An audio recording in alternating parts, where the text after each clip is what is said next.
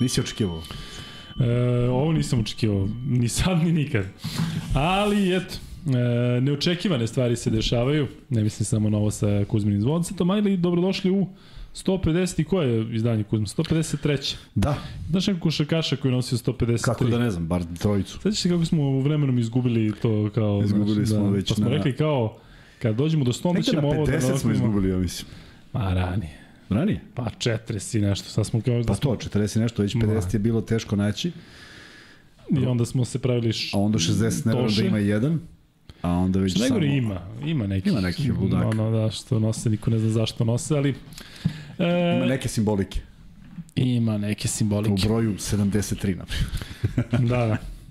E, drugari, dobrodošli. Igra se utakmica Crna Gora, Srbija u futbolu, kvalifikacije za evropsko prvenstvo koje se naredne godine igra u Nemačkoj. Mi smo uputili mail Savjetu Crne Gore da pomeru tu utakmicu na utorak ili da na 19 časova ovaj pomere da se igra, međutim nemaju očigledno sluha, pa eto sada se sa njima ovaj preplićemo. Onda smo E, probali preko ABA ligi, ali nije išlo ni to. Da, oni, Oni su nam odgovorili, oni oni su nam odgovorili, ali rekli su da nemaju ingerencije. Da. O, da, oni su zato da oni mogu samo da, da odlažu. već, da. E, šalu na stranu, e, nemoj da me vređaš, ljubim te, ali misija da je, nemoj da počnemo sa vređanjem da je Breaking Bad bolje nego Sopranos. Znači, ne postoji varijanta da je Samo nešto ste bolje od čekali, Sopranos. samo su te čekali. Oni Game of Thrones i ostalo može da priđe, ali Seinfeld, eto i tako.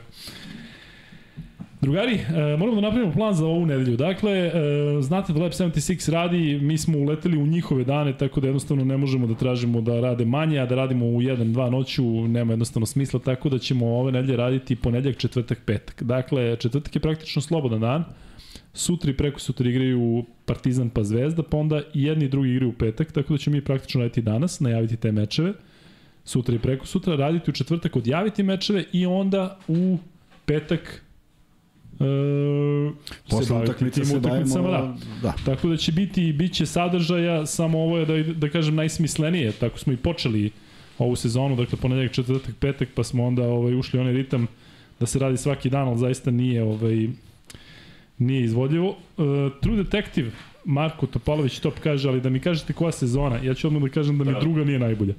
Dakle, Prvo je najbolja da, sa, sa ovom dvojicom. sa Matthew McConaughyem i Woodijem, Harrelsonom. Neviđeno kako Harrelsonom. oni izgledaju, mislim, prosto ovaj, e, fantastično p, p, taj skok vremenski, kako su ih dobro sredili, kako dobro izgledaju. ne znam oni što pišu sada da je Breaking Bad najbolja serija ikada, Ma Milane, dobro, ba, dobro. A ako si gledao Sopranose, može da bude bar regao, ne može da bude najbolja. Ali ne šalno strano, ljudi, ljudi ovaj, ima oni koji, koji kažu da je najbolja svih A jesi vremena. gledao nekad između dve biljke ili već tako nešto? Da. Pa mislim stavljao sam ovako dve biljke pa sam gledao iz Ne, njih. to znam, Seriju nego, nisam. nego ne seriju, ne seriju. To Ne? je ovaj uh, š- show O bože, stao mi mozak. Četvrtog iz Hangovera, kako se zove? Gazapakalagos. Galifanakis. Da. Zeg Galifanakis. Nisi gledao nikada. Znači, on pita najprovokatnija i najbesmislenija pitanja. Ono kad mu dolaze poznati. Pa da. Ma da, kako nisam gledao. Pa to, kako zove? Two Ferns. A, to da, sam, to je tvoj prevod mi je onako direktno pa nije. Kako nisam sa Brie A, pa Larson i sa... sorry, sorry, Al da, I'm sorry.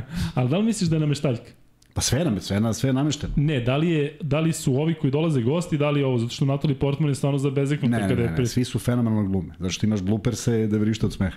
Jel ima, jel? Ima, ima, ima. Dobro, vidio sam ono kada Obama onda pritisne Pa, pa da. padne, naravno da je fora. Da. Ali Natalie Portman Ne, ne, on, glumila... on sigurno iz, izvoli neko pitanje koji su zabezeknuti, Da. ali ovaj, ima ono, ima blooper i, i sad ima fora kada, kada, kada je Matthew McConaughey gost i kaže, ovaj, čujem da ste imali, kaže, ograničenu količinu uh, određenu količinu marihuane da popušite na snimanju True Detective. Da li si konzumirao danas deo toga? deo tog budžeta? E, Sve čak se tog i sećam. Odlično, odlično. Ako neko nije gledao, pogledajte, vrlo je zabavno zato što su svi pripremljeni maksimalno i mnogo dobro izgleda. Evo ga, Al Mesija kaže, gledao je. Luka, zezaju te, nisi obukao majicu podcasta i bojkotuješ firmu ili Kuzmu ili Kako nije? firmu. Pa to je E, naša. Pori, Ovo je bre najnovija od naše firme, od, ovog- od ovog nam zavisi firma. Od, o, o, od, od te majice Tako konkretno. je, dakle, ako ovu majicu ne kupite kao... Možda još niste Antički, upoznati, ali da. tu piše Elem, a Da. pozadi piše Kanta ekipa. Mogu da se okrenem, a? Možeš, aj zarotiraj se. Samo se ne vidi. Eto. E, kanta ekipa. Ja ću da, da stojim jedno vreme ovako. Najviše. Dok, Videlo se, dok ne bude hiljadu ljudi u live. videlo se lepo. Evo ga. Ne, ali nije loše ovde, ovde gledaš u zid. Ovde Da, mogu drugačije nekada malo. da sediš tako. Drugačije. Potpuno E, drugačija doživljaj studij. Luka, jeste vi imali sezonu, za, jeste vi imali utisak za prvu sezonu True Detective kao da vam je kraj poznat od nekad ranije? Po razoru, ja sam tamo bio u Luzijani, to je tako da je meni prilično poznat. Mislim da je čak i snimano, da je autentično. Možda misli na kraj serije. Ovaj, e, a, misliš na ono, da, da. E, ta Luizijana, mogu vam reći, je jako, jako zanimljiva. Sad idemo s teme na temu, ali s obzirom na to da nas ima 20 ukupno. Ali tu su Dule, tu je top, tu su stop. Top i stop su tu, Laufer, e, dobra ekipa, El Mesija, Leo Armando, ekipa Milan Jovanović i svi ostali koji su tu, veliki pozdrav. Možemo malo da se ovaj, šalimo na početku, ali e, bez zezanja, ta Louisiana, pošto smo mi bili GCAC konferencije koja je hvatala Alabamu, Mississippi, Louisiana. I te završne turnire smo igrali u New Orleansu i često smo putovali tamo i onda kada je udarila Katrina, to je zaista bio haos, kažem, ovo je jedan dečko naš koji je bio kod nas na koleđu se izgubio, nikom se više nije javljao, ne znam da li je živ. I baš je bio iz nekog ne znam kraja. Ovaj, I ne mogu se setim kako je išao i izgledao, odnosno kako se zvao restoran, lanac restorana gde smo uvijek išli da jedemo. Ima jednu reč, onako, kao bafe varijanta, setit ću se. Samo je karakterističan za jug. Elem, Luizijana je zaista, Elem, e, Luizijana je ovaj, zaista Kada posebna. hoćeš Da. da kažeš, pokaži. Da. Nekako Alabama i Mississippi, da me ne stane neko pogrešno, su malo dosadni. Ovaj grad gde sam ja bio nije. To je sniman između ostalog i Forrest Gump.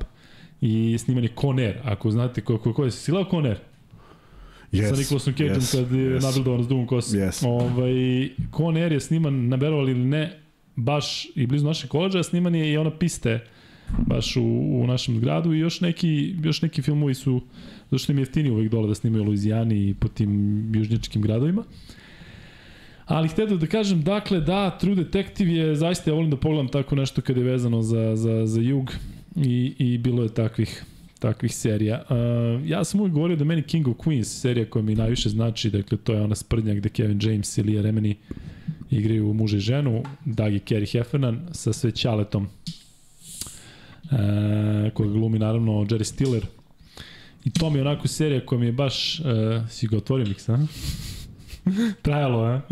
Ovaj, to je, Da, to je serija koja mi je onako, mogu reći, pomogla u, u mnogo lepim momentima, da mi bude još lepši, a i kad je bilo nekih ovaj, drndovih momenta, baš, baš omiljena serija. I preference koje znam na pamet i možda čak, ne može pre Soprano sa boje ništa. Ali dobro. E, Kuzma, Hm? Hoćete danas komentirati e, situaciju Zadar i Lukea, obećali ste prošli put, Ivan Afrić pita, pitao i prošli put. Ivane, e, malo smo pogledali šta se desilo, e, znaš šta, ja iskreno ti kažem, nemam neko mišljenje, neki komentar u smislu da mogu samo da osudim vinovnike tog incidenta, mislio sam iskreno da se to dešava samo kod nas, ali očigledno da se ne dešava. Kada sudije tako preuzmu e, preuzmu ulogu i takvim stvarima se bavi, baš smo se ja i Kuzma šali, možda čak i off, off podcasta, da je Ljuca volao da prazni tribine, ali kada dođe do toga, ili je do sudije, ili je stvarno incident e, veliki, u ovom slučaju moguće da je negde na sredini i obično je negde na sredini. Dakle, zaista šta god da je bilo, šta god da je bio povod, dakle, znam da od nas tražiš sada neke konkretne situacije, mnogo mi je žao što se to dešava, tako da, e, eto, u meču Zadar i Gokeja zaista ne bih ne bi mi palo na pamet da može da se desi tako nešto. Tako da, eto, kada si ti pisao prošli put, mi smo radili podcast pa nismo mogli da gledamo, pa je onda bilo, mislili smo da, da, da, da je akcenat na interesantnosti utakmice, ali očigledno nije, tako da volio bih da svi budu, evo to ću ti reći, Um, volio bih da svi budu adekvatno kažnjeni koji su odgovorni za to što se dešavalo. Eto, ja ne mogu dalje od toga, znam da je ovo sada skroz opšte, ali kažem ti da sad osuđujem nekoga, ovaj, nema, nema, nema smisla. E, Kuzma, znam da je ovu situaciju ispratio možda i, i manje od mene smo videli po, po portalima, nismo mogli dru, drugačije da vidimo i to je to, tako Kuzma, nema šta da, da dodaš na ovo moje.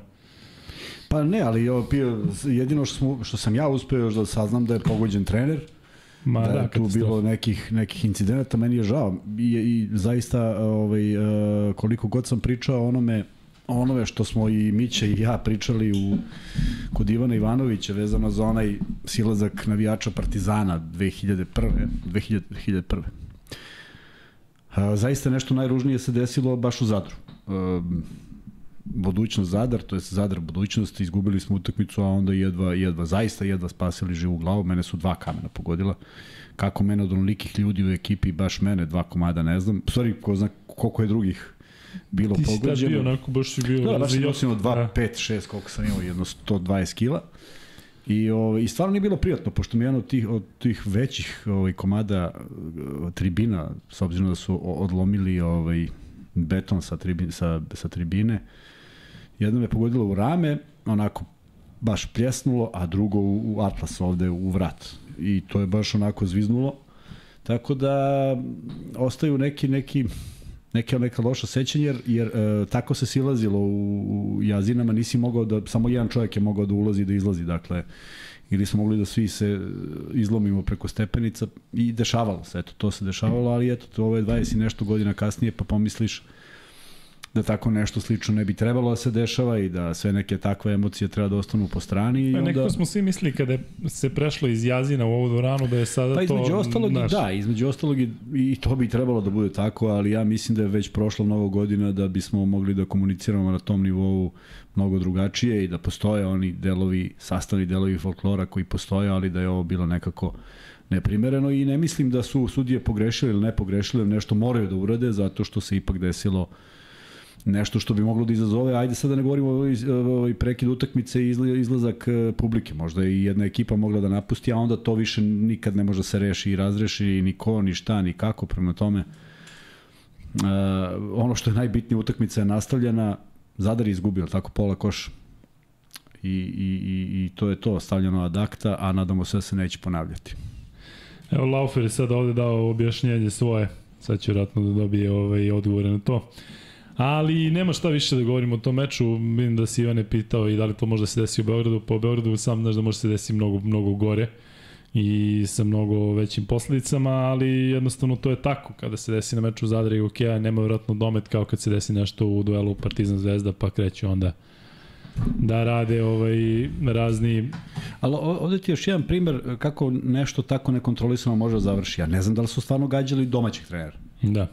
Mislim, to je ono kad neko, ne kad neko ubaci, kad neko ubaci nešto pa kao na parket, pa kao da. za nema ovde neko tvoj, makar neko za koga navijaš, pa a možda i neko od publike sedi uz teren u nekim dvoranama, tako da potpuno besmisleno čime god da je pogođen i čime god da je taj neko gađao, videli smo da svašta upada ovaj, u, u celom regionu na teren e, tu i tamo, tako da šteta za jednu takvu predstavu. Mislim da Zadar uh, igra odličnu košarku ove sezone i da je sav fokus trebalo da bude na to. Ovako ostanu dvorana u kojoj je za malo ispražnjena, to jest ispražnjen deo de dvorane i uh, da je bilo prekida.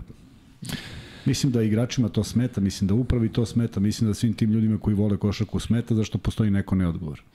A vidiš Ivane, ti si sada nas bukvalno naukao na foru i to ćemo gledati da, da, da ne padamo na te koske više, zato što ti nas e, tražiš da prokomentarišemo i onda ti odgovoriš, mi hoćemo tebi da učinimo, u smislu da čuješ naše mišljenje, verovatno bi se bavili kada bismo prošli ABA liga, ali, ali ne bismo počin, počeli sa time. A ti kažeš, e, ne pričate točno, to su laži, niste vi dobro gledali, ovo je sramota što pričate. A, a, a ti nas, nas tražiš da prokomentarišemo. E sada ne znam da li misliš na nas ili misliš na ove komentare ovde, ali svejedno, dakle, ti si počeo nešto, mi ti izđemo u susret da ti odgovorimo, isto momci ovde daju svoje mišljenje i sad ti kažeš da smo lažovi. A čekaj Ivane, što ja, nije ma ne, bolje, ne, ja, Ivane, ne, pa bolje da. napiši šta je bilo, pošto mi čitamo, mi nismo bili na utakmici, dakle ne možemo ni da znamo, možemo samo ono što piše. ti napad, padamo ovako na fore, još mi ne, neiskusni za ovo, kažem ti, neko, ne, neko je prošli put pitao, pa evo sad sačekao naše mišljenje, tako da ovaj, dobro, naćemo za buduće. Možda teo da nam kaže samo da nema pojma, ali nije znao šlagvort. Outdoor Man kaže, ajde bare vas da gledam, slušam, košaci kad na basketu još ne mogu od snijega, naravno, pozdrav iz Norveške.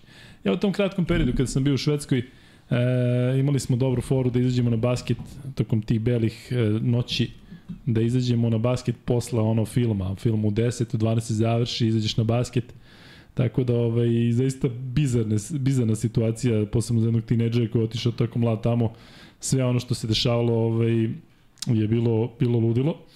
E, evo ga sad jedno interesantno pitanje. U ovom periodu sada dok traje utakmica, mi ćemo zaista gledati da pričamo, da pričamo ovaj, e, malo opšte, da, da se bavimo, naravno da idemo onako kako smo zamislili tematski, ali možemo u ovom periodu da malo više odgovaramo i na vaše pitanje. Tako da tebe, Kuzma, pitaju, nešto sam hteo ja da te pitam. Da li znaš nešto više informacije o povredama zvezdanih igrača zbog te situacije zdravstvene? Ne znam, ajde da krenemo od toga, mada, jel mogu ja samo jedan uvod, pošto se danas desilo bukvalno pre 45 ajde. minuta, vi znate da sam ja pričao o mom treneru Miletu Simendiću i To je onaj što me je pitao gde sam trenirao, ja mu rekao u Beogradu u Skaraborme, on rekao da uh, tamo ne postoji košarkaški klub, a ja mu odgovorio spremno da me nije pitao šta sam trenirao, nego me pitao da li sam negde trenirao. I on me primio u prvi tim i drugog trening, drugog dana treninga je prekinuo trening zato što sam ja radio nešto što mi je palo na pamet, ne zato što sam bio mnogo dobar, nego zato što prosto nisam znao šta da radim s loptom, pa sam obišao sve igrače i otišao, dao koš iz, iz nekog ludila, ne iz znanja. Onda je on postrojio celu ekipu i onda su trčali šprinteve zato što sam to ja uradio, a došao sam sa futbala. I tad smo uspostavili taj kontakt i možda je on jedan od najzaslužnijih što sam se uopšte, i što sam uopšte i nastavio se bavim košakom i zavoleo je. I nažalost danas je preminuo i to me onako baš ovaj, iznenadilo i pogodilo iz prostog razloga što je Mile bio svašta nešto u životu, između ostalog bio obezbeđenje američke ambasade i kad sam ga sretao, on je 51. godište, dakle to je 72 godine, kad sam ga sretao, pa evo da kažemo do pred COVID, do pred 3 godine, ja ne mogu da objasnim kako je čovjek bio spreman i kako je on izgledao sa svojih 69 godina, crna, crna, crna kosa, a nenormalno spreman i prosto je ovo za mene iznenađenje zato što, zato što sam mislio da njemu ne može ništa da se desi i mnogo mi je žao zato što eto nisam imao prilike da ga vidim od kad je COVID e, počeo i izgubili smo malo svi onako kontakte, ne samo sa njim. Vidim slike koje su okačene na sajtu OKK Beograda na kojem možete da pročitate nešto više o njemu. Ja samo da se podsjetim da, to je da, da vam kažem da je on 16 godina igrao za OKK Beograd, da je imao tih nekoliko izleta u Austriju i da su ga tamo prozvali zlatna levica Austrije. Dakle, bio je toliko dobar strelac i on je igrao vrlo ozbiljnu košarku, uh, on je bio član nekoliko puta reprezentacije koja je učestvovala na Balkanijadi. I to ti je faktički bila možda ne B reprezentacija, ali tu, znaš, B pa plus taj Bilo ostatak. isto tako tih 70-ih i ostalo u smislu prvenstava i svega. Da, da, znači ne šalješ A reprezentaciju, nego šalješ neku rezervnu reprezentaciju kojih je bilo da. brdo ozbiljnih igrača tog vremena. Tako da je ovaj e, igrao, kažem, na ozbiljnom nivou, posvetio se trenerskom poslu, vrlo brzo i završio, s obzirom da je on prestao 88. 89. I tada sam ga i upoznao. I tada mi je u stvari otvorio vrata UKH Beograda i i kad god smo se sretali imali smo o čemu da pričamo jer, jer on uvek podsjećao tog mog dolaska i zaista nekako ako, ako mogu nekako da rangiram te ljude kojima sam zahvalan, on je nekako po logici stvari na prvom mestu jer uh, da kažem ovim mlađim gledalcima da je nekada uh, kada dođeš u klub diskrecijono pravo trenera protiv kojeg niko nije mogo da podnese žalbu bilo da kad ti tamo zagrevaš se on ti priđa čukne te ovako po ramenu i kaže sine ajde idi na neki drugi sport. Dakle ne možeš da odeš na višu instancu i da kažeš trener me nešto ne voli, niti si mogu da platiš članarinu pa da te drže na osnovu toga, nego je sve bilo besplatno i selekcija igrača je bila prirodna.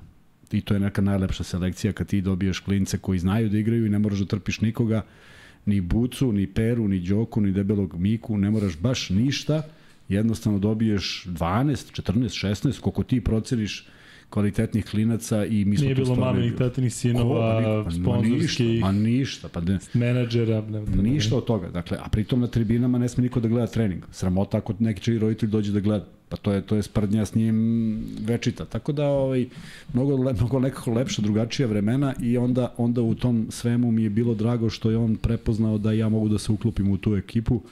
Ekipa momaka, ja sam s mogim na dan danas u kontaktu za neki stvarno ne znam gde su, ali jedan divan period i nažalost, ne nažalost, igrali smo fantastičnu košarku uh, na, na toj nekoj selekciji koju on napravio, uh,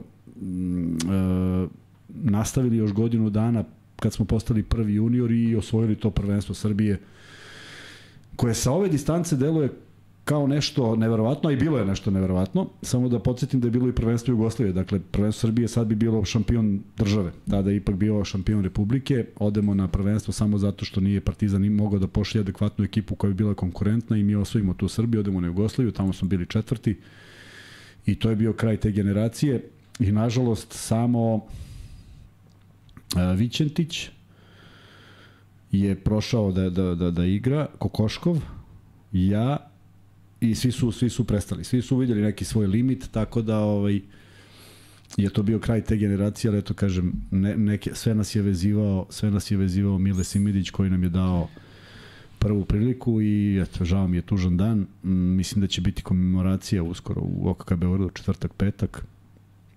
I nažalost, to su, to su prilike da vidim neke ljude koje dugo nisam video, ali nije moralo sada. Mile je bio relativno mlad i uh, nije morao tako brzo da ode. Šta si rekao kad si ga posljednji put vidio? Ima, ima ono pred COVID. On je, on je sa mojim burazerom vozio bajs.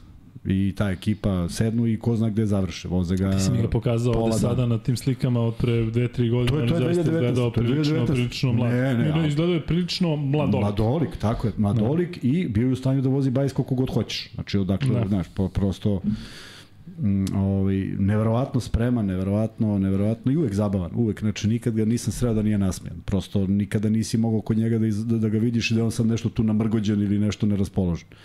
Tako da, eto, e, Šilja Novović je umro ranije, sad i, sad i, sad i Mile.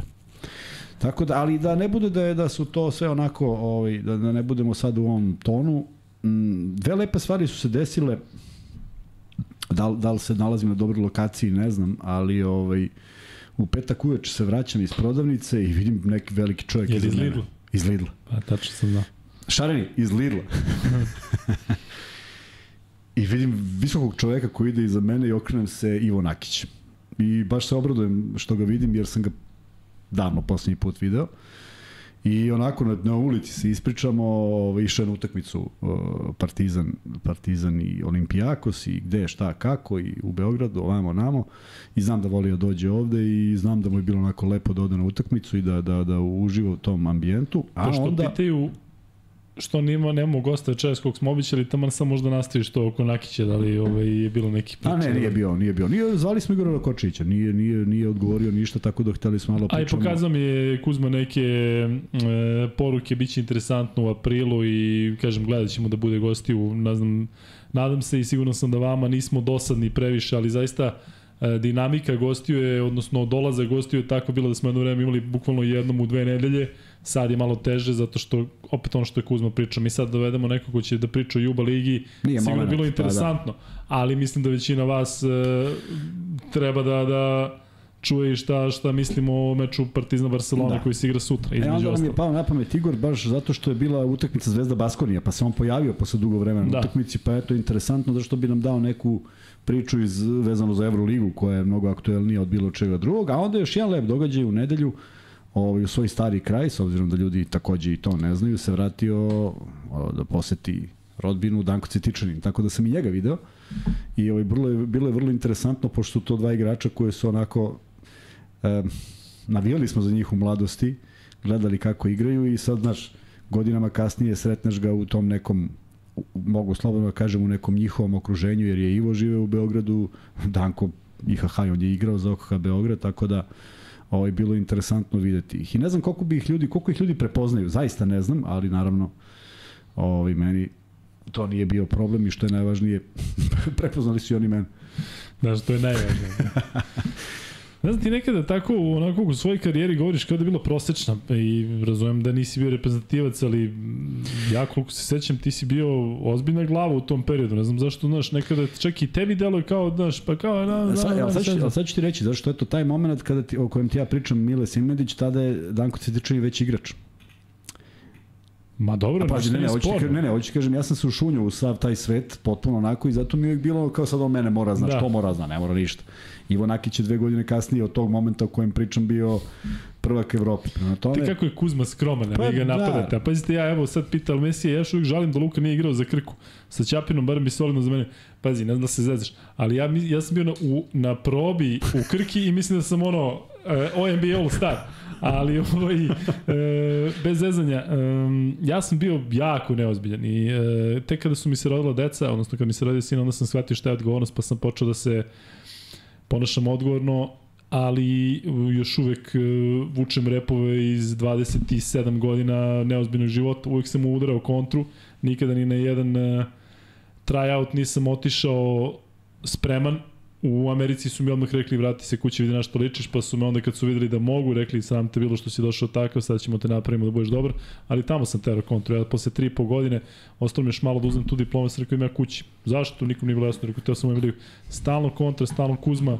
E, ja sam 10% ličnosti koji sam bio tada, a Kuzma pokušava da iz mene izbije tih 10% savetima i razgovorima i sve, gde i dalje ovaj, volim da, da onako, e, da ne slušam Tako da, mm, ne znam da li je bolje ili gore, zato što su meni zaista predviđali, ja sećam meni Rada Nikolić kada je napisala taj, taj intervju u tom periodu sam ja bio prilično onako mm, i u ok formi se, pa sam uzimao steroide u, u Americi, koji normalno čovjek može da uzme steroide. E, sad, steroide uzimaš, nemojte da se ljudite vi koji ih uzimate, ali generalno ovaj, e, pritom to nije bilo kao danas, to je da je da bila neka hemija, budi bog s nama. Tako da, mm, sve u svemu, ne znam da li je bolje, Ja nikada ne bih menjao svoj život sada za onaj šta god da sam postavio da sam bio malo ozbiljniji, ali nije imao ko da me gure, nije imao ko da me savjetuje, nije imao ko da mi kaže, e, ajde, ovaj, e, znaš. I onda ja odem tako recimo u Krku, odem u novo mesto i tamo vidim Ćapu i Ćapa mi kaže, ja sam imao tri dana slobodno od cele prošle godine. A ja sam imao od posljednjih sedam dana, svih sedam su mi bili slobodni, tako sam sebi napravio. Tako da, drugačije, ovaj, Ćapa recimo, sećam se mi kada smo odrastali pa smo igrali basket na Kanarevom brdu, Inače sam polomio ruku pokušavajući, pokušavajući da, izvu, da izvučem neki windmill za kucavanje i za pošte tamo na Kanarovom brdu, tu sam slomio ruku. E, ali Ćapa je recimo tamo na onom košu Petar Leković 30 stepeni, 40 stepeni, 5 stepeni Ćapa šutira slobodno bacanja i kad god prolaziš ovim autobusom vidiš kako ovo. Tako da on je baš druga krajnost u smislu da je zaista bio preozbiljan za sve.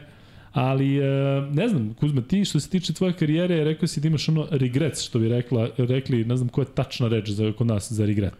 Kaj, što žalim za nečim? Pa nije ni žalim, žališ. Ne, ne žalim, ne. Ali za reprezentacijom si rekao da ti to nešto što bi ti onako... To mi je krivo samo zbog osjećaja. Ali imaš nešto? Ne, nema. To mi je bilo samo zbog osjećaja, zato što bi volim kako to izgleda. I u stvari, znaš koja, nije, nije čak ni to biti u 12, nego bi volao sam se, da sam otišao tamo i, i probao da igram sa njim. Da. I onda, kažem ti, ispalo je tako da sam sa skoro protiv svih igrao. Tako se namestilo da sam sa većinom igrao, sa nekima ne, nažalost, ali ovaj, ne, volao, sam, volao bi da sam bio deo toga i da vidim uh, koliki, kako bi to izgledalo u tom. Da li bi ja, znaš, ono, gledao levo, desno, gde je lopta ili bi, ili bi tu bilo nešto smisleno. Uh, a Lončar Berić, Brkić igraju te godine već u 94. 5. Oni igraju pred Atlantu, igraju u Partizanu, znači to su i direktni protivnici. A, Sale Đorđević, posle toga se sastajemo dok je on u Realu. Bodiro ga sastajemo se dok je on u uh, Panatenikosu. Znači, svi ti neki koji su na mojoj poziciji i nije to bilo toliko loše. Nisam ja baš bio, znaš, toliko inferioran da, da, da Naprotiv, bilo je nekih utakmica da sam ja stvarao probleme, ali žao mi što nisam probao da vidim kako to izgleda u tom, da osjetiš taj, taj neki neki neki osjećaj, osjećaj pripadnosti jednom, jednoj vele sili u tom trenutku. A reci mi, je individualno ili je to nešto onako opšte prihvaćeno? Su te poštovali ti igrači koji su u tom trenutku imali karijere uh, da kažem, jače od tvojih u smislu da su bili u reprezentaciji ili da su barem bili u nekoj, u nekoj, na nekom širem spisku. Da li su imali poštovanje prema tebi kao nekome ko je tu, ko može da ih ugrozi, kao igraču tog kalibra, ili si to morao da zaslužiš na terenu? Pa, na primer, vrlo, vrlo specifičan odnos je bio sa Lončarom. Zato što je on to od prve utakmice koju smo imali ja za OKH Beograd za Partizan i kad sam nekih 27 pojena dao. Izvini, pričali su o tome ovde, pa možete da ogledate intervju da. sa Lončarom. Tako da je on uvek ima, on je uvek, on, on je, zašto je bio jednostavan i on, znaš, on je došao isto iz male sredine, isto iz male, nije isto kao ja, nego došao iz male sredine u veliki klub i nekako je, nekako je ovaj, bio, bio vrlo jednostavan, vrlo uh, neposredan, Sobe noge na zemlji. I on je, on je par utakmica koje smo igrali, igrali smo ozbiljno dobre utakmice, bio onako, znaš, uvek, uvek, uvek taj koj, kod kojeg sam osjećao respekt. Uh, onda sam imali tu utakmicu prvu u Atini, pa drugu u Podgorici, da sam to osetio i od Bodirog. Imao sam priliku da odem kod njega u restoran pre tri godine i tad sam ga i pitao, pošto mi nismo nismo, nismo prijatelji, ne, ne nalazimo se često, ja sam zaista želeo da znam kako je on doživeo tu utakmicu, onda sam čuo iz njegovih kako je on doživljavao tu utakmicu protiv budućnosti i zaista znam da nije bilo, posle bez obzira što su pobedili u prvoj utakmici, znao sam da ne očekuju da u Podgoricu dođu i da to sada, jer su respektovali ekipu koju smo imali, a imali smo stvarno izuzetno moćnu ekipu. Tako da ovaj, to su neki, neki, ne, neki odgovori na to da je bilo onih ljudi, a onda mi godinama kasnije kad mi priđe neki stvarno neko koga sam doživljavao onako kao ozbiljnog velikana i kad počne onda mi priča kako on gledao mene ej, pre 5-6 godina i kako je on misli ovo i ovo, znaš, prosto se prosto se ovaj, zabezekneš. Imam jedan zabezek koji nikad neću zaboraviti. Zabezek, to ranije upotrebljeno. Da. Nešto, nešto, nešto sam ja upao u konflikt s nekim, nešto javno. Nešto. Preko Facebooka, preko novina, nemam pojma. Pa, Sad nešto u nekom novim periodu? Ne, 2000...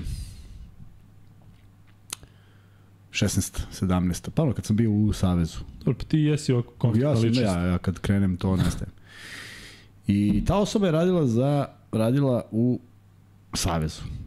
I ja sam nešto penio na društvenim mrežama i ona mi pošalje poruku kaže, mora znaš jednu stvar. Pokojni Šaper je govorio da se ovako igra košarka i pokazivao prstom u tebe. Ja sam u tome, sad se naježi, ja sam u tom trenutku rekao što, što ja to nisam znao ranije. Zato što u moru tih igrača je on nešto video nešto drugačije, nešto što je ono što sam ja bio.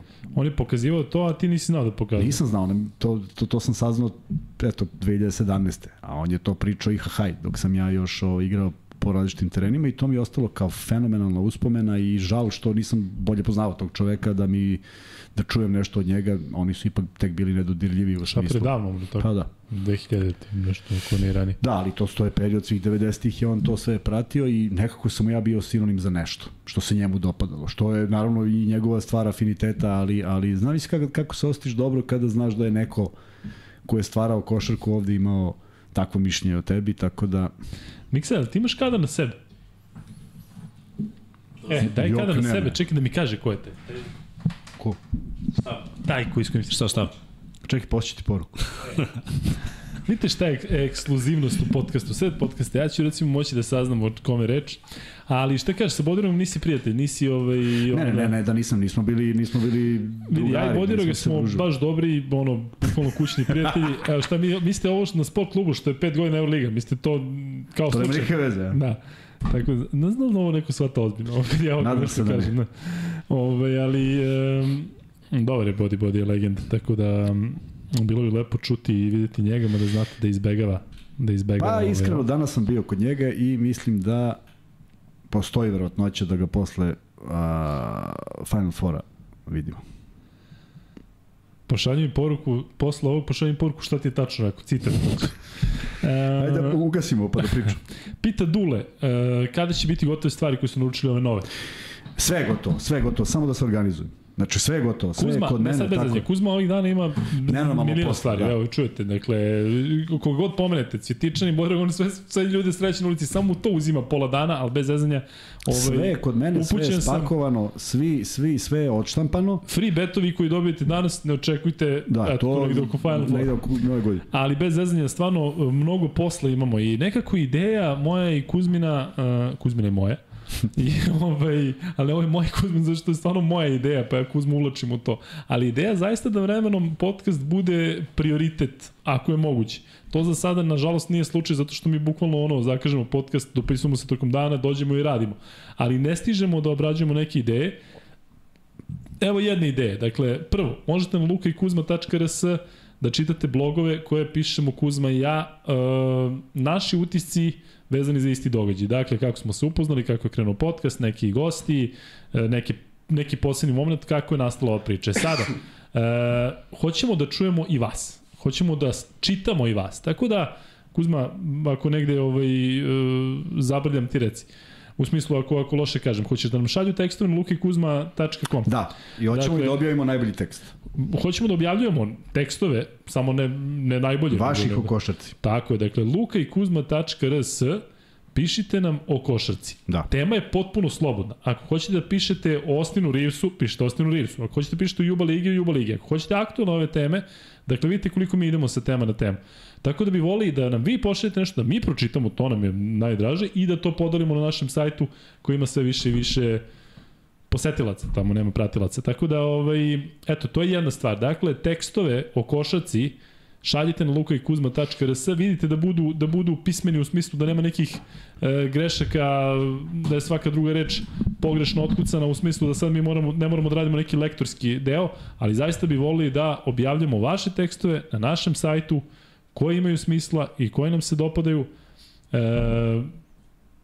svaki tekst ćemo pročitati mi pa ćemo vidjeti da li ćemo ga pustiti odnosno to će uglavnom biti jednočlani žiri koji će to čitati. Ja, nekada samo, samo delete, samo delete, dvočlani. enter, delete. Ali ovaj, eto, to je jedna, jedna nova stvar koju smo mislili da vam kažemo IHH od kad... Neko je dao taj predlog, ali ja da, nema šans e, setim eto, ko. ko je dao taj predlog Da. Kuzmi na Instagramu? Jes, neko je ovaj, dao taj predlog, ali onda je Luka danas rekao. Da. Tako nešto i složili smo se da i da izađemo s tim ovaj, uh, među vas. Uh, šta si me još pitao? E, nemam pojem. A šta smo pričali posljednje? Poslednje što smo pričali je o A, Boileru pričali i da, da, da, da. Uh, lepo je, lepo je bilo izaći na, na teren s njima i zaista ne znam, volao bi da jesu imali respekt, volao bi da jesu da, da, da su imali ovaj ne strah, to teško, pošto govorimo o nekim igračima koji su bili potpuno van svih eh, van svakog vremena i, i, i znanja, ali mislim da sam se trudio da da me zapamte makar po nečemu. Pa pljunem kad, kad ne... Napadaš ga na društvenim mrežama. e, hvala Ivanu, hvala Nenadu, hvala našem Milanu Brašancu iz e, Čikaga što pozivaju ono na ono što treba mi da radimo, to je da se lajkuje. Dakle, ljudi, znate da izbegavamo to, ali stvarno ti lajkovi donose nešto, donose neki veći domet. Vi koji nas ne pratite, pratite nas na našem uh, portalu, pratite nas i na Instagramu. Momak koji radi TikTok, to je radi jako dobro, tako da možete i njega da zapratite, to je momak iz Amerike, koga nismo videli, samo je pitalo, možete im da se bavi, dakle ima i TikTok, Luka i Kuzma, ima i sajt lukaikuzma.rs, tamo imate shop, dakle postali smo ono, postali smo brand, što god to značilo, ali ovaj, treba na vaša podrška, hvala puno svima vama koji doniraju, a svi ostali mogu da, da, ovaj, da podrže na, na taj način, zato što to zaista su nam objašnjali to u tim nekim algoritmima i čudima ima neku težinu, a kao što znate pravilo je da kada dođemo do 500 lajka, da ide prvi free bet, tako da nema šta. Pitate ovde da li smo videli reakciju Žoca na posljednji šut CDVite, pa objašnjavate da je Jogi Ferrell šutno. To je ti vidio, Kuzmo, o čemu se radi? Yes. O čemu se radi? Mm, Ničem važno. Dobro, zato što tražite ovde od nas, ja iskreno nisam video, zato što trebalo da idem na CDVita, na Partizan CDVita, međutim dali su mi da radim baš u tom terminu u košarku i, ovaj, i nažalost, nažalost nisam, nisam otišao. Kuzma, ima još mnogo pitanja. Luka me kulira non stop, ja pozivam na like svaki podcast bar tri puta. Marko, izvini, molim te, ali ovaj, to kad vidim onda mene malo bude sramota. Da sad ja kažem šta si ti rekao, trebalo bi ja da kažem. Bavi Marka, Tako da, bavi ovaj, Mikso Marka. da, da, da, Marko više ne poziva na like. Šta će on da poziva tu? Mare, nemoj da, ovaj, nemoj da, da se, evo, Mare kaže, meni se sviđa kako radite ako vam nešto to znači. Pa kako da nam ne znači? E, Momci sa Kosova su nam poslali neke glasovne poruke, pa smo im odgovorili i zaista ovaj, Šta kaže pozdrav Max? za Maksa. Šta kaže Max? Kaže Nama Maksa, odgovorili jebote. Da, da. I ovaj, onako, rekao je čak jednu interesantnu stvar da nakon što su slušali naš podcast, pre svega nakon što su slušali Kuzmu, da više nemaju te osjećaj, grobari su, i da nemaju više te osjećaj daj da Zvezda izgubi ono navije protiv Zvezde, što nam je mnogo drago, ako je to, ne mogu da kažem da smo se zato okupili, da to ovaj, da je to bila poenta, ali ideja jeste zaista da smirujemo strasti, da pričamo o košaci kao što piše dole, o najlepšem sportu, da pričamo afirmativno, da pričamo lepo i da nekako šaljamo dobru energiju, a da negativnu pokušamo bar ovde da svedemo na minimum, tako da e, šta da vam kažem, jednostavno mnogo nam je drago kad tako nešto pročitamo e, i e, znaš šta ću te zamoliti? E, Meni kažeš. Ne, nego ovde, e, evo, Ivan Milićević, e, Ivane, samo mi ti napiši da ja znam šta, šta se desilo, znam da ćeš biti realan, tako da možeš da mi da mi napišeš o čemu se radi. Luka, kako komentarišeš Embida? Ne znam šta da vam kažem, iskreno pričamo i Miksa posle, Miksa ja ćemo pričati posle o NBA-u, pa ćemo ovaj, Miksa e, kako znam. god kažeš, ja, a onaj, a onaj, da, da, a onaj krene, ovaj, da, a ti se ispriš. Da, I onda još više iznervio. ovaj, pričat ćemo, uh, morat ću izbaciti, pričat će Miksa posle o NBA-u, pa će on reći svoje mišljenje. Znamo da je Miksa, dobili smo ekskluzivnu informaciju da je Miksa pratio meč između Denvera i Milvokija mm, ono, od prvog do poslednjeg minuta da nije propustio ni jednu akciju, tako da ovaj, će moći da nam kaže naravno malo više o Denveru. Ja iskreno da kažem u ovom delu sezone zaista nemam neki osjećaj, čekam playoff, vidim da je situacija na zapadu takva da, da je Denver prvi, da će biti prvi, tako da ode kosa, ali je dobra stvar što, što je mnogo interesantnije od treće do 12. pozicije. Vidimo da je Dallas u problemu, i to ozbiljnom problemu i da se dešava svašta, pa ćemo i to komentarisati kasnije, tako da vi koji čekate NBA morat ćete sačekati kraj, um, pa ćemo da, da pričamo i o tome. E, Luka Kuzma, jeste vidi paljbu po Andjušića, po Andjušiću po meni zasluženi, nešto su ga, su ga nešto pljuvali. Nisam vidio. Mislim, nisam ja. shvatio sam šta je, kako je igrao, ali nisam čitao ništa. E, ja i dalje verujem u njega, tako da, da ovaj, bit će to okej. Okay. Luka, šta si koristio od hemije? Iskreno, Uh, tad je bio... Domestos. da, da, sipali su mi ovo. Tada je bio neki nandralon, ja mislim da se tako zvao. E, ko, to smo svi mm, koristili. mm, I bio je... To doručak. Bilo nešto su mi govorili da je... Ma, znaš šta, uzimao sam sve moguće stvari koje su bile negde na granici. Dakle, ja mislim da sam imao jedno... Tokom treninga sam imao jedno osam stvari od koje su četiri ok, četiri nisu ok. Dakle, bio onaj, se zvao Mioplex, miksa onaj koji je kao nešto, pa ne, slični kao kreatin, pa sam onda imao posebno da mi, da kao nešto za stomak, da, da gubim, gubim salo na stomaku, pa su tu bile razni napici, pa su bile neke tablete, pa je onda bio neki šejk koji je u obliku banane, ništa nisam znao, sve sam verovao šta mi ovi daju. Tako da, ovaj, e, ali sećam se da je, da, da, da je bilo nandralon i još jedan još jedna substanca za koju sam ranije znao, verovali ili ne, mislim da je to kasnije, e, da je na tome pala Marija Šarapova, samo je ista je hemija, samo je možda njeno drugačije nazvano ono što je ona rekla kao to sam, ne znam, koristila za, za, za nos, pa mi onda ovaj rekao, je, to ti je ono tvoje. Tako da, eto, iskreno se čak ni ne sjećam, samo znam da sam uh, bio u takvoj formi da sam gledao u obruč, dakle, kada skočim, gledam u obruč, verovali ili ne, i onda se sve to uh, posle nekog vremena raspalo, ja sam se raspao, i do dan danas se skupljam, tako da ovaj, nemojte uzimati steroide zato što eto za tih nekoliko meseci ili eto godinu dana možete napraviti čudo na na laž, na, na, na nepravilan način i posle se upropastite. Ja kažem, kad sam došao, kad sam se vratio u Srbiju, svi koji su rekli uvijek kako laki igra, kako je dobar, to je deseti deo nečega što, što je bilo i što se tiče brzine, sad sam se nešto zgrbio. Sve, sve je krenulo da mi se, sve ono što se na, nabilo je krenulo da se, da se opušta, tako da Bilo onih redovnih stvari koje su se uzimali tada i kreatin i aminokiseline i sve, sve, sve ono što je, što je sme da se uzima, ali kažem potpuno, potpuno suludo. Ovaj, Luka pita Miksu o steroide, Miksa deluje kao stari hemičar, a? Jel jesi? Al, alhemičar. A? Evo, Miksa hvata ja i danas, ja i danas uzimam, mislim, protein, pre-workout moram, naročito kad s vama radim Dobro, ovde. Dobro, sve su to stvari koje su okej, okay, tako? Okej, okay, nisu pola, mislim, zavisi. Naš svake godine oni ili na dve, tri godine menjaju. Da, da, protein je uvek ok, da. kreatin je uvek ok, ali Dobro. šta ima u pre-workoutu nije uvek ok. Jer neki pre-workoutovi imaju u sebi substance koje budu zabranjene, pa ih skinu, da, pa ih da, da. vrate i to se menja na svake dve, tri godine šta jeste, šta nije. Da, da. A eto, ne biste nikada verovali, dakle, apsolutno nisam nikada probao ni jednu vrstu droge, nisam prišao cigaretu nikad. Alkohol, pa zato nisi, Kuzma zato da nisi, da, zato da, nisi uspeo. Da. Ne, ali rekao sam ti, ovi moji svi, Znači se gudriraju i kao što ne uzmiš? Rekao, pa ne znam, ne, ne radi mi se to. E, e kad si rekao ovo, deco, ne uzimajte, si gledao Love Actually?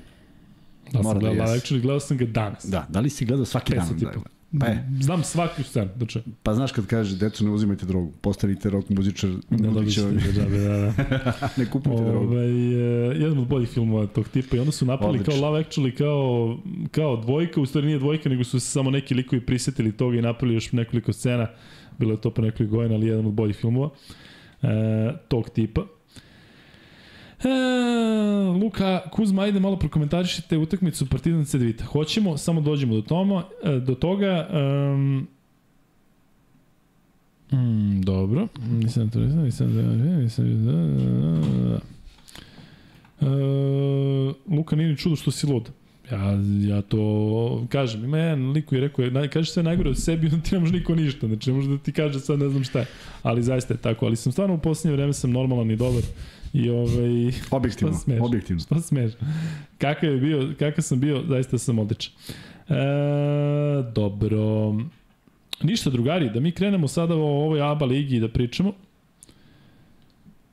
I da Jel nas ima 500, nema?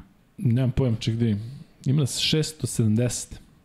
E, da, neko je napisao da je utakmica katastrofa za Srbija Crna Gora, tako da ovaj, pišite nam sad, u Da, sad ima 2000 u live.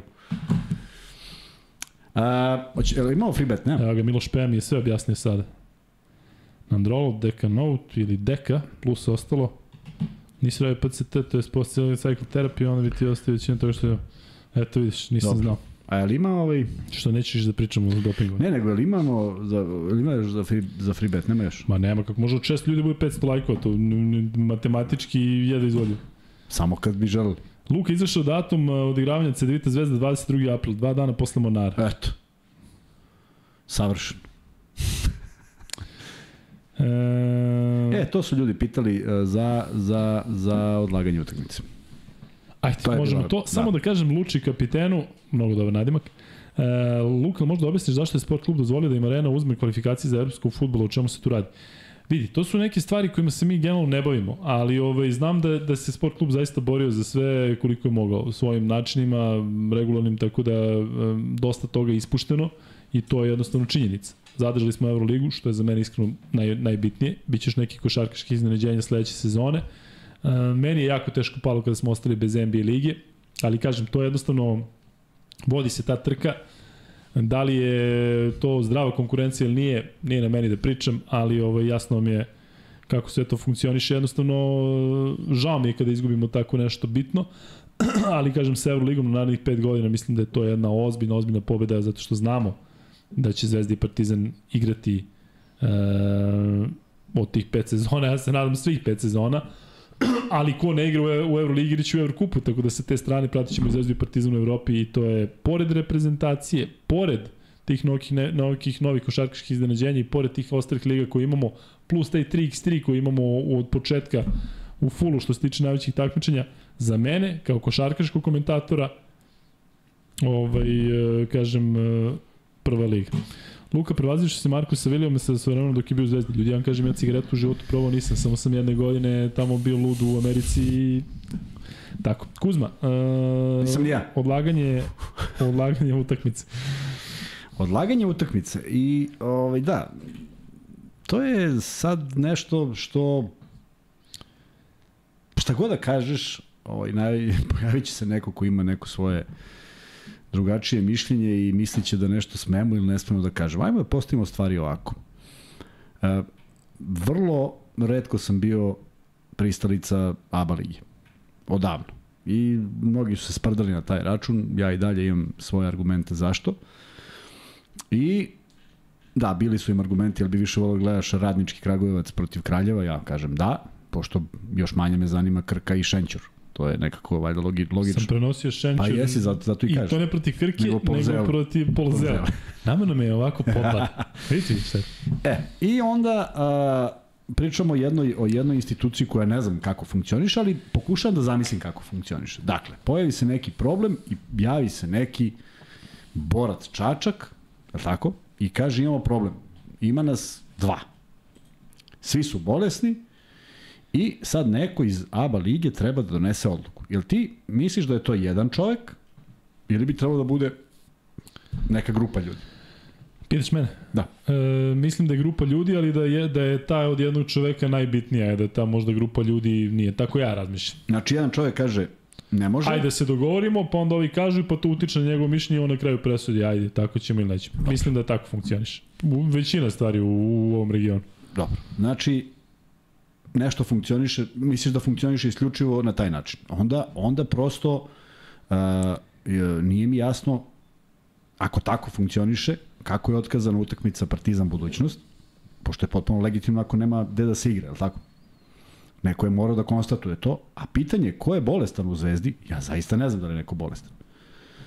Ali to je isti... Ja, mislim da, da, da, da je poenta priče, da li ti možeš samo da kažeš imamo zdravstvenu situaciju i da nikom ne kažeš upravo, ko je šta to, i gde. Upravo to, Znaš, jer, jer, jer bile, to daje ti tako je, svakve mogućnosti svakom. Mene, mene ne šokira ništa poslednje što se desilo. Mene šokira da je borac morao da igra utakmicu. To je, to je veći šok nego ovo ostalo. Uh, naročito mi je nejasno, pošto cenim da u toj konstelaciji odnosa moguće da neki tu srpski uh, klubovi možda imaju glas više. Pa je možda logičnije bilo da se pomogne tom borcu u utakmici koja im znači život. Jer to je bila utakmica protiv Cibona u momentu kada treba da pobede ne bili ostali u nekoj sredini tabele i spasti se ovih utakmica, ali nije. Zaista ne znam kako funkcioniše ABA liga, ko donosi odluke. E, ne mogu da prihvatim činjenicu da se nešto tumači ovako, nešto onako. Protiv toga sam i o tome se i radi zašto ta liga nema kredibilitet. Baš zbog toga što je to tako. A onda, sve razmišljajući o tome, jer znam da će slediti ova pitanja i sad ja kao treba da dam neku ludačko dobro objašnjenje zašto Zvezda ne igrala, kao da imam neku informaciju ili da ja opravdam ili da ne opravdam. Ali jesi pročito za Dončića šta mu se dešava sa ovih 16 tehničkih grešaka? Pa sad su mu tu 16 u progledu koji sprsti pa igrao čas protiv Indijana. Dakle, to je, dakle ima sistem koji može da uradi šta god hoće. Pa čak i tamo.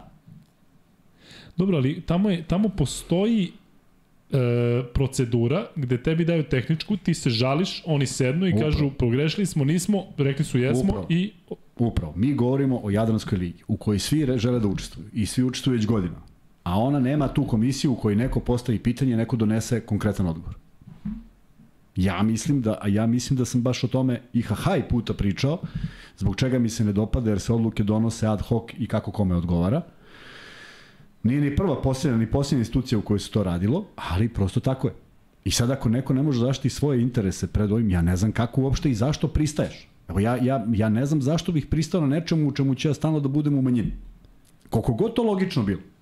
Samo zašto je neko rešio da bude većina. Nije mi jasno koji su kriterijumi, ne znam ko to radi, a da je transparentnost nešto što bi bilo divno da čujemo od Jadranske lige, zamisli da su se oni oglasili, da su se oni oglasili i rekli, gospod, dobili smo zahtev od Crvene zvezde u ovom konkretnom slučaju, jer su taj, taj, taj, taj, taj sa urednom medicinskom dokumentacijom povređeni, bolesni, šta god. Nego je sve ostane pod nekim velom misterije i ja znam šta ljudi ovaj, e, žele da čuju Čovićeva, Čovićeva liga i on odlučuje o svemu. Ja to ne mogu da zamislim. Ja prosto koliko god želeo da zamislim tako nešto, nije mi jasno da to možda funkcioniše, da će da naglasa sve živo. Jer, jer valjda ima tu neki... E se Mornar pitao? Je li moguće da Mornar kaže, me nama ne odgovara, a budućnost kaže, e, baš nas briga, mi smo protiv vas. Da li me razumeš? Ne znam ko odlučuje o tome da bi uopšte mogu da stvorim sliku uh, kako se tamo ide. Ali ja sam tebi... da je bolje na lokalu ovde kod nas? Ne da li misliš da je, da je, da je sistem bolje? Jel ti kada pogledaš, realno, uh, ajde kažemo Partizan i Zvezda, ali svi imaju problem i sa Euroligom, Zvezda posebno ove sezone, ali mislim da je Euroliga, uh, odnos prema Euroligi je ipak takav, vi nam ipak dajete nešto veliko, pa ipak moramo da ćutimo. U ABA ligi ja ne svetam zašto se preko nekih stvari prelazi. Da, upravo to, upravo dakle, to. u Euroligi, vi jebi ga, moćni ste, pa mi nekada mislimo da niste u pravu, šta da radimo? Upravo to. Budite nam ovo, I to je to. Upravo to. Ja želim, ja želim, ja sam klub koji želi da igra Euroligu. A ovi me, a ovi me uništavaju. I ja hoću da uložim 25 miliona da igram Euroligu. Euroliga pristaje, možeš da igraš četvrtu re, regionalnu ligu ako imaš budžet, igrača i sve to. Zašto onda neko? Evo ja sad pitam da bih razumeo, ne pitam da mi neko konkretno da odgovor. Zašto neko radi protiv sebe? Zašto si deo nečega što ne funkcioniše? Je li moguće da nemaš 300 mišljenika se napusti Jadranska liga? A stvarno misliš da bi Jadranska liga sa odlaskom tri kluba? Kažu, nećemo više. Nećemo, trpimo zulom, jeba. Hoćemo da izađemo. Jel bi ona bila ista? Jel stvarno možda nađeš tri tima koje će da popune kvalitet?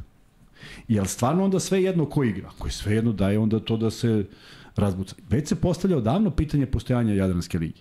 Kao uh, lige koja ne daje garantonog predstavnika. I to ne postavlja se samo u Srbiji, postavlja se u celom regionu. Znači da je Hrvatska htela da igra Azerbejdžansku Slovačku ligu. Tako je. I sad kao neko ih spreči da oni izađu. Zašto? Da bi donosili sve odluke kontra njih. Znači sad ja hoću da ostanem da bi trpeo. Ili, ili, ili postoji nešto što ne znamo. da. ili, a onda ne može, ako ne znamo, onda ne pričamo na ovom nivou ko šta kako. Meni je mnogo toga nejasno.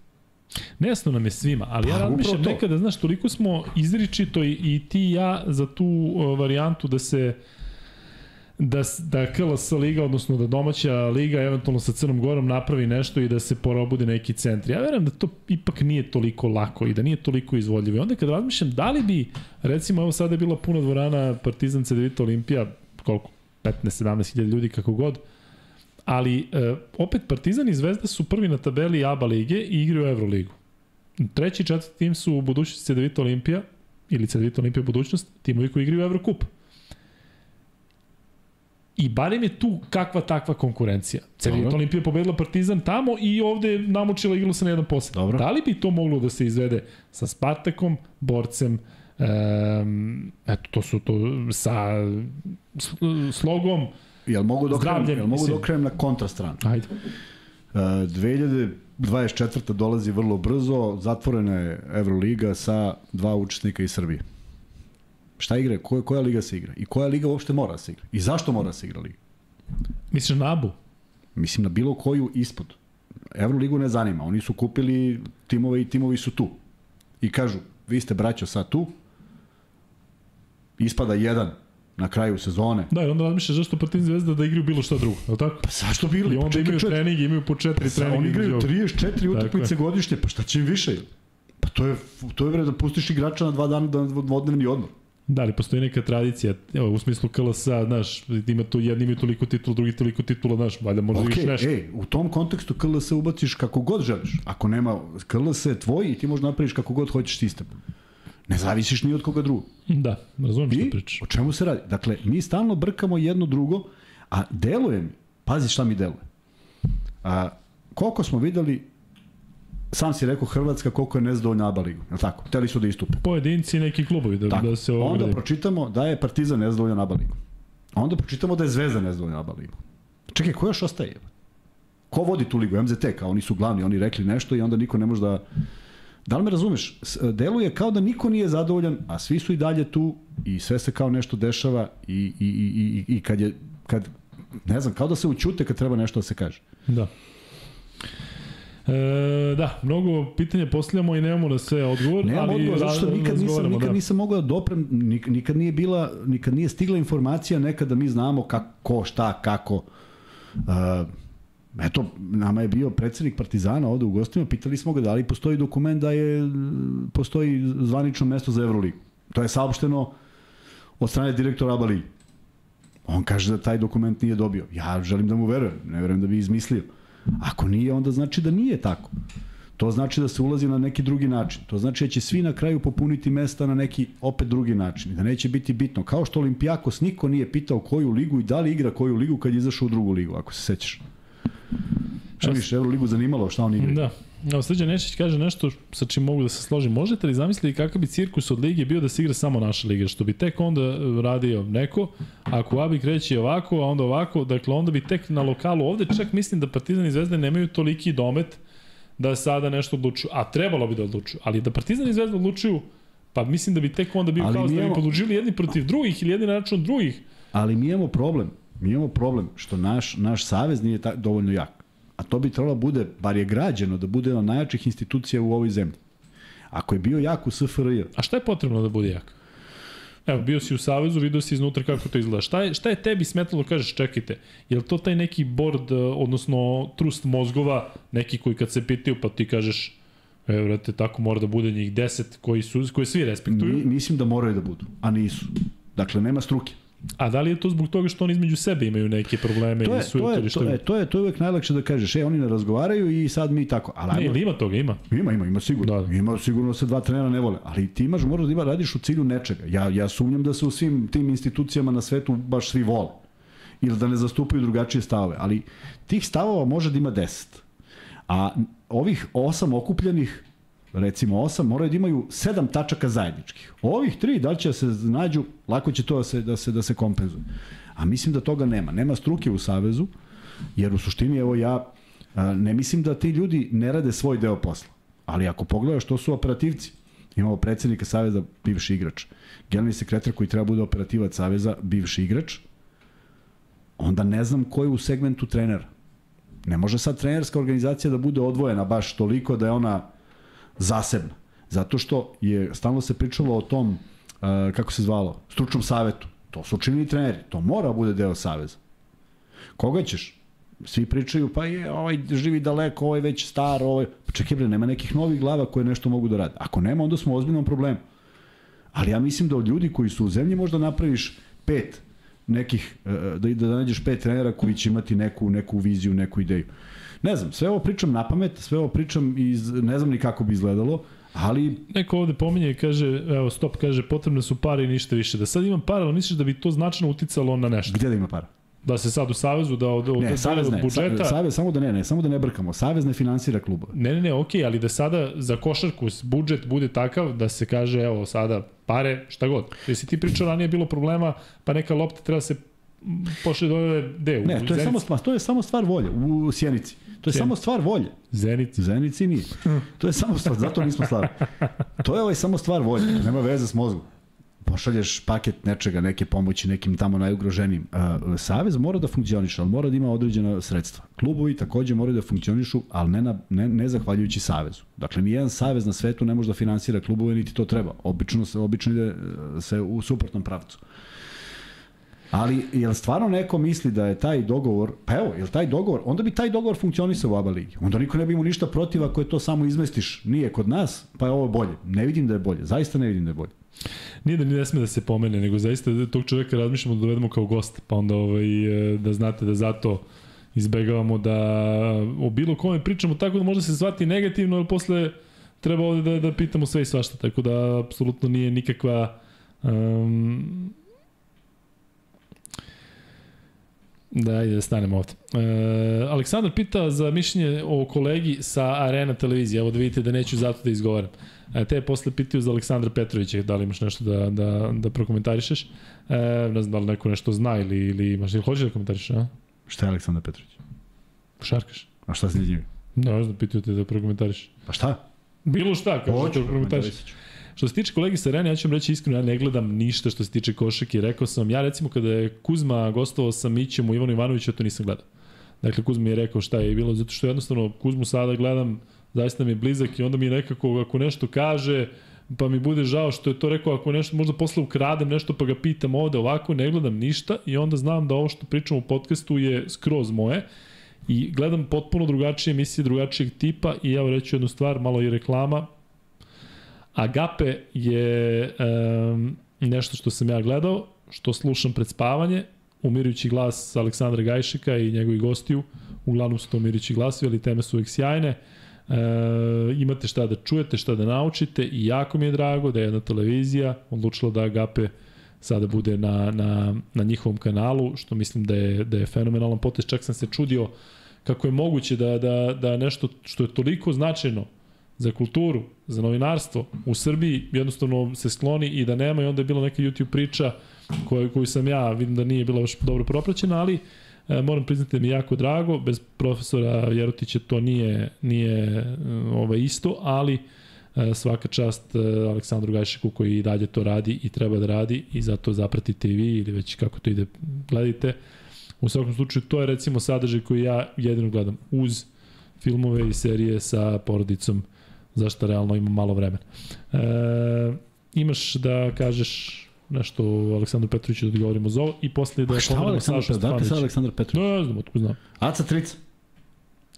Ne bre, Vladimir Petrović. Pižo? Što igra za Partizan? Ne bre, Prcali su ovi što su ga zvali što igra u Grčkoj, koji ti... Pa Pižon, Vladimir Petrović, ovaj, pa ga iz Jebanci zvali da. Pižon, da. što igra za Partizan. Da. Dakle, Vlada Petrović mi je, mi je ostao u sećanju na, na posebno na utakmici e, BFC part, protiv Partizana u Čačku. Ulazi čovek, mi stvarno igramo dobro i vodimo nekih 4-5 razlike i u nekoj protoku lopte ostaje sekunda do kraja napada i vlada uzima šut sa nekih 7,5-8 metara. I svi vidimo da lopta ne jaka, nego prejaka. Takav koš nikad nisam vidio u životu. Ej, sa 8 metara direktno sa 0 stepeni, Lopta pada ovako na sedlo, gledaj. Priča se. I upadne u koš. Da. Kakav Priča maler. Se. Tako da nas je tu ovaj, vratio unazad, izgubili smo za šut, jedan tri pojena je bilo za Partizan. Ovaj, na kraju te utakmice E, neverovatno koliko je dugo trajao, neverovatno fizičke preispozicije, neverovatan skok. Neverovatno zakucavanje, njegov pamti po zakucavanju. Nije, da je umeo da se iz odraza, da se iz koreka odrazi sa da. kuću bril. Nije bio, nije bio da se zaljubiš u njegove sve pokrete, ali je igrao jako jednostavno i radio ono što zna. A sa tim skokom i sa takvim telom, eto, trave, boga mi, 20 i nešto godina, ako bi ja mogao da saberem koliko ja, mislim oni... i više, pa nešto da, da je pa da. nedavno... Pa ovaj, da. E... Svaka mu čast. Vidiš, Nenade, baš ideja da mi do, to, kada ako dobijemo priliku da pričamo, da bude u drugačijem tonu nego sve drugo, tako da nadam se da će biti on z nas i tada, ali rekao sam ti kod nas ideja da sve bude ovaj, u pozitivnom smeru, ako je to moguće. Um, kaži za Aleksandra Petrovića, zaboravio sam skroz. Ovaj, ništa, to je to. E, što se tiče ovih, e da, Saša Stefanović je prekinuo karijeru. Jeste, i mi imamo kačket sa potpisom. zato, zato sam i stavio, dobio sam ga uz dres. Gde je dres? Negde tu. Ovaj, da, to se dešava sa koleđ igračima kada ovaj, eh, kada se ne snađu ili kada procene da nije to to ili kada bilo šta. Otuda i sve ono kad pričam da je da, da svakome ne može da se desi da promeni shvatanje o životu i košarci i gde su nestajali poneki talenti i kako su se gasili sa 18-20 godina, jednostavno najđe nešto što mu ne prija ili vidi sebe u nečem drugom. Mislim da ono davno radi već neke dobre stvari za svoj koleđ i nešto savetuje, da li igrače, da li košarkaše, ima stalno neka predavanja. Došao u Evropu, iskusio malo Kolosos, malo Megu, procenio nije to to i da. dobra stvar u svemu tome, zašto, zašto je dobro ići na koleđ, zato što lakše možda prekineš da. i kažeš sad ću ja nešto drugo i možda... Pitanje da li bi ovako mogao, ako bi ovako bi jedina cepe, da. kao gde, god. I onda, ovaj, I onda je tu lepa stvar zato što Saša može da postane nešto što možda ne mogao postane u košarci, a možda ostvari neke svoje snove ovako i onda je to dobro, dobitna kombinacija za sve nas. Ali mi je žao. Žao mi je zato što, ovaj, eh, znaš sa kog aspekta mi je žao? Uh, E, to su ti sad oni momenti, na primjer, zamisli da si, da si birao između njega i još dvojice ko će da ide na U20 selekciju. I ti proceniš da je on. I stvarno ima je sve kvalitete jednog ozbiljno dobrog šutera i sve to. I izabereš njega. I on ti saopšti za četiri godine da je to da je to to a ono dete tamo umire negde ovaj mogo je da bude tako da je to jako teško proceniti šta donosi šta donosi i kako se ovaj ljudi odnose prema tim nekim teškoćama Ne mogu da mu zamerim, nije ni prvi ni poslednji.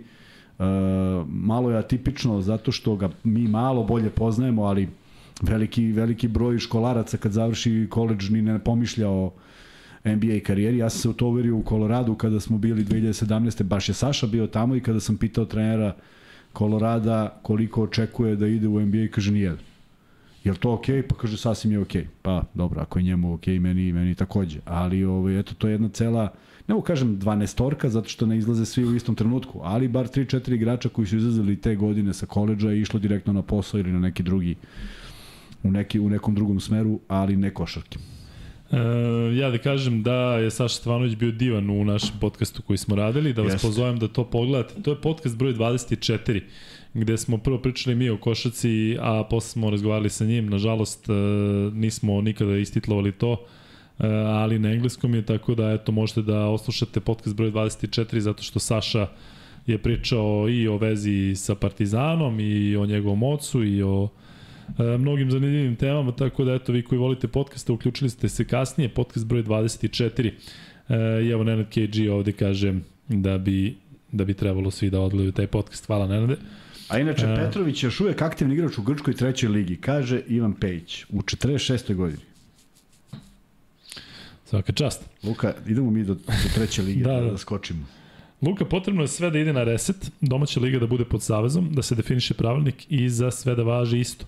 Neverovatno je da oba večita pomeri utakmice kako hoće i time degradiru ligu. E, Nikola, ja e, zaista želim da sve bude pod konac, ali sam siguran da ovde sa našim društvom i sa toliko ovaj, podbadanja, međusobnih takvih odnosa, mislim da je jako teško. Kule kaže Luka 100% sam ubeđen da bi Liga Srbije u prve dve, tri godine da ne bi mogla imati ozbiljno konkurenta za Partizan i Zvezdu ali sam siguran da bi za četiri godine bilo igrača za oba kluba. Ja to mislim.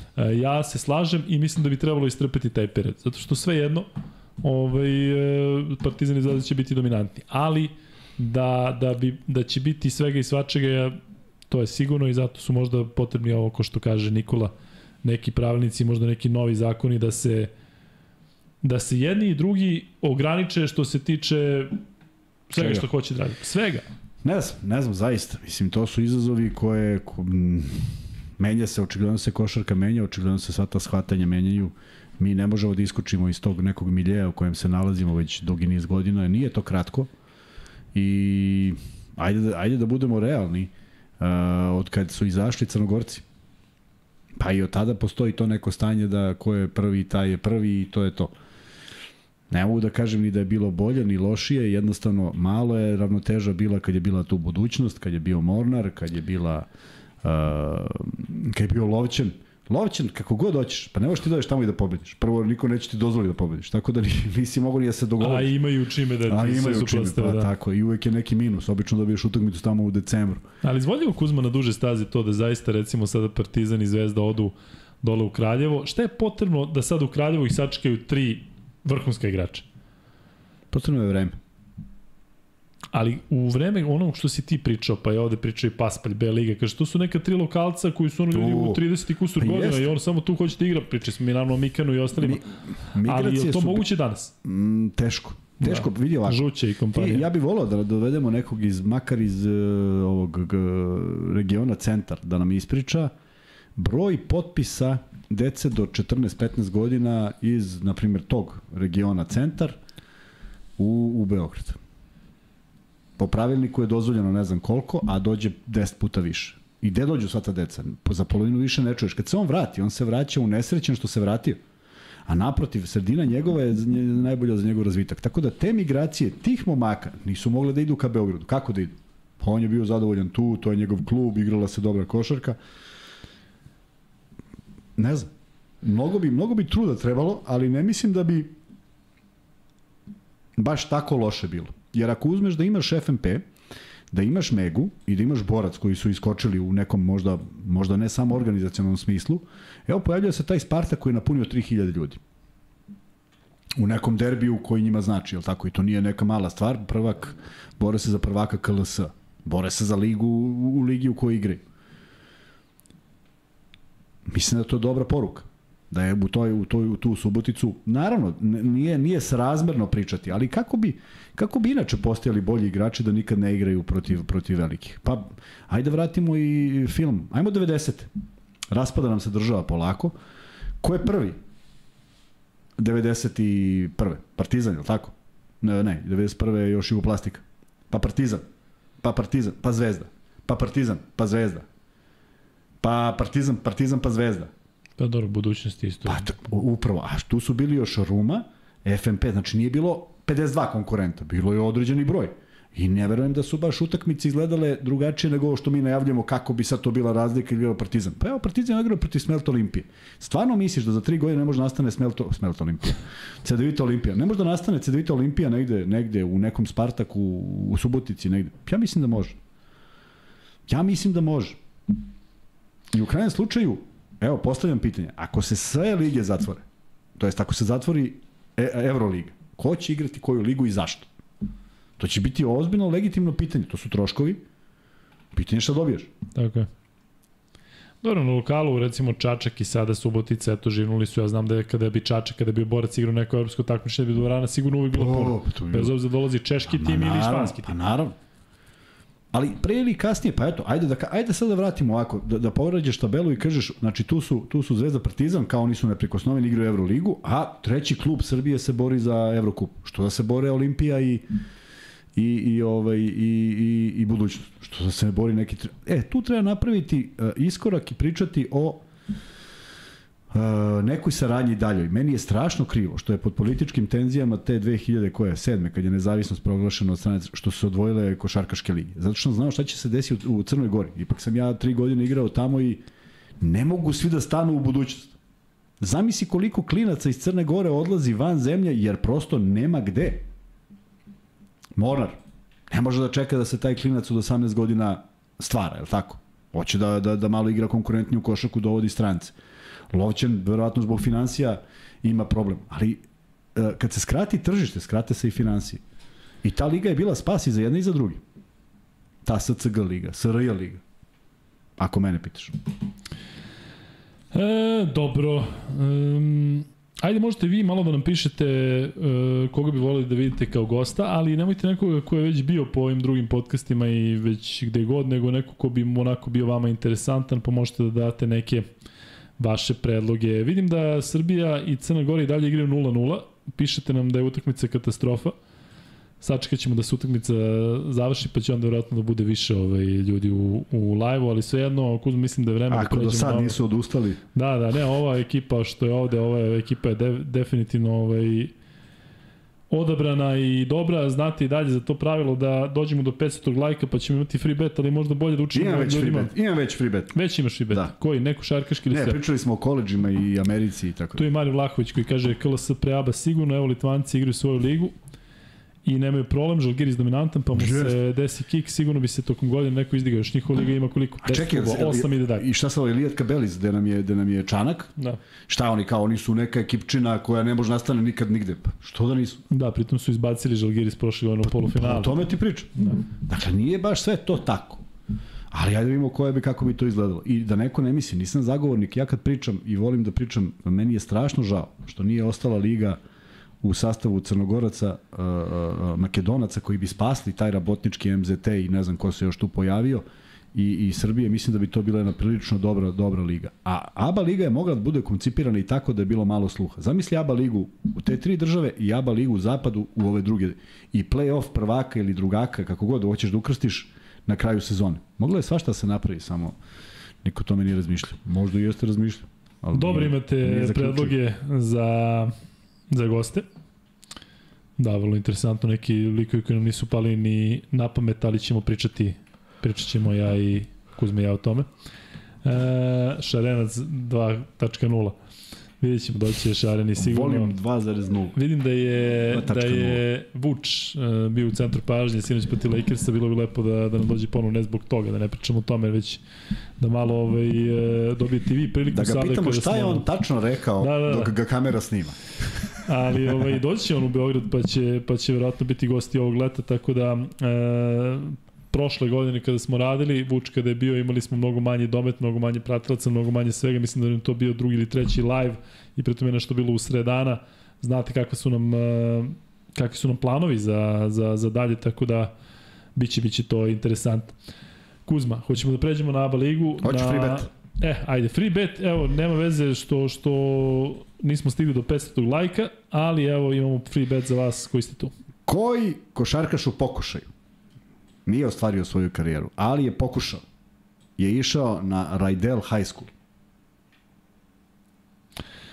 Koji košarkaš koji nije uspeo je išao na Raidel High School. Raidel, to je koja je savzna država, ne a? Mm, ne znam. Neki... Ko je išao na Raidel High School? A nije uspeo u košarci a nije uspeo u košaci. E, za ovo ne može internet i ne može, ne može, ne može Wikipedia i ostalo. Ne može, zato je ovo free, bet, Ilić, ovo je free betčin. Nebojša Ilić, mislim da je to više odgovor na... Ne, ne, na, mora se uključi na, mozak, ne možeš sad tu kao Nebojša Ilić, ne, ne, ne, Miša ne, mislim da je to više odgovor na, na ono koje hoćete kao gost. A, kao gost. Da. Dobro. Saša Stefanović. Nije. Lukas Pasovski, nije, nisam išao u high school. Nema lupanja. Odmah minus. Čubrilo. Dobro, ljudi pokušavaju, Kako šta sad ljutiš? Pa šta Čubilo bio košarkaš u pokušaju? Šarenac. Ne, Čubilo bio košarkaš u pokušaju. Bujanić. Čubrilo. Američki, Luk. američki, nije srpski. Američki, američki košarkaš. Uh... Raidel High School, vrlo bitno. Pa kako ljudi da znaju... Aha. A postao je veliki u nečem drugom. Tako? ne znam na što misliš.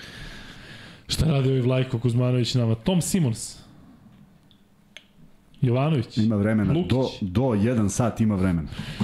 E, Zanimajte se malo. veliki fan Sparsa, molim te da pozovete ako je moguće Petra Božića koji je prvi trener Austin Sparsa da nam ispričao iskustvo omiljene franšize.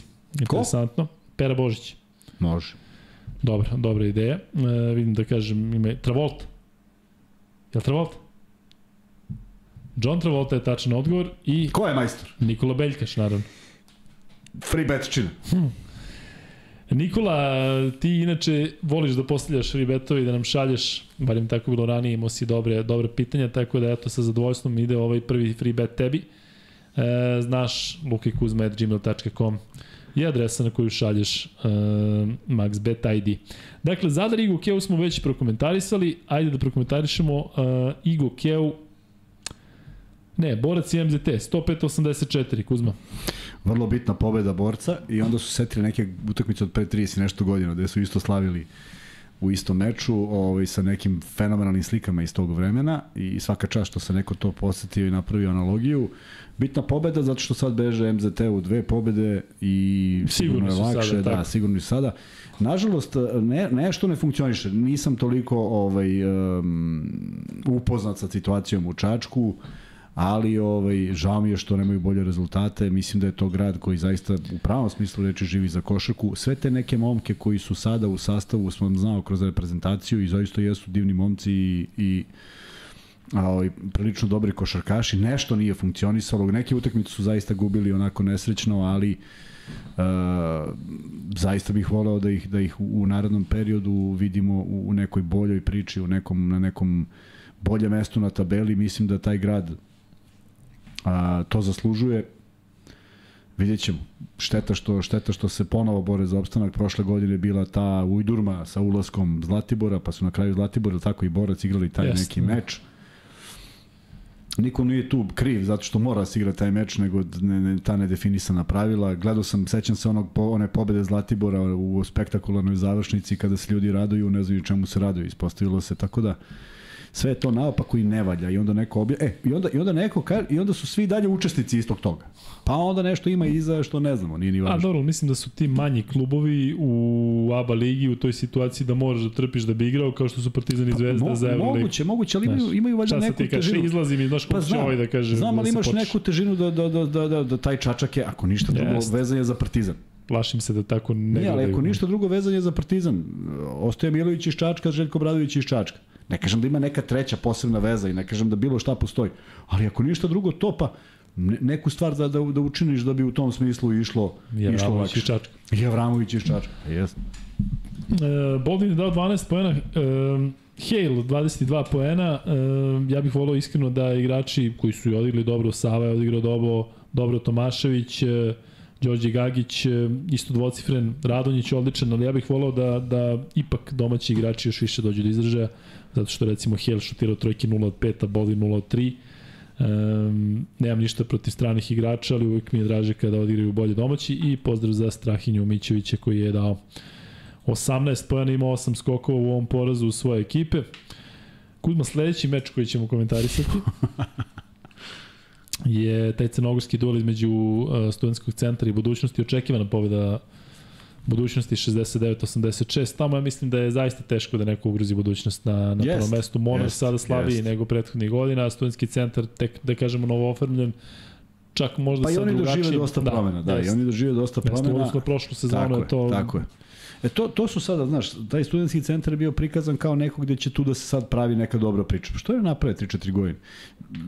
Kažem, ne možemo da znamo šta se dešava iznutra, ne možemo da znamo financije, ne možemo da znamo ništa, ali šteta što tako neka dobra priča, a mislim da može da funkcioniše, ne zaživi. Eto, to je to. Zato, zato se radujem tome što se, što se Spartak podigao i što je ta utakmica privukla toliko ljudi. Ljudi su želeli košarke. Neverovatno je šta su oni gledali 90. 80. i 90. godina. Koliko je to bilo dobrih igrača i dobre košarke. Znaš, stvarno su se vjerojatno tamo građani uželili neke dobre košarke, ako opet kažem dobre košarke. da, da zatvaramo za Dobre košarke. E, Statistika Jagodića Kuriđe 2 poena, 1 od 2 za 2, 0 od 1 za 3, Majstor. 3 skoka, 3 asistencije, Sve ukradena za 21 A. minut, dva faula, verovatno, ne znam, ali verovatno taman kad treba i kako treba. Dakle, Kuzma, može, možeš, možeš mirno da spavaš, je tako? Nemam uopšte problem. E, idemo dalje. Meč za koji sam rekao u najavi, kada smo radili onaj podcast uh, u petak, dakle, Mega Split. Opa, 1-0. Ko? Mi vodim. Za Srbiju, da. Odlično. Čekajmo što javljaju ovde naši u, u live-u. Pa šta ima da javljaju? Mogu samo ja, ja da. Gol, jedan... gol, gol, eto. Sad gol, kad sam otvorio, a?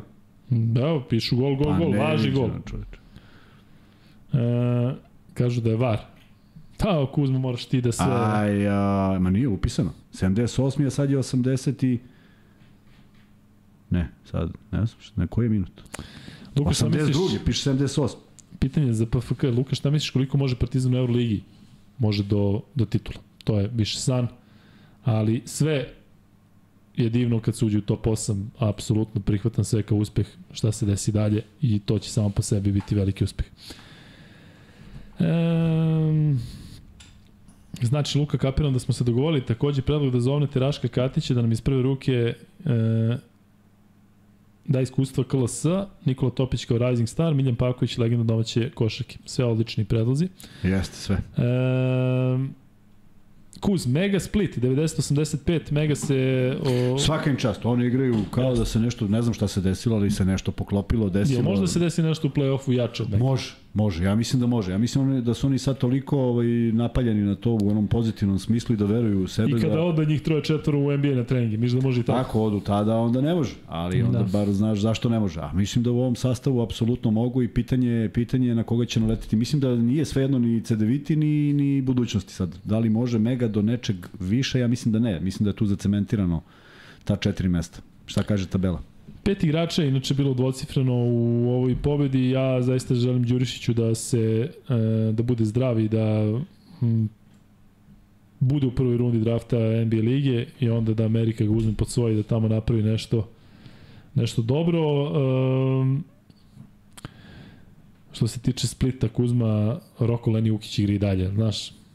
Vratio se, da, bio jedno vreme povređen i evo, 7 poena. To baš lepo zvuči tako, odeš, igraš u Španiji, igraš za reprezentaciju, koliko dugo igraš u NBA ligi i vratiš se tamo i da si krenuo, a? To moguće recimo... Pa lepo je. Ovaj, u Srbiji, malo teže, a? Jako, Što misliš jako Kuzma teško. o ovom klubu Joker iz Sombora koji pod uh, vođstvom porodice Jokić, ili misliš da oni mogu da naprave nešto više ako je recimo se gurne lova, ako se napravi napravi neki plan, neka taktika da je te, recimo to bude neki centar. Naravno, ako negde će klinice treniraju, treniraće u, u, u tom gradu i u tom regionu. Tako je. Vođeni Nikola Jokić. Tako je. bi imao neki problem da sad taj KK Joker postane treći najbolji klub u Srbiji? Za ne bi, ali je teško, ne bi, ali je teško. U kom smislu? Pa teško je naći broj dečaka na tom... Na tom... Ne dečaka, već jednostavno kombinuješ njih, imaš svoju školu košike, dovedeš, ne može, jako dovedeš teško. lepo ne platiš neke igrače. E, opet, izmeštaš svog, sad gledaj, opet, opet o tome pričam, izmestio bi svog da bi to napravio. To je problem, to se nije dešavalo. Zato Ali kombinacija da bude, ovi i ovi.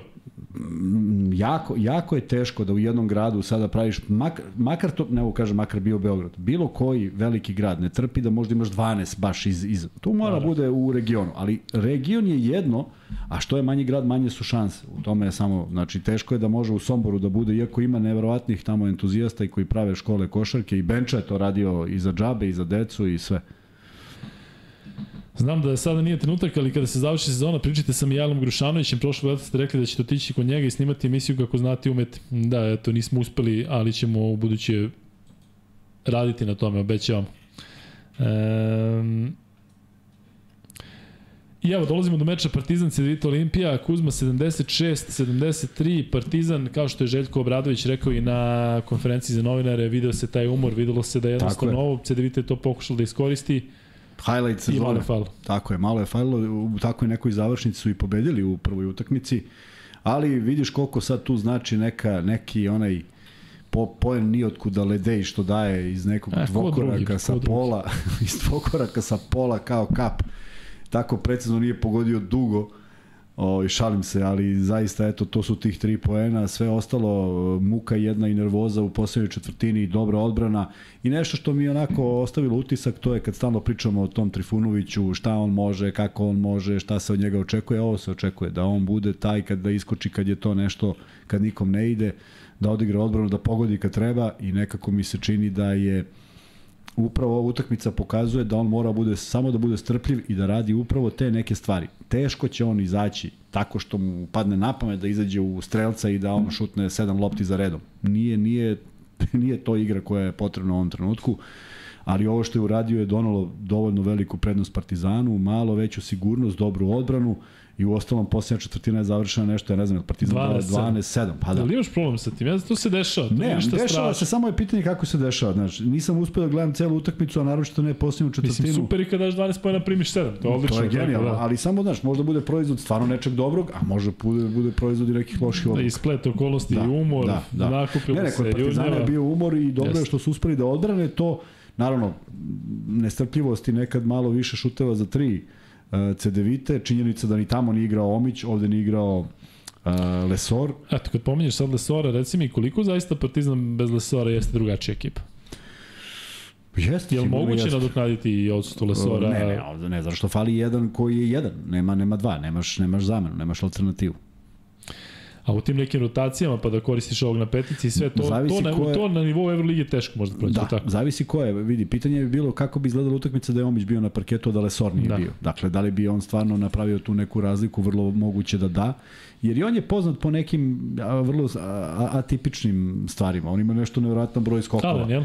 Hm? Alen Omić. Da. Jeste, da. On hvata neke lopte koje vidiš da, da nisu njegove, ne pripadaju uopšte njemu. Neko se čudi okreće, baš je bar onako tipičan, ne možeš da skautiraš kako treba, ne znaš da će Tako da, znaš, vrlo je bitno da on nije bio na terenu, međutim, celu utakmicu muka i to je nekako potpuno razumljivo, zato što sam očekivao sve sem uh, lagane pobede Partizana, gde on to sve funkcioniše, to ne ide tako. Dobro, mislim da recimo ova atmosfera koju su napravili navijači, koja je zaista spektakularna za ABA ligu, da možda više znači se da vidite da Partizan bez Lesora umoran teško može da odgovori na tu atmosferu nečim na terenu, dok CDVita Olimpija kaže, uf, ove smo dobili u, u, kod nas, pogledaj kakva atmosfera, ono što smo pričali da hoće igrači da se dokažu, neki čak da se možda i nametnu da, da, da ovo je za njih velika tako scena, je, za ove strance u, u, tako je. u CDVita Olimpiji. Tako je. E, žao mi što je Marko Jeremić e, imao nešto slabiji šut za 3-2 od 7. E, Ferel imao 3 od 11. E, Adams imao 3 od 6, ali je promašio one dve trojke koje, koje su bile jako bitne. Tako da sve u svemu, e, mislim da će Partizan ovu utakmicu odmah da spakuje negde u neku fasciklu i da je već zaboravljeno. da. sekunda i rekao idite odmorite se do, do tamo, do, do malo odmorite glavu jer ovo, vidi. E, Samo glavu, nema vremena za ne, odmor bilo čega drugog. Što, zato što je stvarno stresno i ponoviti takvu utakmicu u, u, u periodu kada bi to bilo 4 u 4, je tako, u, da. u, u, sed, u 6 dana nije realno prema tome, bilo je bitno preživeti i svaki trener će ti reći da je kada se pobedi, a loše se igra, da je to dobra stvar, to znači da taj tim crpi snagu od nekud, a da nije, ne, nije zahvaljujući dobroj igri. Ja ću da prođem sada statistiku ovde, taman Kuzma da se tamo malo pozabavi vašim odgovorima, odnosno da vam odgovara na društvenim mrežama ili već gde. E, Vukčević je igrao samo 5 minuta i dao je 4 poena, sva 4 je dao sa penala, ja sam očekivao da će igrati više, ali naravno ne treba ovaj, sumnjati u bilo kakvu odluku što je igrao tako malo. Zekle Dej e, je igrao 27 minuta 13 poena, 1 od 3 za 2, 1 od 3 za 3, 8 od 8 sa penala sedam skokova je imao, od čega šest u odbrani i nad njim je napravljeno, napravljeno šest faulova, rekao bih da je on bio najbitniji igrač Partizana. Aleksa je imao 4 poena za 20 minuta i Aleksa je obe trojke promašio, ali bit će to kako treba, imao jednu asistenciju. E, Panter 10 poena, Panter je šutirao trojke 1 od 5, ono što sam govorio kada ima onih 0 od Zilion protiv Monara kad se igralo u baru, samo neko on u, u ABA ligi namešta ruku i ovaj, u Euroligi je bitno da, da je namesti, a ovde nek se onako ovaj, nek malo oscilira, nije problem. Alen Smajlagić za 13 minuta 12 poena, Smajli je dao dve trojke, jednu promašio, imao je dva skoka i dve asistencije, pa pa Petru se ispostavio kao igrač koji je možda bio odlučujući u završnici, 14 poena e, i za njega je jako bitno što je bio nepogrešiv sa penala 4 od 4, 8 skokova pored toga, on je bio igrač sa najvećim minutažom u, u nedelju. Dante Exum 20 minuta, 10 poena, 4 od 6 su njegovi penali, 3 od 4 za 2, jednu trojku je šutno i promašio. Naneli se nije upisao za 15,5 minuta na parketu, ali nemam problem sa tim, zato što kod Partizana uvek neko izleti, ne znate ko će da odigra dobro. Naneli koji je dao 20 poena u u Euroligi dva dana pre toga Olimpijaku su evo sada bez poena protiv CDVita Olimpije, kažem više nemam problem sa tim, zato što nije da je Naneli pao, već je neko drugi uletao i istakao se i sve ok. Uroš Trifunović koga je Kuzma pominjao, 15 minuta, 5 poena, vrlo agresivan u odbrani, odrađivo šta je trebalo. Odradio tako. posao i doneo tu neku, neku, neku sigurnost, ako tako mogu da kažem. E, u stvari, više nesigurnost tog čoveka koji je trebalo da da poen. Pa ih zato i nije dao u posljednjoj četvrtini, ali e, svaki, svaki taj mali doprinos puno znači u krajnjem slučaju zaustavljeni su svi ti šutovi, promašeni su. Partizan je pobedio, inače kažem, nije mi iznenađujuće da, da CDVita igra tako, pa čak i možda iznad nekih svih svojih očekivanja, ali da budemo realni i oni su opalili koliko 20 trojki? Koliko hoćeš. Koliko hoćeš 25 30 trojki tako da 10 do 35 su šutirali. Pa užas. A dvojki je li ima više ili manje? 15 do 29 Partizan dobro šutira sa penala, jesu imali 25 od 29, ali e, mislim da, da je to sada mnogo ozbiljnije što se tiče procenata u oba takmičenja u odnosu na, na prvi deo sezone. E, Danilo Andjušić, dva poena, on je dao oba slobodna bacanja, 0 od 4 za 3, 0 od da, 2 za 2. Baš je, baš je mnogo promašio. Ali definitivno je to uticaj toga što je nesiguran. Dakle, on Jest. jednostavno sad mora da se dokaže ovde, ne može se dokaže. U, kako i... je teško sad kad šutiraš i razmišljaš, sam, samo ova da uđe. Ova sam da, ova, ako ova ne uđe, a onda dođe Jest. druga, a ti onda više nisi ni siguran ni u šta, ne u svoj šut. Ja i dalje verujem da... da će Andjušić u nekim mečima koji su bitni dati svoj doprinos do kraja sezone. Jamadar 2 poena, 1 od 5 za 2, nije šutirao za 3 jedan skok e, bez asistencije, ali tri ukradene. Ja mislim da bi Jamadar mogao i u Euroligi da bude taj onako um, specijalac za odbranu, da uđe da nekoga ono iseva 10 minuta, nekog bitnog protivničkog playmakera i da treba da bude akcenat na tome. Videli smo da može da prinese, da da neke bitne poene, da može da pogodi, uglavnom igra bolje u prvom problemu nego u drugom. I meni je žao kada vidim da ovako dobije šansu negde, iako on je igrao mnogo, igrao 12 minuta, ali ovde kad dobiješ šansu pa ne iskoristiš, i kod njega se kao i kod Andjušića vidi velika želja da se dokažu u ovakvim mečima, međutim da mogu bolje, definitivno mogu. E, Kuzma, meč koji nam je ostao još, naravno, bavit ćemo se kasnije Partizanom i Barcelonom i e, duelom koji se igra u Euroligi sutra. Meč koji nam je još ostao da prokomentarišemo, to je duel od CDVita i FNP-a, meč na veliki broj poena, 110-99, e, bože CDVita Cibone i FNP-a. E, Kuzma, FNP onako, ne znaš više šta da, da očekuješ, izgubljen taj meč u produžetku, baš onako delo da su popustili. Primiš 110 poena, do duše za 45 minuta, Jel misliš da, da, da je odbrana kod FNP-a problem zato što zaista deluje da, da, da prime veliki broj koševa? Koliko su dali poena? 99. Su primili? 99 su dali, 110 su primili, ali sa produžetkom. Ali nije prvi put. Izgubili od Cibone. Od Cibone, da. Pa jeste problem i nešto se desilo odlaskom Frejzera, to je činjenica, nisu nisu stekli tu sigurnost, šta nedostaje, to zna samo trener. E, mislim da su taj prvi deo sezona igrali možda i van svih očekivanja. Stekli neku dobru zalihu, koji su na tabeli? Čet, treći, četvrti ima isti broj pobeda, ali tako kao i... Ko FNP? Da, ne, peti, izvini. FNP peti, peti da, da. CDVT i da, da, iz CDVT i budućnosti, tako je. Negde su bili vrlo konkurentni i pretili da budu među prve četiri ekipe, ali u svakom slučaju oni će imati veliki izazov na e, da, da protiv koga budu igrali.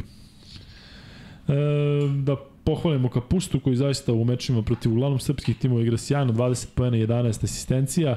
Kod FNP-a se istakao Mur koji je dao 23 poena. E, Da, kada ovde tako jedan igrač od koga mnogo zavisi u napadu, teško je povezati redove. Tako je. Ako tako nemaš nekog ko može tako, da ga nastavi, pa moraju da svi da skupljaju, da, da svako da svoj doprinos.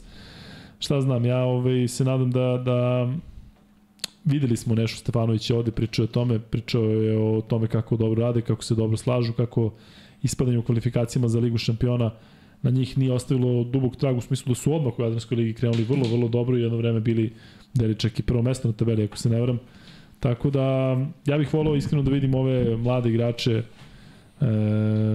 koji su stigli Zvezda, ova trojka, da ih vidim možda češće, ali sada je već deo sezone kada teško može tako nešto da se očekuje. Da vidimo šta radi Srbija, daje drugi gol. Da li, Jan? Daje drugi gol i... To je 90 plus 4. 96. minut, 2-0, dakle overena pobeda protiv Crne Gore, ponovo Vlahović, tako da Što se nas tiče lepo, što se tiče porodice Beljkaš za koju znamo da nas prati, žao nam je, ali e, eto, ali ostaje eto, nada. Da, da, za utehu. Ostaje nada da će da će i Srbija i Crna Gora iz ove grupe ići dalje, imaš mnogo da se igra, ali ja mislim da to nije toliko nerealno. da Srbija bude prva, da Crna Gora bude druga. I odmah je kraj. Eto, pao je gol i kraj. Opet Vlahović. Opet Vlahović. I sad očekujemo da naravno raste broj... E, Ali ne srazmeno, ne ono da, kao 1-2, nego desetine hiljada. Sa 700 na 7000, da. e, Ili imaš nešto da dodaš Kuzma za ovaj odložen meč e, Crvene zvezde? Ne, to nešto ja, da se ne, priča. Ja, ja, ne, ja bih prvo volao da su svi Zato što igrači... Ovdje stoji mi na kraju, već smo pričali, ne znam, da, da, ga, Evo, ja, da ga ignoriš. Ja samo šta bih želeo, da su svi igrači Zvezde zdravi za utakmicu protiv ovaj, Valencije, pošto je pobeda nešto što sada svi žele i posle utakmice koja je odigrana prošle nedelje imaju puno pravo da žele nastavak te neke serije koja još uvek stoji u malom procentu kao neka šansa za, za dalje. Bilo bi lepo da Zvezda pobedi, ali bilo bi lepo da svi nastup, da nastupe svi igrači. Šta je posredi zaista ne znam. Kada Zvezda i Partizan ovakve stvari kada se dešavaju, evo sad konkretno govorimo o ovoj situaciji sa Zvezdom, ili onda treba da, da očekujemo onu transparentnost koju smo očekivali od recimo selektora kada se nešto desi pa da izađe da, da kaže pa da, to, to, to i da, da kaže ovo je povređeno, ovo je povređeno, ovo je povređeno, ali šta onda ako se desi da, da su svi spremni za Valenciju? Onda ispred šta, oporavili pa su se za tri dana. Onda, onda nije na njima da kažu, onda je na ABA ligi da kaže zbog čega da. je otkazana utakmica. I neki Mornar je morao se složiti s tim. Ali misliš da je nekome dato objašnjenje ili su samo rekli mi ne, se, ideju, da je negdje poslat neki faks i rekli pa ovo ima temperaturu? Prosto mora. Ali čekaj, mi nemamo, nemamo, odgovor iz, nemamo odgovor iz bara koji bi mogao da glasi ovo je načuveno, doveli su nas presvršen čin. Možda su i rekli negde, pa ne znam. Ne znam, zato i kažem, sve ovo što pričamo, zato, zato se stalno i nagađa, zato stalno, jer mi nemamo nikako podeljeno neke informacije koje bi možda nekoga umirile, nekome stavile do znanja kako jeste, neko bi prestao da nagađa. Znaš, ti imaš, ti imaš moment kad ti neko saopšti nešto, a ti dalje pričaš svoju priču, tako da nije lako ovo što kažu ljudima udovoljiti, ali makar neki iskorak da bi znao stanje stvari da ne bude sve jer onda onda uh, ima ima mnogo komentara i često ih često ih čitam branim ovog ili onog to je samo zato što ne znamo i ja ne volim da bratam nečim što ne znam i vrlo retko pričamo o nečemu što ne znam jer nije nezahvalno je i uopšte Absolutno, ne znamo šta da. se dešava e, Mikse, možda staviš pol da vidimo kako stoje sada kada imamo ovoliko ljudi u live da vidimo koliko ima više. Dakle, staviš pol za koga navijete, Partizan, Crvena zvezda, neko treći. E, ovdje i dalje komentarišu futbol, ali kapiram da će to u nekom trenutku, nekom trenutku da se smiri. Pre nego što pređemo na Euroligu, e, samo bi se kratko pozabavili mečima koji se igraju u okviru Evrokupa. E, pa eto, taman kada se ljudi malo nakupe, da onda krenemo prvo sa Partizanom koji igra u utorak, zatim sa Zvezdom koji igra u sredu. Da podsjetim još jednom da ćemo raditi sledeći podcast u četvrtak u onom našem redovnom terminu u 9. Ja mislim da ne radim, ne radim Euroligu u četvrtak, radim u petak. Miksa, vi u, u 99 jardi radite u petak u onom standardnom starom terminu, jel? Ne, od 8 radi. Od 8, je tako? A ne znate otprilike kada ćete završiti, a kad mi možemo da planiramo? Do 11 ste gotovi. Super, pa eto, mi možda bi mogli onda i do pola 12 da, da, da krenemo. Ako, Ako da, što ranije uletimo, to nam je svako nam je bolje, da. Miksa je podigao prst, tako da evo, zakazujemo petak za pola 12, četvrtak je u 9, Tako da ovaj Ako bude neki promena, objavićemo ih naravno. Tako je. Zato nas zapratite na Instagramu zato što tamo Kuzma redovno najvažnije na Instagramu. Da, ništa drugo nije važno. Ništa. U da. životu nije važno Tako više. Ratovi, poskupljenja, ništa, Ma, ništa samo, samo naš Instagram. prati Instagram. E, dakle, što se tiče Evrokupa, uh, sutra igraju Bursa Breša, HPL Prometeas i Paris London. Da. I e, već se zna svih osam koji idu iz jednog i iz drugog tima, tako da sad samo treba da se rasporede po pozicijama. A onda u sredu, kada je poslednji dan Evrokupa i regularno dela sezone, ima dosta ovako interesantnih mečeva, Prometi Venecija, Turk Telekom, budućnost. E, eto, taj meč za budućnost može da bude interesantan, zašto tamo, tamo je recimo potpuno drugačija atmosfera. U Ankari onako baš znaju da, da za standard Evrokupa da lepo Bolje nego u konji. ne znam, to ti znaš. Ulm Kluž, Trento Šljonsk, Juventud Letkabelis. Ko igra sa Šljonskom? Trent. Dobro. Samo si da da izgovoriš Šljonsk. Da. E, Juventud Letkabelis, Letkabelis je na bizaran način izgubio protiv Ritesa sada u litvanskom prvenstvu, ali su zaista u sjajnoj formi i ovo je prava mera da se, da se pokažu protiv e, jedne od ekipa koja je favorit. CD Olimpija igra protiv Burga, Gran Canaria protiv Hamburga, eto Kuzma da te pitam za budućnost protiv Turk Telekoma, e, stanje na tabeli ću ti sada reći, ali prvo mi reci za Cedevita Olimpiju koja igra protiv Burga i koja je izgubila e, bilo kakvu šansu da ode u tih 8 od 10. To jeste neka vrsta neuspeha, ali oni sada stvarno daju potpuno fokus na ligu, nemaju šta drugo. Igraju oni tamo i domaće prvenstvo kasnije, ali da li bi sada oni mogli da iznenade Zvezdu i Partizan Zvezdi i dalje Evo, daju šanse? Pa pokušali ali su, da. sada kada njima ovo potpuno sve, da u play-offu možda i nekoga iskoriste ako je povređen, ako umoran. Uh, vidi da se razumemo. možda malo onako... Uh, malo, malo mi preterujemo kao to završeno. Kao Partizan Zvezda, gotovo Apsolutno, evo ti Smelt, Smelt Olimpija, šta ću sa ovom Smelt Olimpijom? Smelt. Uh, Olimpija, CDVita Olimpija iz, uh, za malo da, iz, da iznenadi Partizan. Možemo da pričamo šta god hoćemo, bilo bi to iznenađenje u Beogradu. Da. A, ko će ukrstiti sa prvim ili sa drugim, što je vrlo evidentno će biti Zvezda i Partizan na te dve pozicije, ja mislim da moramo da damo, ne da moramo, nego je zaista vrlo, vrlo nepopularno reći da su to favoriti protiv kojih budućnosti CDVita Olimpija nemaju šanse. Dakle, to su, to su timovi koji će se upravo iz ovog razloga, ako budućnost izgubi u sledećem kolu tog razigravanja, i oni su samo fokusirani na, na ovu uh, Jadransku ligu, i sigurno da će učiniti sve da produže sezonu. Vlada Jovanović je trener koji prosto želi do najvišeg plasmana. To što ih neko stavlja u red uh, outsidera, nije to baš tako popularno, dešavalo se mnogo puta da budu iznenađenja, tako da Zvezda i Partizan sigurno neće iz tih utakmica izaći da se samo prošetaju, bez obzira ko proti koga bude igrao. A vidjet ćemo i ovi sedmoplasirani, osmoplasirani. Tu može bude neko iznenađenje koje uh, nije, nije podjednako, nije realno, ali uh, košarka je to, jedna, jedna utakmica je u pitanju, Nikad ne zna šta može, kako može da se otvori. Dule Jakšić donira, hvala ti Dule, slobodno možda postojiš neko pitanje, ja ovde kliknem da vidim da li si stavio nešto, nisi stavio ništa, ali lepo je za donaciju. E, Kuzma, koliko recimo za budućnost koja će definitivno biti da li peta, šesta, sedma, vidjet ćemo, ali koliko e, za njih u stvari i nije prednost taj domaći teren. Oni sada se bore grčevito za poziciju 4 i onda dođe tamo nekoliko razlik. stotina Mislim... ljudi, da je možda čak ovo ima neki motiv više da odeš negde u neku I onda iz inata pobediš, da, da. Tako. E, sad ćemo pobediti tamo. Da, potpuno si u pravu, zato što te stvari nikako da se uklope dole i kažem, ja sam iznao svoje mišljenje zbog čega je to tako. Izvini, budućnost možda bude, uh, ja mislim da će biti izvesno šest.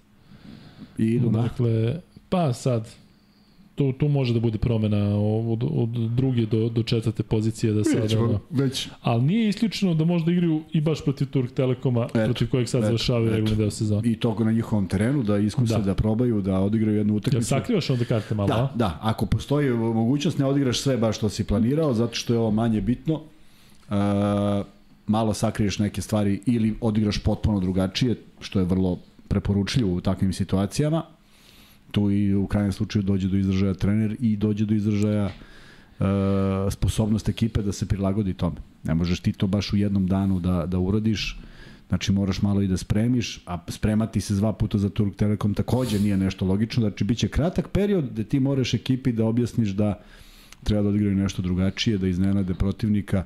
Ja bih volao da vidim budućnost što dalje, Ali, što dalje od sebe, da, ih, da ih ne vidiš. Ali da dođu, da doguraju što dalje, ali ovaj, u pravu si ako, ako ispadnu na prvom koraku, onda, su, onda je sav fokus bačen na Aba ligu. Kada dovedeš Lekomta, Grina i Obrajana, to su igrači koji su dobro poznati na nekoj košarkaškoj sceni, koliko toliko. Jel to pokazuje da ti sada želiš nešto i gde želiš i šta želiš i šta je sada cilj? Kada sede sada trener, njegovi saradnici i kada se jede tamo uprav, upravni odbor, šta je poenta?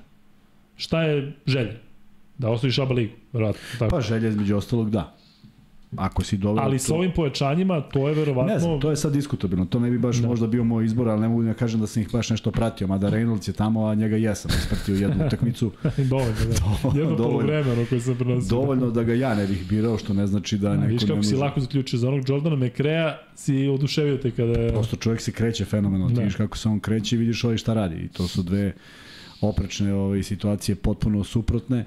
Tako da, naravno, svako može da pogreši, ja bih vjerojatno mnogo grešio da sam trener, pa nisam, ali ovaj, volao bi da napravimo jednu analizu kad se završi Jadranska liga, baš da se fokusiramo na igrače kojih nije, koje nismo dočekali do kraja sezone. To bi bilo interesantno. I one koje jesmo sticajem okolnosti, a nisu ostvarili... Oni što nisu počeli s nekog klubu, nisu završili na njih, misliš? Između ostalog i njih, a kao i one što jesu, a ostavili uh, onako Aha. loš, loš utisak. Uh, to će onda biti dug podcast. Pa upravo, znaš, onda, onda vidiš i onda, i onda neko kaže to smo uradili zbog toga i ti kažeš dobro, znači sa Žikom i ovom to ne bi išlo, on kaže ne. E, i onda samo da razumemo zašto ne bi.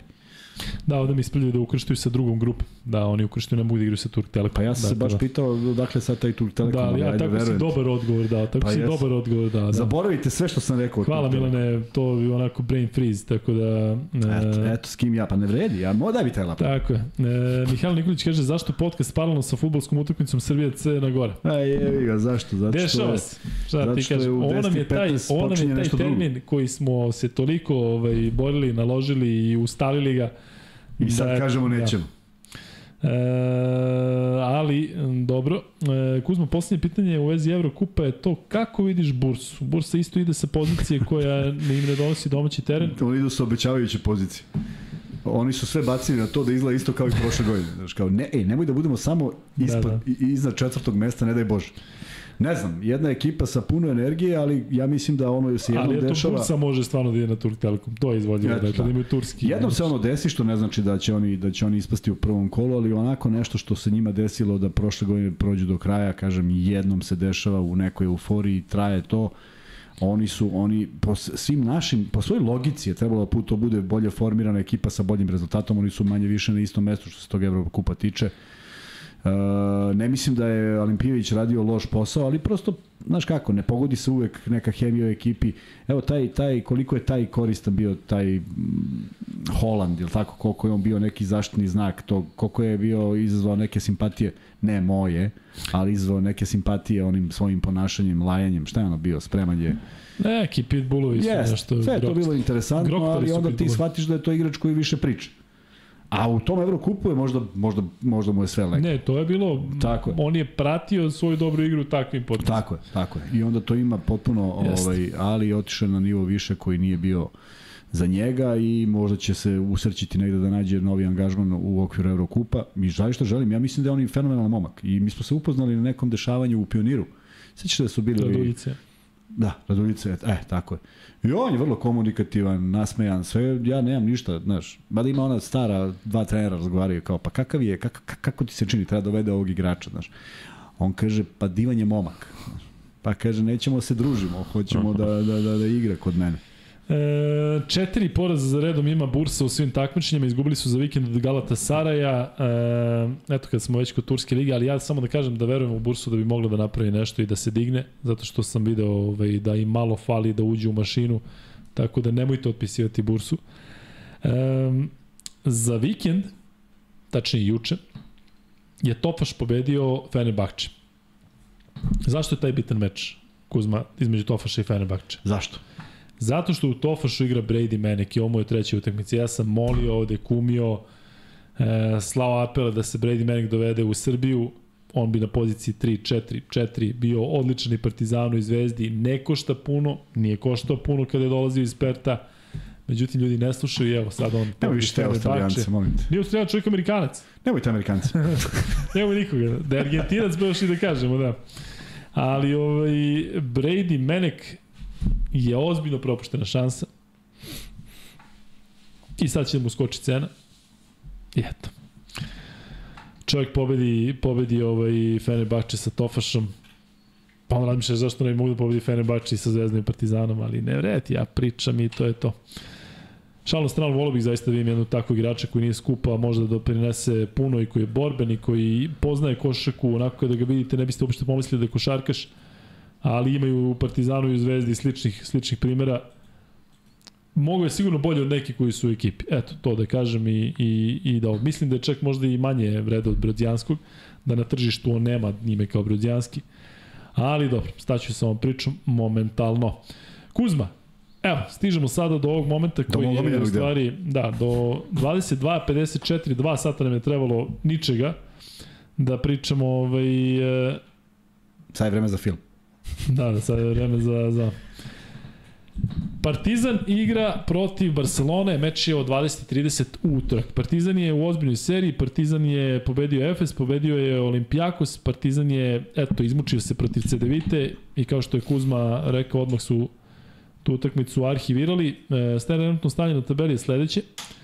Dakle, Partizan je na poziciji broj 7, ima 17-13 kao i Makabi. Dobra stvar za Partizan je što je Baskonija osma, Žalgiris je deveti, To su timovi koji imaju dve pobede manje i dva poraza više. Dakle, skor 15-15.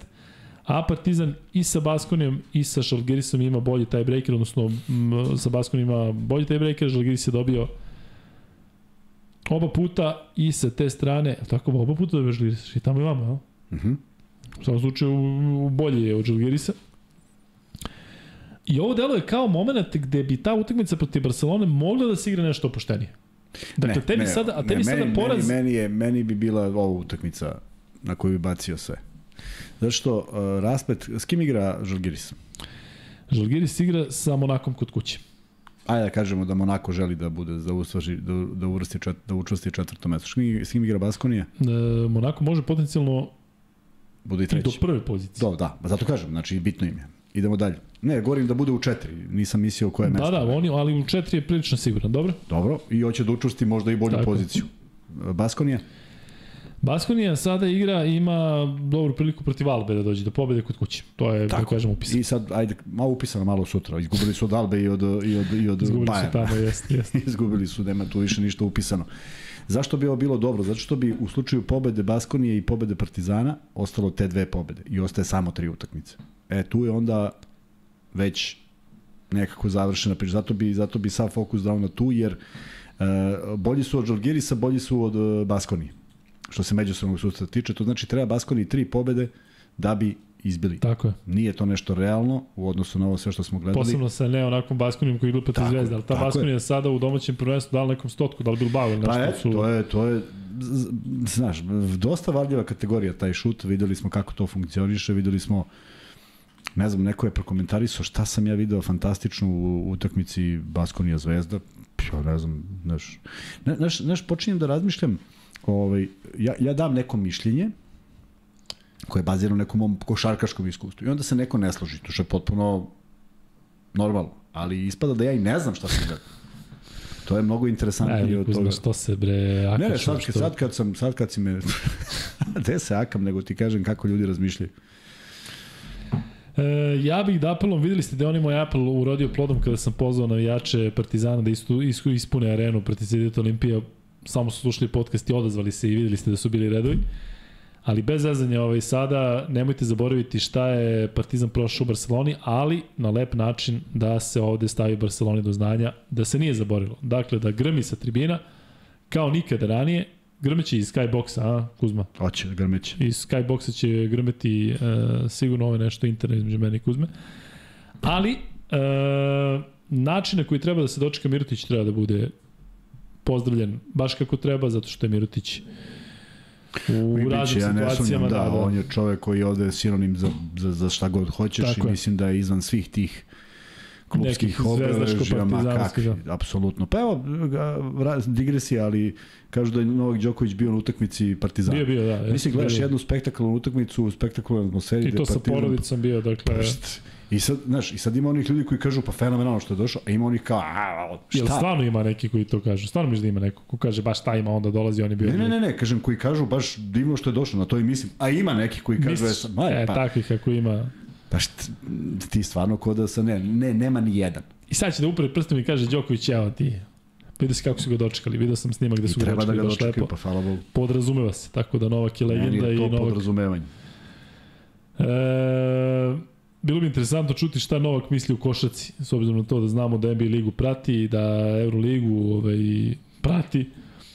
Tako da baš lepo što, što mislim da mu je to pored tenisa uz futbol omiljeni sport.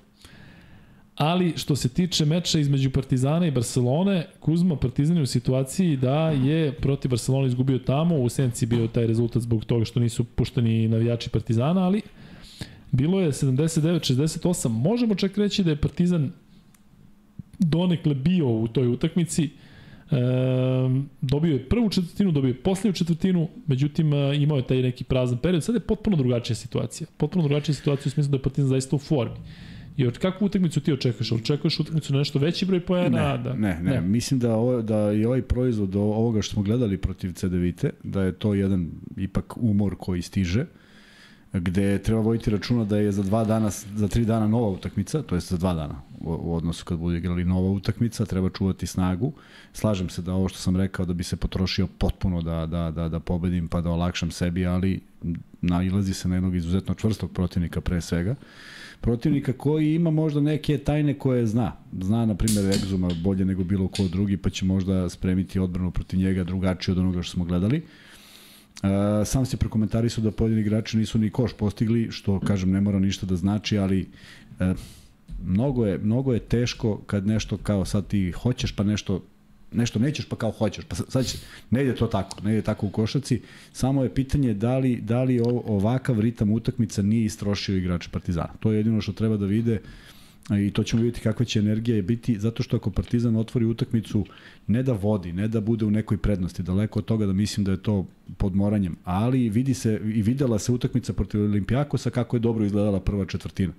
Tako da to su neke bitne stvari, Lesoru može da prija ovo što nije igrao, svi ostali su opet odradili neki svoj posao i doprineli tome da se makar pojedini igrači odmore, tako da da vidimo i znaćemo u prvoj četvrtini kako, kako, kako doživljavaju, kako, koliko su spremni za tu, po mojoj proceni, izuzetno fizički jaku utakmicu, jer uh, Barcelona ne igra na koš više, uh, igraju naprotiv dovoljno čvrsto da, da to stalno ide u nekom, a vole da igraju odbranu na koju Jasikivičius uvek ima prigovor i ja bih zaista obratio pažnju i sve svoje ovaj, fokuse upro na Abrinesa, spomenuo sam ga na utakmici protiv Barcelone, opet je bio taj koji je uh, rešetao koš do jednog momenta.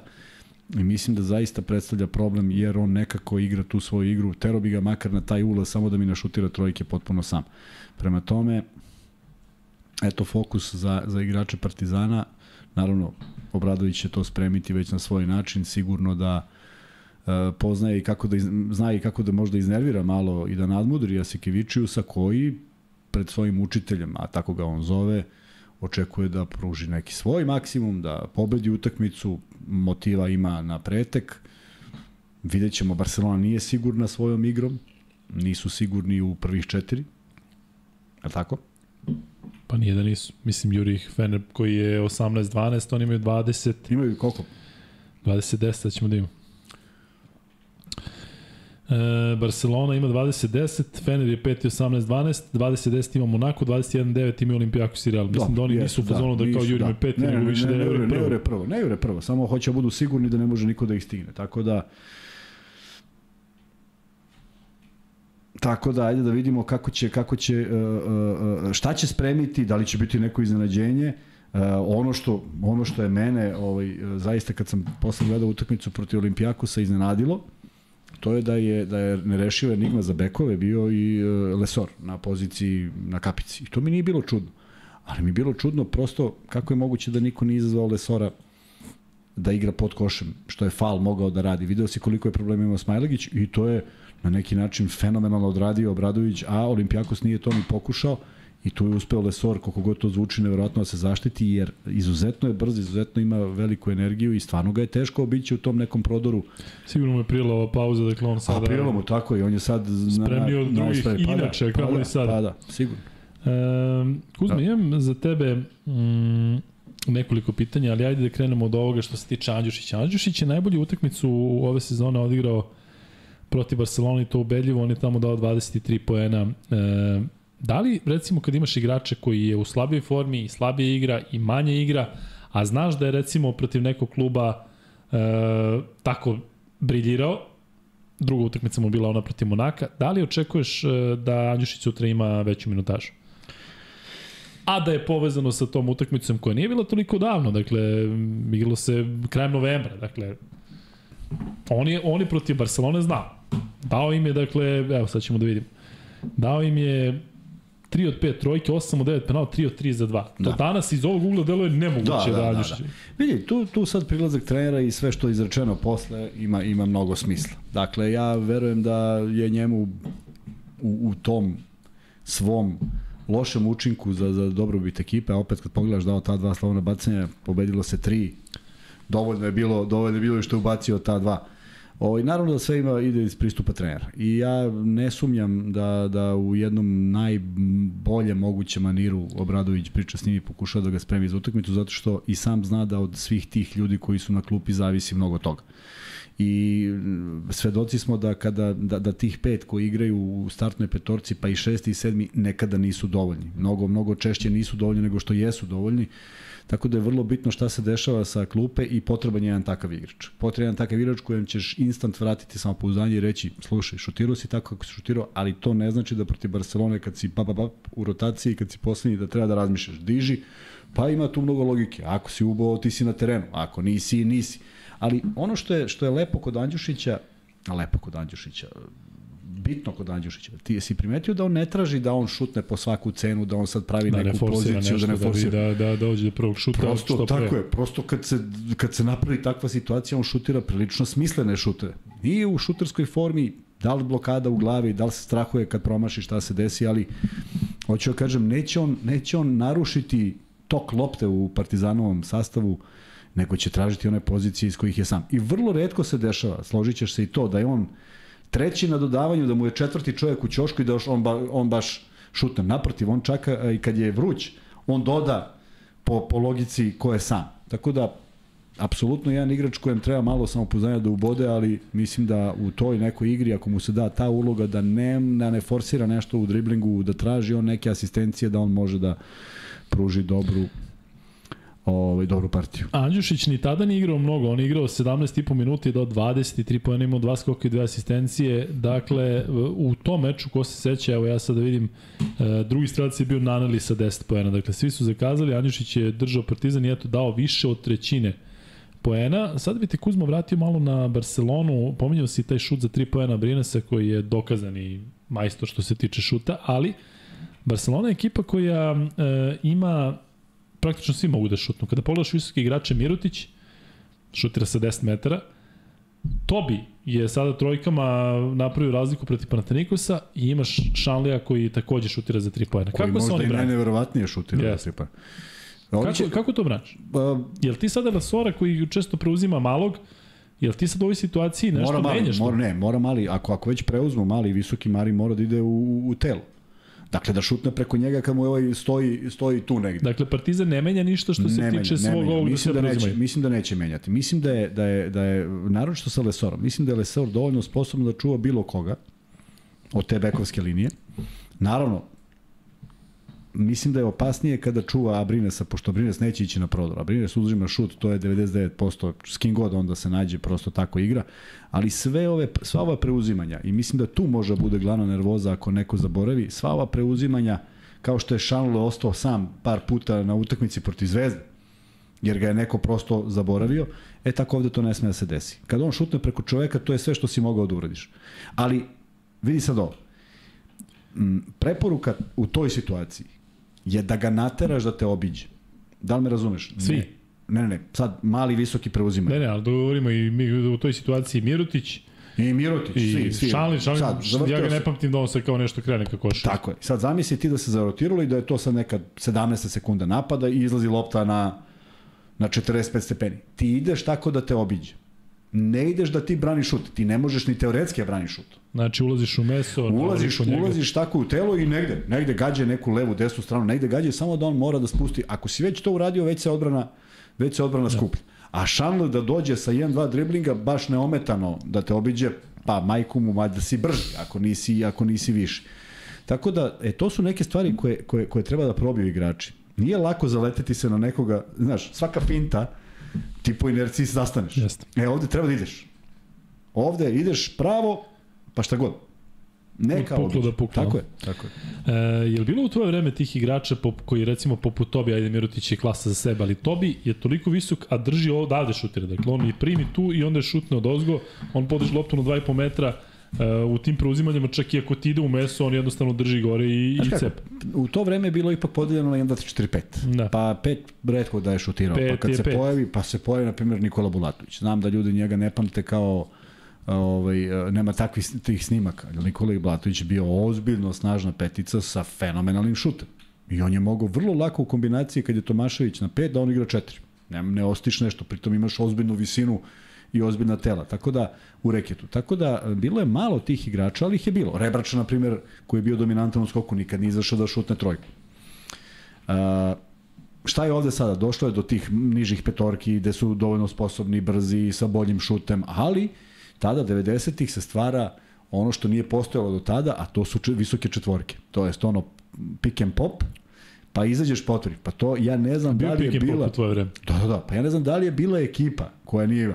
Znači, ajde od Milenka Topića koji je kod nas šutirao. Da da. Čanak koji nam je, koji nam je bio tu. Uh, Mihajlo, Mihajlo Grušanović, on je šutirao dvojke, trojke. Pomenjali smo Mišković i Mišković ima jako dobro. Mišković iz Spartaka, ovaj da, Kotor da. igra dole, Mišković izlazi gore. To je posle nasledio Čana kad je kad ga je zamenio u ma bilo je apsolutno. Radnički, pa Radnički imao samo šuter. Radnički imao Perović, Bošković, Velimirović. Uh, Velimirović, znači to, to, to svi šuteri, to se rašire pa ti nije dobro. Tako da se tu, sta... e, a sad je počelo to da je prevaga kad imaš neku peticu. Dakle, ovaj Šanl šutira trojke neverovatno precizno, sav, sav nezgrapno izgleda.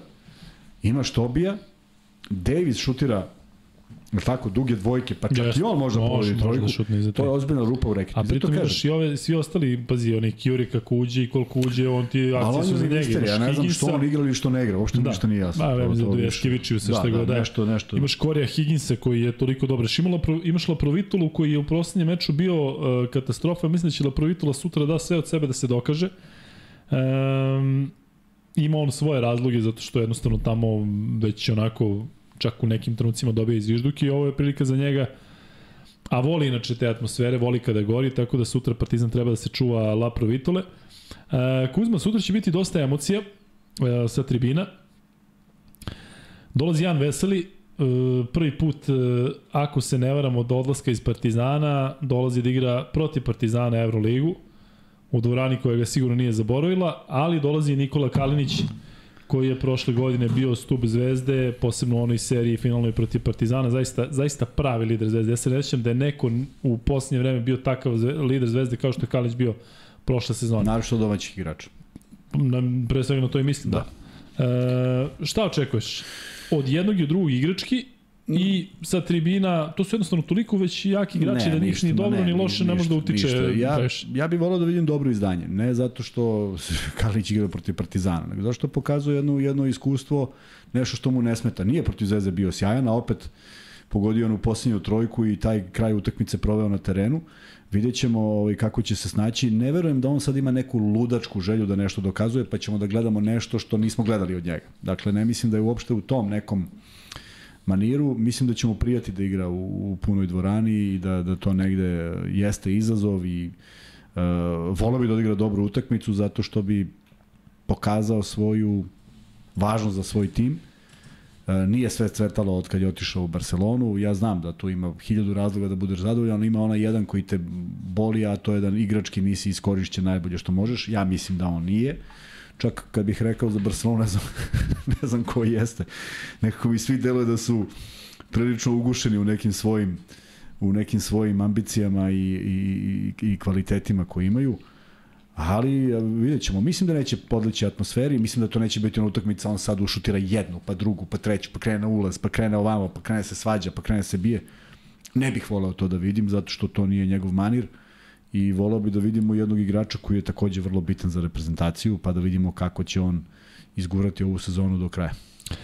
E, neće biti lako Lesoru, zato što su sve to nezgodni centri, što kaže Kuzma za Šanlija, Veseli drži košak u malom prstu, dakle momak kada ga vidite kako gradi, kako se kreće, koliko je koliko je dobar. E, ovaj Tobi je potpuno atipičan što se tiče centara sa tom tehnikom, voli da se izlači s polja, E, dobar je na, na, na defanzivnom skoku, imate Brandona Davisa koga ja izuzetno, izuzetno ovaj, e, cenim, Brandon Davis, Kuzma, smo mi njega ponovo stavili u Barsu, a čovjek igra u Armaniju, a? Pa stavili smo ga, zato sam te pitao Davis tamo. Pa ja ne znam dok ćemo staviti više pa dok, čovjeka dok, koji... Dok god igra u Armaniju. Čekaj, bre... Više da, zaboravio veselog čovječa. Pa ja te pitam za veselog ti. Ali Brandon Davis, koga i prošli put kad smo stavili smo, jest. stavimo. Pa on mi već tu Ljudi, u tom dresu. O, o, mi smo jednostavno Brandon Davisa vezujemo za... To što on igra malo u Armaniju. Kaže, koji Davis Kuzma? Pa, da. to što on u ovom klubu. Očekujte ga sutra. Zato sam sutra pitao, Davis, Davis. Da, sutra igrate Davis. Ovaj... Znam da smo prošli put pričali o njemu. Neverovatno, da, ali ono me zakucan za, za, za Barsu, da, pa je to i to. Večito. Ali bez zazanja vidio sam da je Piero Oriola, gledao sam Majk Panateniko sada i Ajk je dobio Panatu u domaćem prvenstvu i Piero Oriola koji mi je onako bio sinonim za Barcelonu i koji je igrao ne igra u Barcelonu. Ne igra še, ne igra u Armani. 6-7 sezona je igrao u Armaniju i onda je počeo u Armani, u Barceloni i onda je počeo ovu sezonu u Gironi i potpisao čovjek za Ajk, igra u Ajku. Misli Španac koji je reprezentativac, koji je imao tamo neko ime, odeš u Grčku i to odeš u neki tamo je realno Ajk peti klub možda, da, treći, ajde, četvrti, nije sigurno prva dva. Potpuno mi ne znam. Pa ja sam nešto čuo da su dva fenomenalna proligaša iz mog vremena u stvari u drugoj ligi.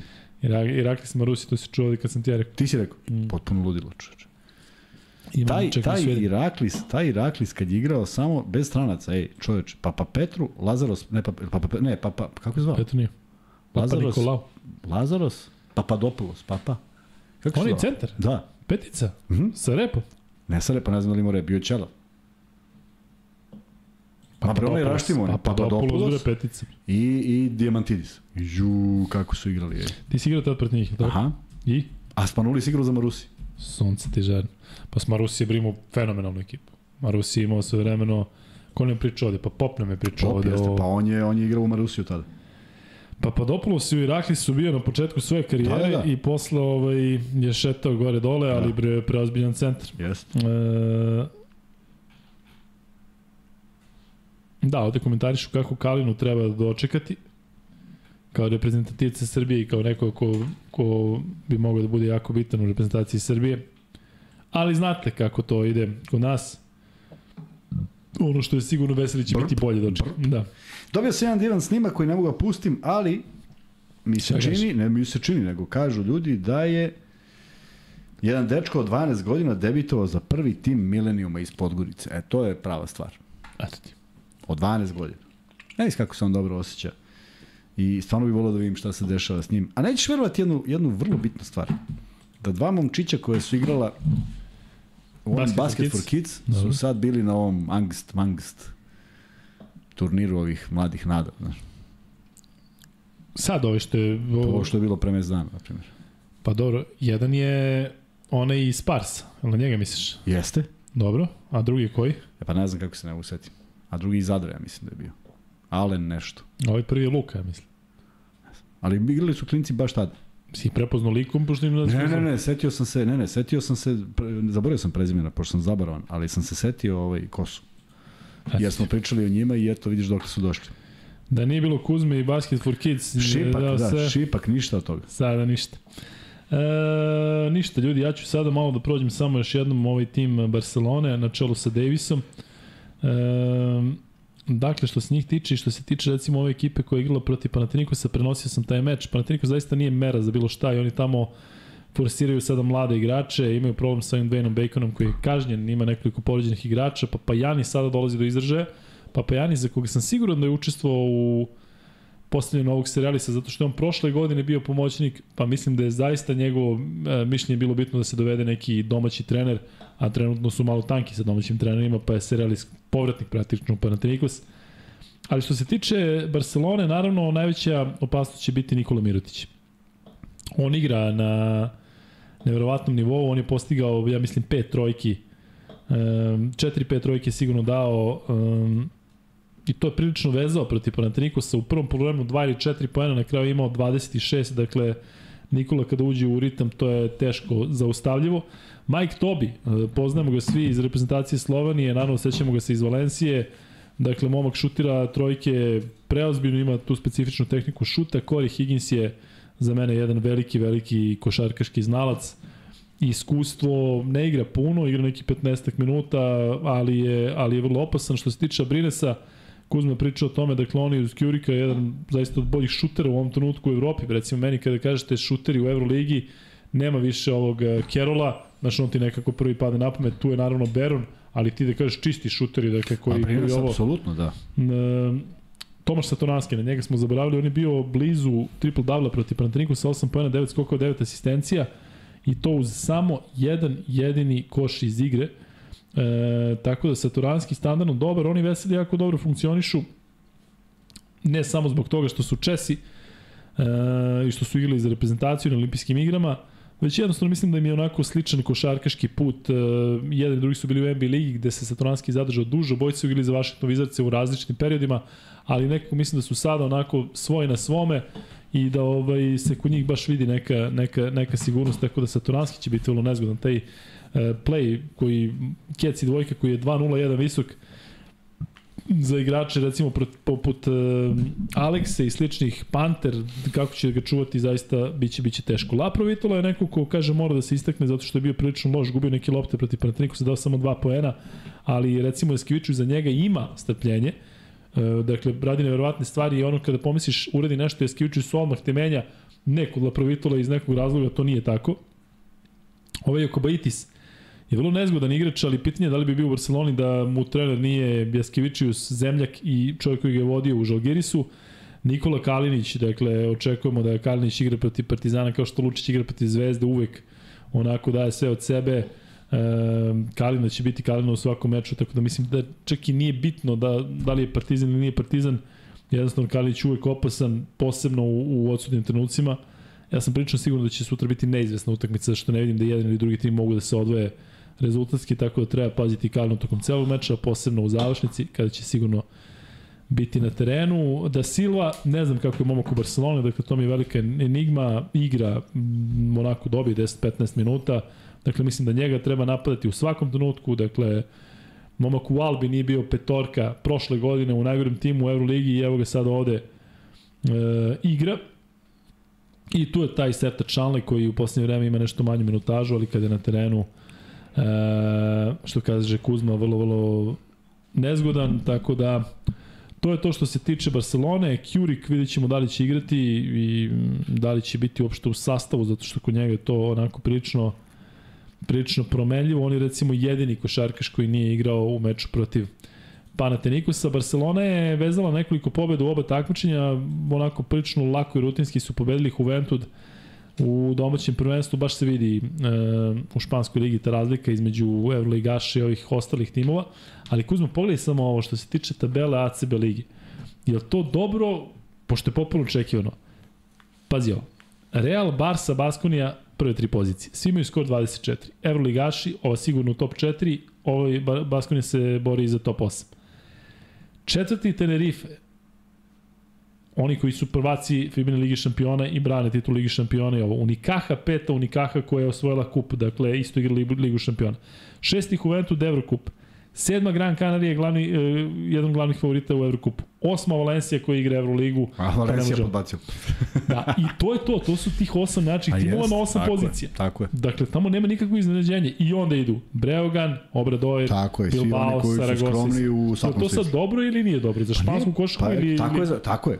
Samo što ih ima više, što im je jaka liga. Što ali je... onda je još teže. Ovde kad imaš Partizan, Zvezda, budućnost se da vidite, pa kažeš četiri tima ovde. Ali pa ovde upravo, zacrtam osam. To, upravo to kad kažu, e sad, znaš da, su, da, da, da je bio komentar kada Zvezda i Partizan imaju ovakve budžete, pa evo kao ništa nije mogu. Pa, pogledaj ovde. I ovde ove, tačno si rangirao ekipa i po nekim budžetima. Možda je tu Valencija zakazala.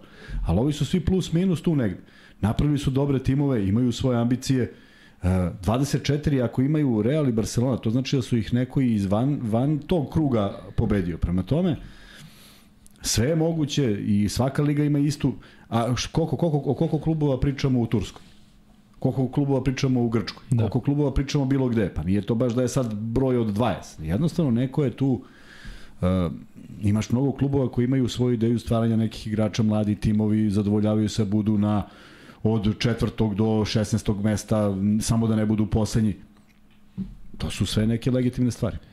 E, Dušan Jakšić kaže, Luka Kuzma, ali smijem ovde da ponudim karte za sutra, ostaće mi dve viška. I stop kaže, pa ponudi si već.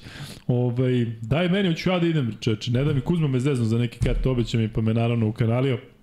Ali šal na stranu, ovaj, e, bilo bi lepo da, da, da stvarno neko od vas ide. E, da vidimo šta još imamo što u vezi Barcelone i Partizana. Partizan zaista dugo nije dobio Barcelonu, ali Evo, vi koji možete da se setite toga, ja se iskreno ne sjećam nekog izveštaja sa tog meča, ali Partizan je pobedio Barcelonu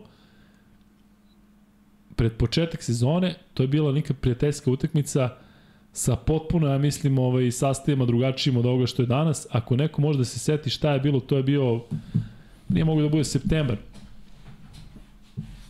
Pa možda bio i septembar. Ali je bio avgust, Partizan pobeđuje Barcelonu, gledam šta se dešava. Sećaš možda to? Što je bilo pred, pod zatvornim vratima. Partizan dobio Barca. Jeste u, na turneju u Španiji. Ja tako? Ali su bili neki timovi nešto bre da, Barca, bili ne, ne, svi bili na, na, Jest, na evropskom prvenstvu. Da. da. Ko je igrao, baš me zanima, nisam uspeo da nađem ovaj, taj meč. Ali pre toga što se tiče onih e, mečeva u Euroligi, ja se sećam da Partizan dugo nije dobio Barcelonu. E, posljednji put tako se ne varam, nek me neko isprati, to je bilo ono u Beogradu kada je Lamonika odlučivao da li je koš ili nije, kada je Mikel šutnuo, Robert skinuo loptu ovaj, kada je Partizan dobio, ja mislim da posle toga Partizan nije dobio nijedno Barcelonu, ali evo prave prilike za, za tako nešto. E, mečevi koji se sutra još igraju u okviru Euroligije e, su sledeći. Dakle, Partizan i Barcelona igraju poslednje od 20.30, tada se igra i meč Baskoni Alba. Najavamo naravno za Albu. A sastavio se još Panathinaikos Bayern, timovi koji nemaju više šanse da se plasiraju dalje. Vrlo interesantan meč između Efesa i Armanija. Što? Efes, uh, pa zato što jedni drugi gaje nade da ide dalje. Što? Naravno, da, da me, da me ukanališ. Tu najinteresantniji meč bre ikada. A I, baš ikada. Ikada, ikada, nema ništa važnije. Navijamo za, navijamo za Armani. Ne, da navijamo za Armani. Da produži, da, da, ono, apropo kanta ekipe, da se ušunjaju tamo nekako. Da ugroze Partizan, zato ti, ja? Ne mogu Partizan, mogu samo da se ušunjaju na osmom mestu. I to baš da se ušunjaju. Kako ne mogu da... da pa da koliko imaju? Pa imaju 14-16. Ne da mogu, nego Partizan 14-16? Pa da, oni, oni sa Partizanom imaju bolji taj break. Ono za Efes čoveč, pa i Efes ima 14-16. Tako je, pa ti kažem da najbolji meč ikada, čovjek mi ne veruje. Da li prenosim? Kako što je 14? Hmm? Sigurno da imaju 14. Evo, sad će mi... Nisu porešili ovi u Euroligi. Da, moguće da su oni ove nešto u kanali. 100% su oni. Ma 100% 14-16 imaju jedni drugi. E, I Makabi Virtus, navijamo za Virtus. E, Makabi je dobio, prenosio sam meč između Holona i Makabija. Zaista se vidi razlika između e, evo sad je Holon i dalje aktualni šampion Izraela, međutim doveli su na mesto Erika Grina, doveli su Menija Harris. Meni Harris je meni ekstremno simpatičan igrač koji igra u Lakersima, koji igra u Clevelandu. Međutim, on je realno za Filipinsku ligu, za Tajvansku ligu, mislim da je odatle i došao. Dakle, daš mu loptu i on šutne. Ovo je Eric Green što je došao u budućnost iz Holona. E, ovaj ti je verzija još gore. Dakle, šutira, bato, a tanak, znači kao panter, zamisli pantera, koji nije toliko kvalitetan kao Panter, a šutira duplo više od Pantera. Panterčić. Znači, Panterčić. Ma bre, meni Harris je ovaj A vidi ovde, kaže ovako Miloš Filipović, poslao ti 81-75 za Partizan. E, šta kaže? A Ivan Pejić šalje fotografiju iz nekog od listova i kaže ovako, da su košakaši pobedili Barcelonu. I? Imaš nešto? I najbolje kažu bio Lesor sa 19, dok su Naneli i Koprivica ubacili po 11. Sjajno. Panter i Petrović po 8, 5 Vukčević, Egzum, Trifunović i Anđušić. Eto ti strelci. Sjajno, ali ima Barcelona negde, ima lista Barcelona koji ima Barcelona, to... Davis bio najefikasniji sa 40 pojena. I niko drugi nije dao ništa. Niko Evo ga, Barsa, Da Silva, Pauli, Martinez, Abrines, Higgins, Kjurik, pa Šečniks. A Kisedo Viljar nađe, ovaj nađe će da bude mm, visoko plasiran na draftu. Bonilja Jakučionis kogoda je. E, Luka, da li se sećaš kad sam rekao da od Olaska Irvinga za Dallas neće biti dobro, a ti sve će to leći? Pa leći samo neće ove sezone. Ali rekao kad? se dešava, da. Javi se Luka, mogu da ti nabavim kartu, drugo ima sezonsku, da ulazimo a ulazimo da radimo onako, da, javljajte se, svi koji imaju viška kartu, eto, za mene, da ja ovaj da vidim, neka šalju na Instagram, e, Tako da, eto, m, bilo bi super. Zato što ja iskreno ne volim da, da šaljem te novinarske za Euroligu, zato što se onda naguraju svi novinari koji postoje na planeti Zemlji. Ja ovaj volim da, da odgledam ABA ligu na te novinarske dnevne akreditacije, tako da eto, vi koji, koji imate više karata, a možete da šaljete na Instagram Luka i Kuzma pa, pa, pa da se vidimo ako zaista neko neće da ide. kažem, ja volim da budem među navijačima, iskreno volim da budem na tribinama kada su takvi mečevi, ovo kada je ABA, volim da više gledam ovaj da više gledam sa sa sa te pozicije. Stisto sa Dušanom Jakšićem dopisio? Ne, kako? Šta Jel ti stvarno treba, ima neke karte za tebe, Dušan Jakšić ima karte. Ne, on je ovde, nisam dopisivao, nego on rekao ovde da ima, da ima A, pa stvarno treba, da ti stvarno... Da, što da ne treba, da, da sutra, kažem ti, mislim da ne rade. Tako da, ovaj, što da ne. E, I hvala puno, vidim da se već javljate ovde. E, šta sam hteo? Hteo sam nešto jako bitno A da Smajlegić kažem... kaže Orahovac, Montenegro kaže da je Smajlegić bio po, da se povredio tu, na toj utakmici. Eto vidiš, to sam sve, sve sad kada pričaju pa, pa se setim. A evo ga, Kaseido 16 i Kjurik 13. Kaseido. Kaže Ivan Pejić. Šta sam bre hteo nešto u vezi Barcelone? Nešto sam Jedan hteo. Jedan dve karte, znači, koliko ti treba? Dve minimum. Ma zezaš. Ozbiljno. Jedna ili dve? Dve. Divno, ima da dobimo osam karata, bude sve moji da budu raštekani po Durani. Divan si, šta ti kažem? Dule, tako, Dule? Dušan Jakšić. Šta sam hteo u vezi Barcelone, sam nešto hteo da kažem, nikad bitnije je. Kako uvek zaborim, koliko, koliko mi je samo stvari prošlo ovaj, a da, da totalno... Ovaj... A, vidiš šta nam šalje? Ja, sad Milan Lukačić. Pazi šta šalje, vrlo interesantno. E, kaže, apropo tretmana navijača u Barceloni. Vidi, izašlo je da kupovina karata od strana od strane navijača Albe nis, nije dostupna. Ej. Od strane navijača? Albe. Barsa Alba. Protiv Baskonija? Da, protiv Albe. Baskonija Alba. Barsa Alba. Što treba da se igrate? Da. Aha. Neverovatno. To izgleda da je neki njihov ovaj, fazon. Da, da, izgleda da, da, da, da i baš briga. Šta sam ja hteo da kažem u vezi Barse? Hvala Milan. mu žareno. Evo, Dušan kaže da je dogore, imaš dve karte. Živi bio Dušane. E, priča nešto Kuzma dok se ja setim šta sam hteo. Nešto, šta god. Mm. Da li sam ja još nešto hteo da kažem uopšte? Da, jesmo završili s ovim danom. S kojim danom? Pa ćemo najavimo i sredu. Hoćemo, hoćemo, samo da se ja setim Barcelona, U, Partizan. Pa to će potraje čoveče. Partizan Barsa, ovo, ono, nađi, negde ni nađi taj mi je u glavi, 15. Da je na draftu i zauvek će zaboraviti. A kažem ti, baš sam ono rekao, sad kad Kuzma završi, ja krećem i ode zauvek. Ništa. E, prelazimo na sredu. Znate da je duplo kolo Euroligije. E, u sredu igraju Žalgiris Monako, gde navijamo za Monako. Olimpijako Sasol, navijamo da Bangavi Asol iznenadi Olimpijako, s toga naravno nema ništa. I Real Fenerbahče od 20.45. Pa možda i najveći derbi e, ovo kola, kada pogledamo stanje na tabeli ekipe koje igraju, i Zvezda Valencija od 19 časova. Kuzma, imaće studio vjerojatno pre 6, tako? Da, oko 4 krenem. Da. A koliko ranije sad kreće? Kreće jedno sat i... Sat i po. I koliko dođeš ranije u dvoranu? Koliko dođeš pre toga? Dva i po sata. Dođem 5 minuta pre početka, šta ima dolazim ranije. Tu sam blizu. Uh, šalo na stranu. Kad, to kad... što ne nosiš Luka i Kuzma majice u prenosima Zvezde. Pa zato što imamo neki kao način Kodeks. oblačenja, pa da. Šalim se, ne pita niko. Ne pita niko. E, sad, sad o, ja se ću nosim.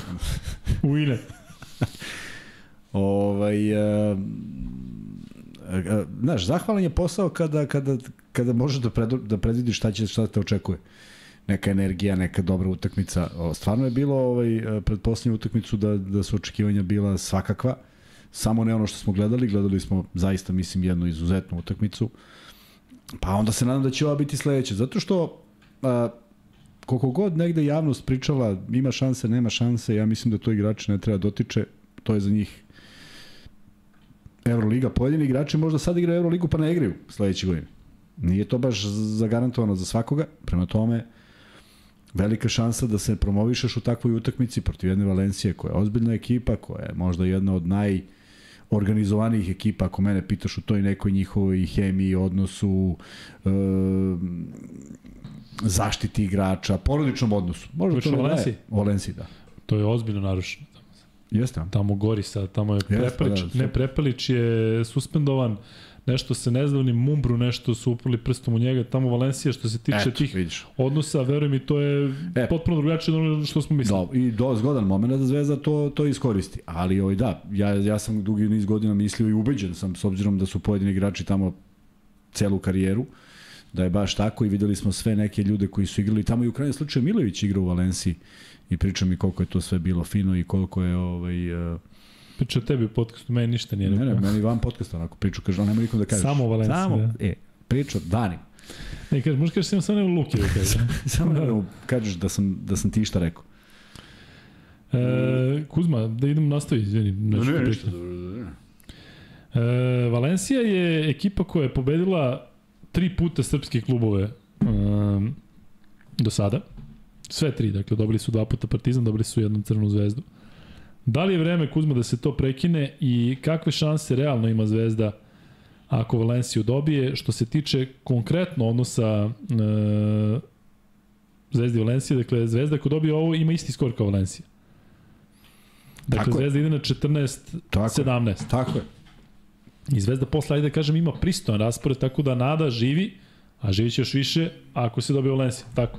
Tako je. Koliko to može da utiče zaista recimo na navijače dok postoji ta šansa da jednostavno se ej, i takva energija ej, stvari? Stvarno je bila dobra atmosfera. Sad ljudi, ljudi iz nekog razloga smatra se da je puna dvorana i dobra atmosfera. Ne mora da znači. Dakle, i bilo je vreme utakmica kada nema nije puno, a bude fenomenalno. Ljudi to nekako povezuju sa brojem. Nije, nije to mnogo važno. Tako da, zaista me u stvari iznenadio ovaj, iako sam bio vrlo, ne kažem oštar, ali mi je bilo zasmetalo jer sam na tih sat vremena do početka shvatio da je ne polu prazno, nego je pretilo da izgleda da, da neće. Da, priča se to. Međutim, neverovatno kako se dobro popunilo, kako je izlazak na teren već izgledao i kako su ovaj, nagradili uh, svakog igrača koji je ušao i izašao, prema tome ja se zaista nadam da će tako biti i, i, i u nastavku, zato što je ta podrška potrebna i u krajnjem slučaju uh, I Partizan i Zvezda su pokazali da se ne bodri ekipa samo kada, kada sve ide, nego je potpuno normalno da navijaš za svoj tim i kada su teški momenti, prema tome sve bi me iznenadilo i zaista sam mislio da onako bio sam razočaran, ne zato što sam verovao da će biti loša atmosfera, nego zato što ti momci da, daju sve od sebe svake nedelje i zaslužuju podršku navijača i naravno da ti prija da igraš u, pred većim brojem. A, ako se ponovi onaka atmosfera, mislim da Zvezda može do tog jednog vrlo bitnog triumfa u smislu E, promene percepcije šta se dešava do kraja sezone, ulaska u neku seriju pobeda.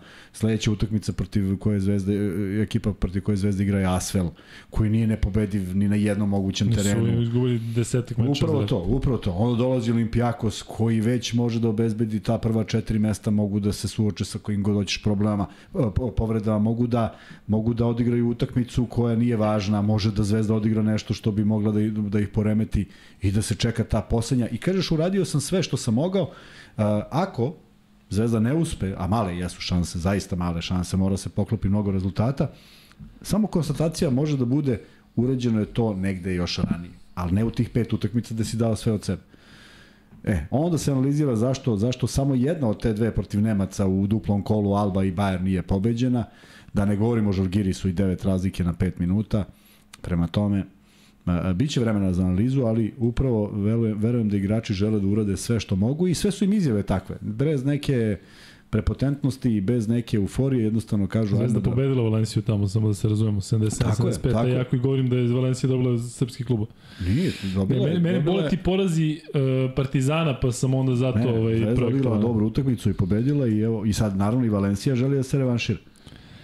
E, da, Mm, jeste, jeste, sada kada se setim, to je ono bilo kada je Petruše tamo čupa obruče. Obručeve. Obruče ili obručeve, Kuzma? Obručeve. A obruče baš lepo obruče. čupa. Um,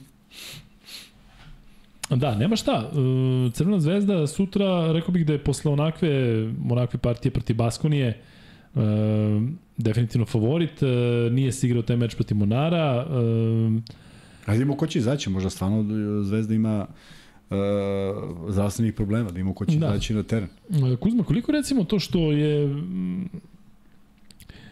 ti si rekao da je u Valenciji ima igrača koji su tamo igrali celu, celu sezonu, taj Mumbru, dobro da zna Ivanović, celu karijeru, imaš uh, Mumbroja koji, koji Ivanović dobro pozna, imaš Nedovića koji igra u Valenciji, koliko su to recimo bitne, bitne stavke sutra? Ne. Mislim da ih nema. Mislim da, da ovde... Ne, ali izvini, Nedović malo malo igra protiv bivšeg kluba ili protiv nekog koji, znaš, pa on, kao... Promenio ih je, promenio ih je dosta. Da.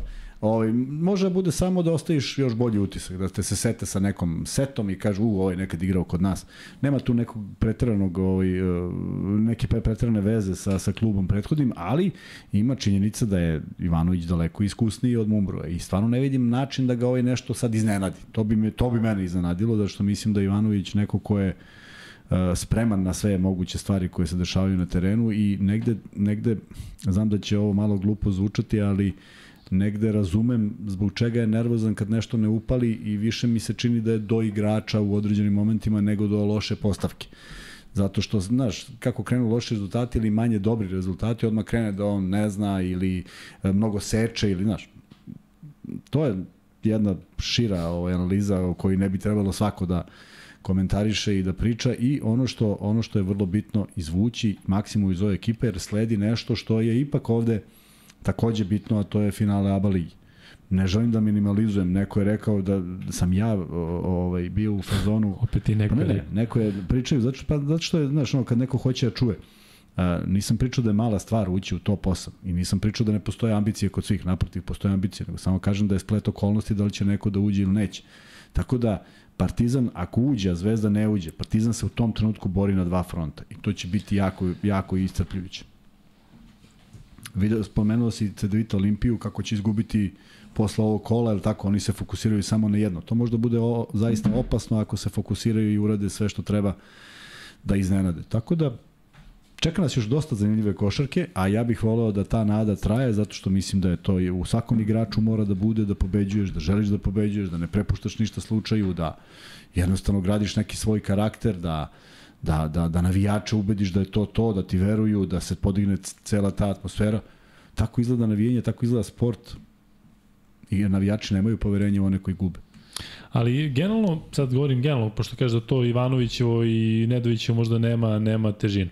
Kada pogledamo realno dolaskom Duška Ivanovića, Zvezda je zaista odigrala Pa rekao bih sve dobre mečeve protiv španskih klubova. Jeste se ovde izgubilo od Reala, ali si ti prvi rekao da se dalo sve od sebe, da to nije utakmica ovo. Barcelona, Barcelona tako. tamo i ovamo sve na jednu loptu, ovde izgubljeno način koji su izgubljeno.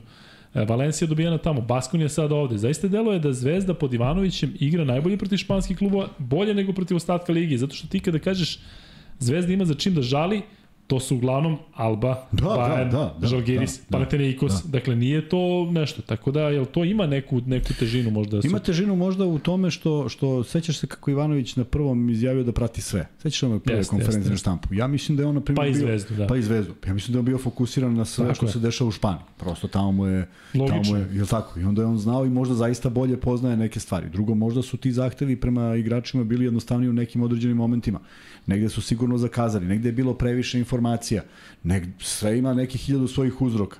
Uh, opet se vraćamo na ono iskrenost, kako ih naći i šta su. Može da se odredi da kažeš, ej, stvarno u tom trenutku nisi imao sluha za Žiku, Miku i Peru, pa su oni podbacili. A može bude i nešto drugo. Ali veliki je problem, i to često volim da kažem, u odbranu struke, iako nisam trener, ali u odbranu struke da je mnogo drugačije kad naslediš ekipu i kad praviš ekipu.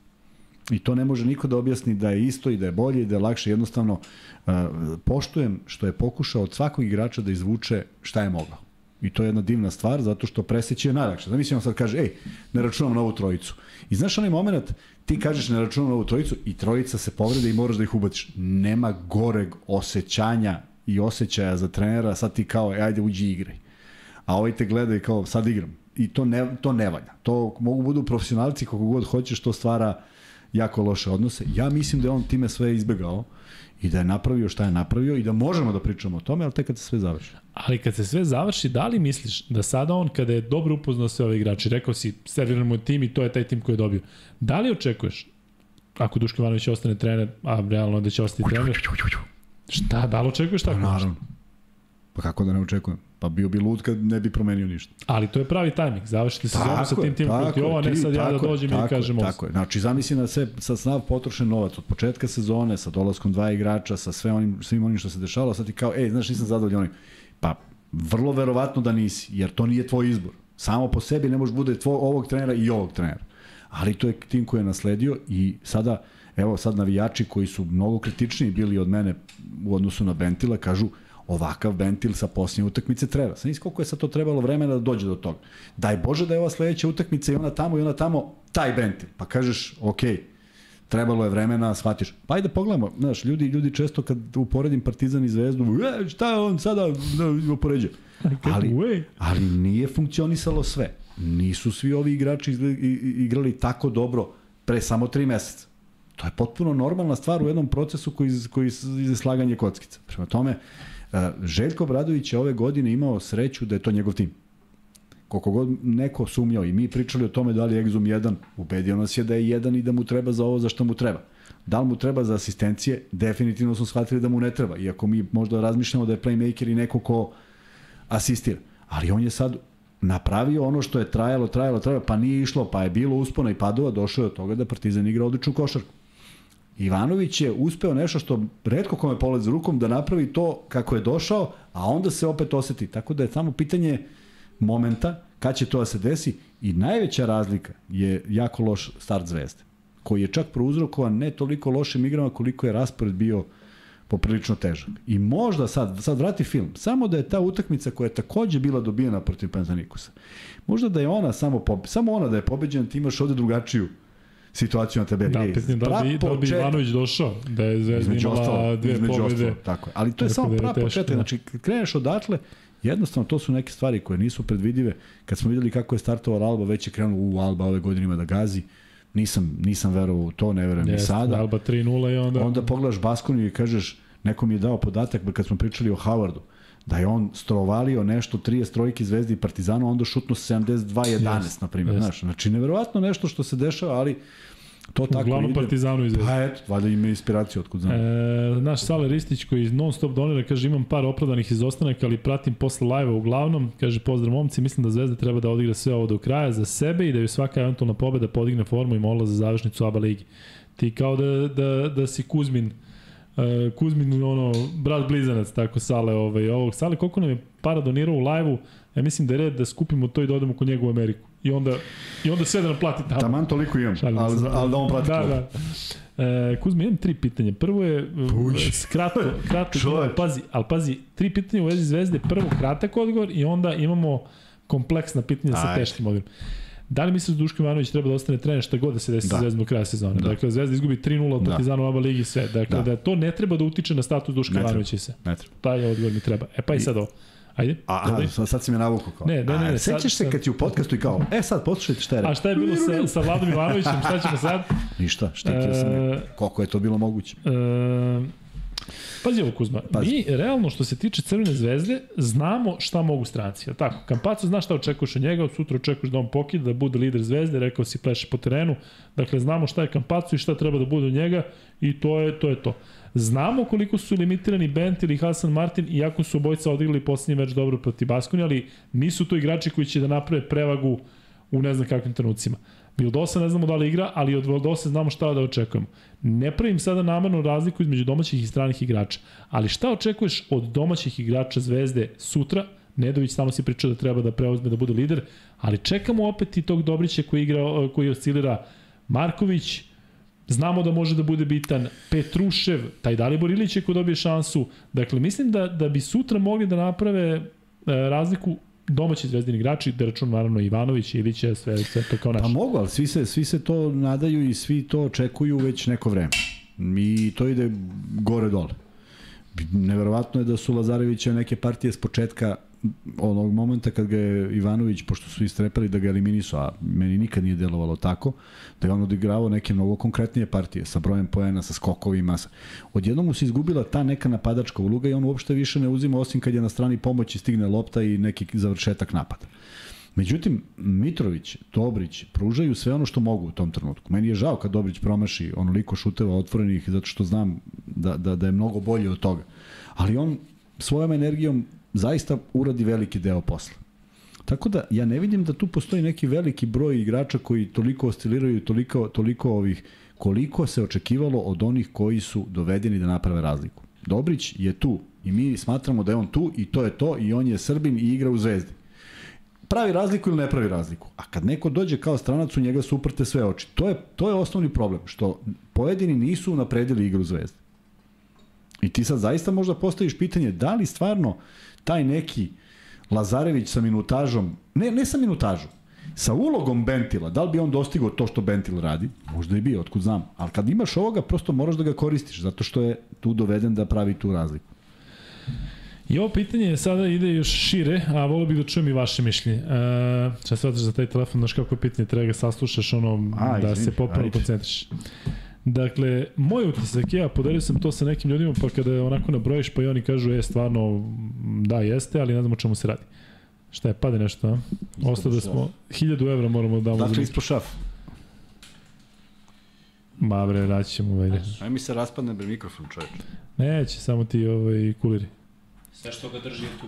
Dok Kuzma ovaj, traži Ispao od nekud, pa ću da ga sačuvam, evo ga ovde. Slušaj ovako, Kuzma. Ajde. Godinama unazad mi se čini da je Zvezda za neke strance odskočna daska. Volio bih da grešim što Naš se tiče... Da, izvini. E, jel, nemoj da vidiš. Ne, ne diram ga, ne diram ga. Volao bih da tako ne bude u slučaju Kampaci ili Dose, da ovo nije njima sada prilika da se posle klizanja u NBA ligi ovde sada Zvezdi predstavi da onda jedan ili drugi odu. Ali kada pogledaš imena, Lorenzo Brown, Ty Lloyd. Ty Lloyd? Da, dakle Jordan Lloyd.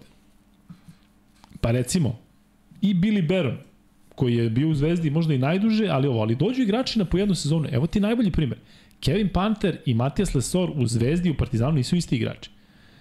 Da li ti stranci često koriste Zvezdu kao neku usputnu stranicu da, da ovo, zato što ja ne, ne znam koji je, Zvezdu. ali pazi, Brown u Zvezdi i danas. Danas je Brown jedan od najboljih igrača. Ali ja nisam mogao da ga smislim. I dan danas ne mogu. Tako I je. Možda je on fenomenalan. Pa prosto... i ti kad govoriš za Pantera, kad si rekao, kad se sećaš u Zvezdi, sećaš ga se po nešto. Lesora se... Sećam se po onom pasu Asvelu u, kon, u kontrasmeru. da, ali vidiš, i tako je počeo sezonu, ajde da kažem, podsjećao na to u Partizanu, ali se zaista doveo u red. Čini se, zašto u Zvezdi ne eksplodiraju neki stranci i ostanu u klubu. Pa Jordan, pa vidi, to je sad to sad sve zavisi. Ako ti dovedeš Jordana Lloyda i on te stavi pred svršen čin i kaže ja hoću na godinu dana ili hoću na dve godine sa izlaskom. Pa ne možda ga ne potpišeš. A ja se bojim, znajući i Zvezdu i Partizan, da nikad od, u pola sezone ne može neko tamo da izađe za sto i kaže koliko si ti ono beše 500.000. Ja za sledeću ne 500 nego 800, jer ne verujem da ima tih para. Da li me razumeš? Ne možeš da obećaš da. ništa što, što, što, što nije realno u tom trenutku. Naravno, to neko treba da sagleda, ali ja verujem da svi ti ljudi unutar klubova žele, samo prosto nemaju te financije da u tom trenutku mogu da barataju. Uh, Holin, uh, kako zove ovaj momak što je otišao? Austin Hollins. Hollins. Da. Hollins je otišao bez veze. Davidovac je otišao bez veze. Ne kažem da nije dobio fenomenal ugovor. Ali zamisli da je Davidovac u nekom momentu sa nekim parama koji su tu negde, jel, nalaze se, pa ti kažeš, e, daj da, da ponudimo sada dok još možemo. Mislim da nikad nije bila ta opcija. I šteta je kad neko napusti, naročito neko ko ostavi utisak i neko ko želi da igra tu, ali mislim da je to neka neminovnost. I s druge strane, e, malo je onih malo je onih koji se poistovete sa klubom. Ti sad imaš Partizan koji faktički ima igrače jer od poverenja prema treneru e, e, e, energije koju su stvorili i neki odnos sa navijačima, oni prosto uživaju u svemu ovome. Ja bih voleo da je svako od njih rekao, ok, sad ne postoji ta ponuda koja će nas da poremeti. I dođe neko i kaže, Pantere, 2 miliona. I on sad kaže, va, ne, izvini, volao bi da postoji, ali mislim da tu i neki taj, taj, taj ulog novca igra, igra ozbiljnu ulogu. I verujem da ono kad nam je pričao Mića Berić o situaciji u Partizanu, ja verujem da ni u Zvezdi nije uvek bila sjajna situacija kad se igrala Evroliga. Pa si nekad krpio, pa si nekad dovodio, pa pa još, još veća šteta ispadne kad taj neko ode na pola sezone jer stvarno nije zaslužio, a ti mora ga isplatiš celog. To su zaista ozbiljni problemi sa kojima ne može se nose i mnogo bogatiji klubovi, a ne Zvezda i Partizan. Ali, ali Zvezda onda treba da se okreće generalno pojačanjima koji ipak kada dođu imaju te neki osjećaj za klub. Sa, Evo znam ti primjer, znam. konkretno Jake Blažić, koji je najbolje odigrao u Zvezdi, pa kad je otišao pa iz Zvezda nije bilo. Imaš primjer Cirbesa koji je zaista pa, prihvatio sve tako, i onda gde god je otišao. Pa jeste, dobio neki nenormalan ugovor od Makabija, ponos Izraela, Makabi, to je za njega u tom trenutku wow, mnogo bolje nego Zvezda. Ok, može svako tako da posmatra, nije to sporno, ali valjda razmisliš i gde odeš. E sad, ako je nesrazmerno veliki ugovor, ako on u Zvezdi igra za 112.000, a ovde ode za milion i 200, a šta ga pitaš? Šta, kao najbolji navijači, sad ja igram u atmosferi. Pa prosto čovjek rešava neke egzistencijalne pitanje. Odlazi u najgoru ekipu po njega moguću na svetu I dešava mu se da više nema ni približno dobru sezonu, a bio je fenomenal. Nisu laki ti izbori, a mislim da se ljudi uglavnom rukovode novcem. Kažem ti, ja sam debil koji se nekad rukovodio nekim drugim stvarima. Meni je to bilo Nekada. drago. Pa da, nekad kad sam mogao da biram. I onda mi je bilo drago što je tako, možda, možda bi mi neko rekao i, znaš, kad bi mi sad napravio scenario gde sam izgubio neke silne pare, ali nema, nema tu, nešto ima, kod svakoga od nas ima neku vrednost, nešto što ne može da se izmeri. Da li posle svega ovoga što pričamo, da li misliš da akcent ipak treba da bude na domaćim igračima? Uvek, i onim koji... uvek. I ja sam ubeđen, ja sam ubeđen da je Željko Bradović dolaskom u Partizan naišao na bolju situaciju, da je, da je, da je taj neki fond igrača bio nekako veći, da bi on sigurno imao drugačiju ekipu. Ne, ne drugačiju ekipu u odnosu sa, sa, na broj stranaca, nego bi možda imao još dva raspoloživa igrača tu negde u backupu, uh, ali nije bilo moguće. I mislim da su bili strpljivi i sa Dangubićem i sa Zagorcem, da prosto nešto nije funkcionisalo i da jednostavno nisu mogli da ostanu. I ne mislim da se bilo ko od njih oslobodio ono kao, ej, ovako ćemo, sad ćemo nađemo ovakvu dvojicu da hoćeš. To ne mislim. Samo jednostavno nešto nije išlo, što mi ne možemo da znamo. Koje bi ti volao da vidiš igrače da se vrate u Zvezdu ili ovo, ili imaš neki onako koje bi... Ajde da razmislim za sledeći podcast. Mislim, ne mogu sad... Ali naš, Kalinić da Davidovac sigurno, tako? Da, apsolutno. Ja, ja da sam, da sam Davidovac ne bi ni išao, ali bi, ali bi volao da me cene. Ja mislim da je to igrač koji vredi ceniti za da bude tu. Ne može nikad da bude najskuplji, ne mora da bude najskuplji, ali mora da bude vrednovan. Da, glupo je pričati o Guduriću koji je potpisao sad ugovor, ali pa, takav tip da, igrača, da, tako. Da. Ali dobro, Gudurić odlazi u NBA, znaš, nije ni to, uh, kad Jeste, odlazi da. u NBA, onda on možda bira i sad on se nalazi u Feneru gde je to IHH je lepo, uh, dobro se sigurno osjeća u Istanbulu, ne kažem da ne bih volao da ga vidim, ali nije, nije realno. Međutim, ovi igrači, pazi, on je ipak dosegao NBA, Davidovac nije dosegao ništa slično. I ja mislim da, da mi je meni bio prosto šok i drago što je otišao, a šok da je ispušten. A pitanje da li je moglo da se parira. Kažem ti, sve sad nagađamo. Volio bi da je neko reagovao ranije i rekao, je, slušaj, ti nemaš ugovor za sledeću godinu, sad ćemo mi to povisimo i sad, ja ne znam, karikiram red veličina nije više 200 ili 300, nego je 500 ili 600. Možda bi izbegao taj neki ugovor i rekao, ok, i ovo mi je super. A Teodosić i Bjelica ne bi te istrošene što kažeš da igrači već, koji su mislim već da ja želim da ih pamtim kao jeste, sve i da ja sad želim dođu. da ih pamtimo kao majstore. I onda kad nekoga gledam, kažem ti imao sam priliku jednog čoveka da gledam potpuno van fore, a smatrao sam da je majstor i ne izgleda lepo. Ne izgleda lepo toliko da mi je bilo tužno da ga gledam. Posjećaš mi sad ko je? Posjećaš ti. E, dobro Kuzma, to je to što se tiče Euroligi, kompatibilni smo pa, sve. Pa nije to to što se tiče svega. Nije, nije, nije. nije. Sad ja, Mix i ja pričamo o NBA ligi narednih 6 sati. E, ništa ljudi, prelazimo na NBA ligu, ali bi mogli da ispucamo drugi free bet. Koji, Kuzma, hoćeš ti ili hoćeš ja? Ti. Nemaš ovaj, ko, koji ti bio prvi free bet? Beše, bio ti košarkaški? Ma gde bio košarkaški sa John Travolta? John Travolta? John Travolta nije uspeo na onom... Raeliju? Da. Raideru? Raidelu. Izmišljen je, e... inače, znaš, Raidel High School. Sve? Postoji. Pa postoji, ja. Čovjek postavlja izmišljenja free bet pitanja, prosto nevjerovatno. E... Nije izmišljeno za Nikolu Beljkaša. Za Nikolu Beljkaša nije, da. E, ništa, drugari, e, ajde neka bude drugo free bet pitanje. Sledeće. Hoćeš Partizan ili Zvezdu? Šta ćeš? Jeliko. Hmm? Hoćeš Partizan ili Zvezdu? Ma šta što hoćeš, ajde samo ispali. E, nabrojite po dva stranca u Partizanu i Zvezdi iz prethodnih sezona, ne iz ove sezone, dakle i ne računaju se igrači koji su sada, dakle ne možete staviti Panter ili Ledeja. Nabrojite e, po dva Amerikanca koji su igrali u Zvezdi i u Partizanu u poslednjih nekoliko sezona, ali da nisu trenutno u klubu i dakle ne računa se, ne računa se e, ova sezona, dakle ne mogu Panter i Ledeji nabrojite po dva Amerikanca, zato što smo pričali sada o njima, I eto da vidimo ko će brže, zato što volim ta pitanja gde nema, nema interneta pa da se googla pa da ne znam šta, nego ljudi moraju da znaju. Po dva Amerikanca, inače Miksa možda ugasiš ovaj pol koji ima matematički nesan. Pazi ovo, imamo 1650 glasova, ko navija Partizan Zvezdu i 1450 ljudi u live. Partizan 61%, ovo postaje grobarski, grobarski podcast. Znaš da su nam ranije rekli da smo ovaj, e, Evo pitanje za, za free bet. Pa kako free bet gotovo sad? A gotovo? Pa gotovo, možda bude sledeći samo. Po dva. Evo ga, Ilija Živodinović kaže Lloyd Hollins, Eric Mika, McIntyre. Može, Ilija Živodinović dobija... dobija A već bio prvi. Jest. Treći, imam treći. Neša, Neša šalje treći, samo da mi kaže... Hoćeš odmah da ispucamo treći? Hoću, odmah. Ajde. Samo da mi kaže o kojoj u pitanju, da znamo šta da odgovori. za, a, za, ajde. za treći free bet pitanje postavlja Kuzma, a u stvari ga postavlja Neša. Postavlja ga Neša. Izvoli. Jedini NCAA prvak i NBA šampion, jedan trener. Koji je NCAA prvak i NBA šampion. Jedan trener koji je osvojio titulu u NCAA ligi i u um, Evro, i u NBA ligi je... Je? Ja znam ko je šta. Na Kaže mene, Neš. Šta na mene pokažeš prst. Još ako znate u kojim klubovima je bio, dodatni, ne morate, samo stavite 7 dinara na free betu, 1007 dinara. To je free bet, tako da uh, slobodno možete da odgovarate. slobodno možete da odgovorite. Pa da, zato što je sad ovde... Do sad niste mogli. Ne, ne, ali ovde sad, pazi, Morrison, Kinsey, Frki, Mrki, Larry Brown. Larry Brown. Ko je to rekao? Vugrbić. Pjevo ovaj Vugrbić. Jeste? Ali znaš kako je odgovorio? Vuče s kim? Da mu, vuče da, s kim vuče? Da li da mu ovaj, priznamo Ler i Brown? ovaj, priznaćemo naravno vuče. Aj, jel neko ovaj, zna? Bez brige. Još jedan free bet. Za, sa kojim timovima? A ne, sad će googlaj. Ne, ta, ta, s kojim timovima pa, bio je... U koliko sati? Bio je sa Detroitom. Evo, Nešo, pitali I... smo. Nešo, jesi zadovoljan? Hvala ti nešto što nas gledaš.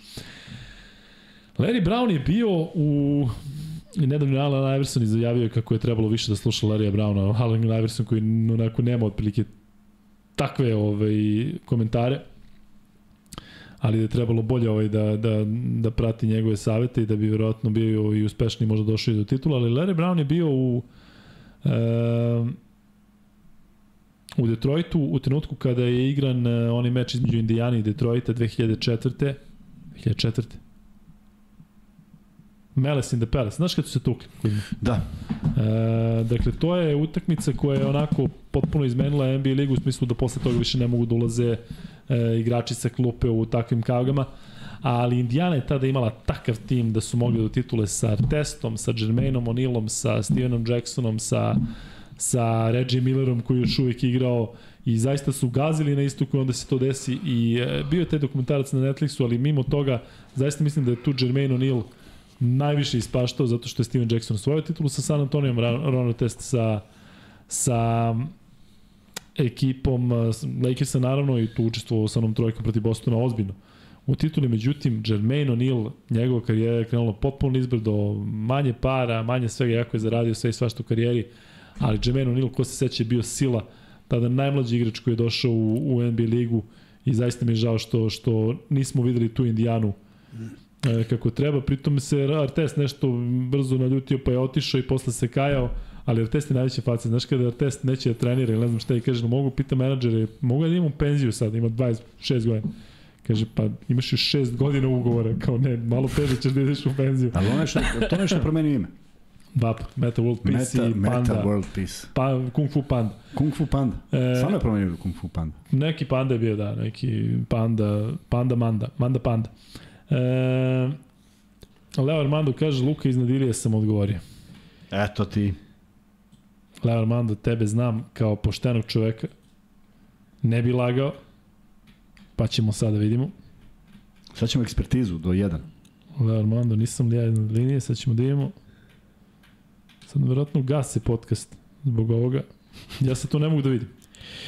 Nije isto nama i njima, na našem akauntu i na njihovom. Ne, ne, live chat, uh, live chat sam morao da stavim. Leon I Mando, Vuk je prvi po live chatu. Odnosno, Ilija je prvi po live chatu, tako, za ono. Vuk. Kaže Ivan, nije Vuk Grbić prvi. Kaže Ivan sada, pazi sad to. Uje. Kaže, prvi je BLJ, ili ti Nikola Kragujevac. Oj, e, bre. Ne može ovde. Ovde za treći je Vuk Grbić prvi, Larry Brown. A, Lawrence Harvey Brown. Milan, Milan Milan, šta pa je? Lorenz Harvey Brown? Pa Larry Brown. Pa jebote čoveč. Izvini Vuče, Milan Milanović je prvi za ovaj za ovaj za Larry Browna. Ovo nisam ni, ni ispratio. Dakle, ajde ovako. Naši iz Max Beta se neće ljutiti, pošto je ove nedelje trebalo da radimo pet puta, a radit ćemo samo tri puta. E, dakle, Milan Milanović šalje e, za free bet i Vuk Grbić ne pošlje za free bet i Leo Armando nek pošlje za free bet i Ilija Živodinović. Pa kud pukla pukla, a može? Da podelimo ovo sad, ovo su ipak naše to, likove. To tvoje pare, da. je, čovjek. Mora uvijek onda ubaci. Onda ne može, onda ništa. Šalim se, šaljite free betove, pa će valjda naši da prihvate ovi sa max betome, zaista se... A imamo i da- kartu, da... imamo i kartu sa utakmice kada je bila tuča. Mene se Neša bio. Koji Neša? Pa Neša koji šalje, Neša Andrić. Neša bio na toj utakmici? Aha. Nemoj da me zase. Neša, dolaziš u sledeći ovaj... Vidi, kaže sad čekaj prvo da proverim. Slušaj budale. Ko? Pa neš, kao prvo da proverim. Sad mi rekao ima, pa sad da proverim. Sad moraš da, sad moraš da nađeš. Sad moraš da nađeš nešto. E... Dolaziš u goste sledeći put. Ko nije odgledao, neko odgleda ovaj Netflixov Untold, Malice the Palace, tako da samo ovaj, rokite mikse, sećate makljaža? Kako ne, ja sam ovaj, uvek pobornik kada Takve krene stvari, frka, ja. nema priče. Pišite nam naravno da li se mikser čuje, tako da ovaj, to, to nemoj, nemoj da menjamo, ali e, generalno generalno moj miksa ne, gledam ovde. Generalno moj miksa. Kaže Luka Legenda deli šakom i kao, pa kad nije moje, onda možeš pa, deliš da, koliko hoćeš. Koliko si podelio free battle? Sedam? svi koji su učestvovali. Svi koji su se javili. E, što se tiče te, te, te situacije, ajde vraćamo se malo unazad, um, ja sam zaista bio frapiran kako su po, banduri ušli pa su onako mahali onim suzacem ispred eh, Ronald Testa i ti neki navijači koji se pravdaju, koji su izašli na teren. Gde si ti tu? Na čiji strani? Navijača ili igrača? Pa uvijek sam na strani igrača. Pa ja sam no. iskren, nema šta, s tim što je Ronald Test promašio onog, pa ga je ovaj što je ga gađao, ga je nešto kao smirivao, on uhvatio nekog onog jadnog od 50 kila, ali Steven Jackson kad izlazi iz tunela rekao je mi smo zajedno u svemu i u dobrom i u zlu, Pa ja mislim da tako treba da odreaguje, da, da, da odreaguješ u ekipi. Da je bilo propusta, da je bilo malo policije, da je bilo malo obezbeđenja i da je bio haos. Mada, sve kreće od Ronalda Testa koji pravi onaj faul pa se smirio, ali Benu Wallace je dan, dva pre toga preminuo brat. Već je rešena utakmica, onakav faul. A opet vuku iz prethodne sezone gde su igrali u play-offu, dakle jedna zaista onako bure baruta, što kažeš, ne znaš gde da upriš prstom, Međutim, što ti kažeš, ja sam uvijek na strani igrača. Pa da, naš, naročito tamo. Jer, eto ti ja radimo američki sport neko vreme i ja radim i ovaj malo prgavi i znam kakvi su ljudi. Naročito tamo. Mislim i znaš da mnogi dođu na tribine da se napiju piva i onda krenu provokacije i ako ti je loš dan i znaš, uvek može nešto Jeste. da eskalira i u takvim situacijama ako možeš da iskuliraš najpametnije i najbolje da iskuliraš da sve ostane normalno, ali dešava se i da ne možeš i onda jedna, jedna situacija o kojoj će se dosta pričati, ko nije pogledao dokumentarac treba da, da, da pogleda, Da, dobar je. su sve da. lepo, lepo rekli onako, svi učesnici toga, tako da lepo to Netflix napravi. Evo ti e, budi realan, da li bi se mi iskulirali u toj situaciji? Da li bi se mi iskulirali? Da. Ja ne bi sigurno. Pa, ja za pa. sebe znam da ne bi 100%. Pa ta, i onda na čija smo strane. Tako da, ovaj, znaš, ali e, da, šta znam, baš specifično da ideš da se penješ na tribine, i sve, ali ja sam uvijek za to zajedništvo među igračima i u dobru i u zlu u svim situacijama. E, tako da, da meni to ne smeta. Ali vratimo se u ovo sadašnje vreme, dakle, Miksa gori u NBA ligi, e, mnogo pitaju i pričaju o tom e, duelu Embiida i Jokića koji se neće dogoditi ove noći zato što e, neće igrati e, Embiid. E, Ajde, prokomentariši to. Šta, što misliš da, da se kao Embiid nešto, ne znam šta? Pa, eto, Znaš šta, daj da, da bacimo mi ovde. Ništa ne. mi nije važno u ovom trenutku, zato što ja mislim da sada, sada kada govorimo o ovome, to je, to je pravi moment uh, onoga što pričamo da, da je playoff mnogo važniji od, od uh, regularnog dela sezone. Dakle, Filadelfiji to ne znači kao meč mnogo. Denveru, Denver će biti prvi. Dakle, ja ne vidim da ovi mogu sa tri pobede manje, jako je Memphis u seriji od šest pobeda, mi smo ih bili čak upisali uh, Međutim, očigledno da, da, da smo prerano to učinili. Ja iskreno, apsolutno ne vidim da, ovaj, da to može nešto da promeni i zato ti šatro dueli, sad ovaj jedan i drugi se bore za MVP, ja sam siguran da će Jokić odigrati dobro. Embiid bio tu ili ne bio tu. Um, ali vo, bilo bi lepo da ih vidimo. Posebno ako uzmemo u obzir da ih vjerojatno nećemo videti u finalu NBA lige, dakle nije realno da Denver igra poti Filadelfije i za jedne i za druge mislim da je to teško izvodljivo. Uh, Nadam se da je za Denver lakše, ali svejedno, uh, kažem ti, meni, meni ovo ne znači puno. Dakle, vidim da se oko toga pravi hype. Ovaj, pa, ja zašto bi napravio, Zašto Šta? bih napravio hype? Mislim, hype. Ne bi, ne bi to uradio, nego ovako, igrao je Jokić pre par noći, to Milwaukee, e, prvi da, tim na, na istoku. Igrao je protiv Bruka Lopeza, za koga Ove, ove godine čovek je jedan od najboljih defanzivaca u NBA-u i ajde da kažemo da, da spada u 2-3 najbolja centra defanzivno. Imao je dve, tri utakmice sa 7 i 9 blokada, nije mogao da mrdne, ništa nije mogao da uradi protiv Jokića. Pritom ga je ovaj napunio prekršajima, on je u prvom polovremenu već imao tri, otešao na klupu, posle kad se vratio, on, samo se spusti dole lopta na post i Jokara ga rešava. Znači, znaš kako je to bilo lepo gledati. Znači, highlight nikad neće objasniti neke stvari, u highlightu nećeš videti iznuđene prekršaje vidjet ćeš možda poene i vidjet ćeš neka dodavanja, ali koliko je Brook bio nemoćan, to, to je morala se gleda tekmo da se vidi. I želeo sam da vidim isto to i protiv Embida i onda bi bilo jasno ko je bolji. I pritom značilo bi Jokari da ima još jednu tekmu gde može da igra protiv vrhunskih centara koji su vrhunski defanzivci. Ovamo, što se tiče te utakmice protiv Milvokija, Janis igrao sam. Middleton je bio van ritma, potpuno na toj utakmici. Brook je nešto i pogodio. Mislim da i Holiday nije, nije bio na nekom nivou. Tako da odbrana Denvera odradila posao u trećoj četvrtini, tu su napravili razliku, pola četvrte četvrtine Milwaukee igrao garbage time. To, to su bili rezervisti u, u posljednjih 7 minuta.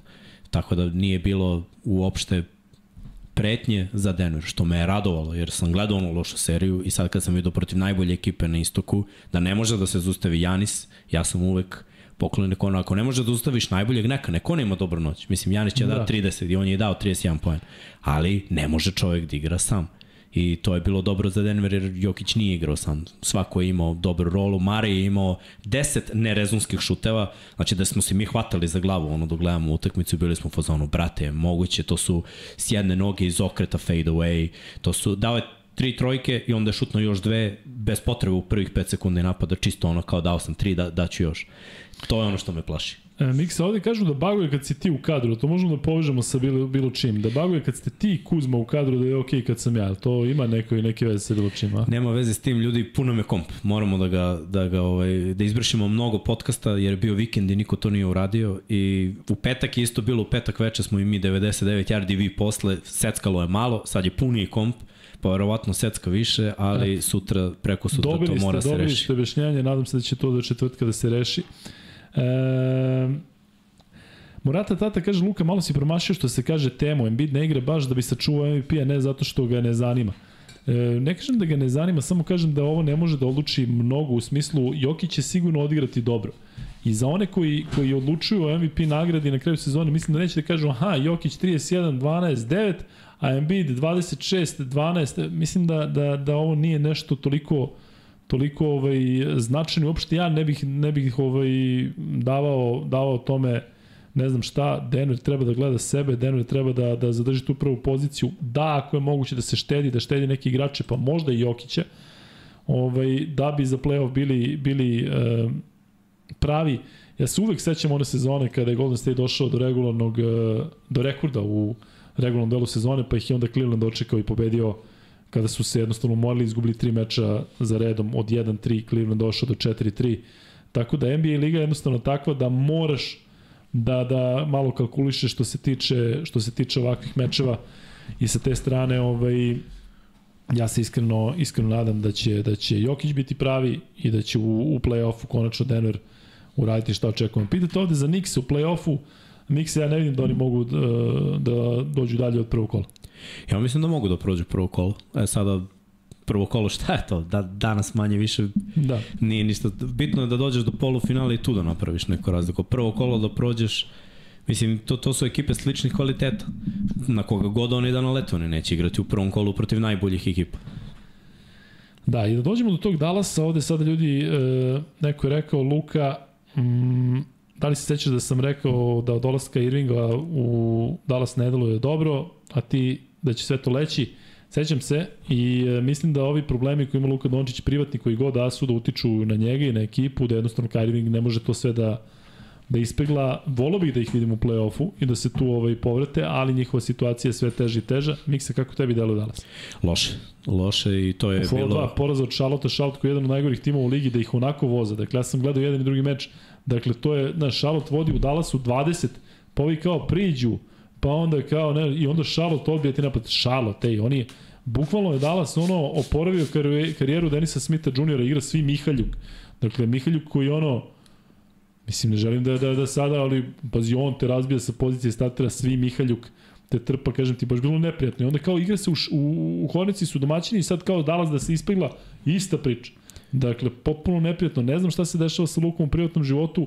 Mislim da je on prerano ušao u, u sve ovo, u smislu već sa 14 godina si pod radarom svih, osvoješ Euroligu sa 18 godina, odlaziš tamo, ruki godinu u onakvoj, u onakvoj konkurenciji prošle godine, dakle nekako je prerano to za sve za jednog dečkića stiglo i mislio sam da će u nekom trenutku da se odrazi na njega u smislu da će možda igrati lošije ili da će možda ne možda da se povredi, ali nisam očekivao da će nešto sa strane da, da učini. Odmah ti prada, pada na pamet to što je nešto su komentarisali mama i ona se tuže, ali mislim da ipak, ipak nešto drugo, ne želimo da ulazimo u privatno to, ali da nije isti, nije, da se, da se ovaj, osjeća na Dallas, osjeća se i mislim da bez Dallasa da playoff zapadne konferencije neće biti zanimljiv kao sa Dallasom.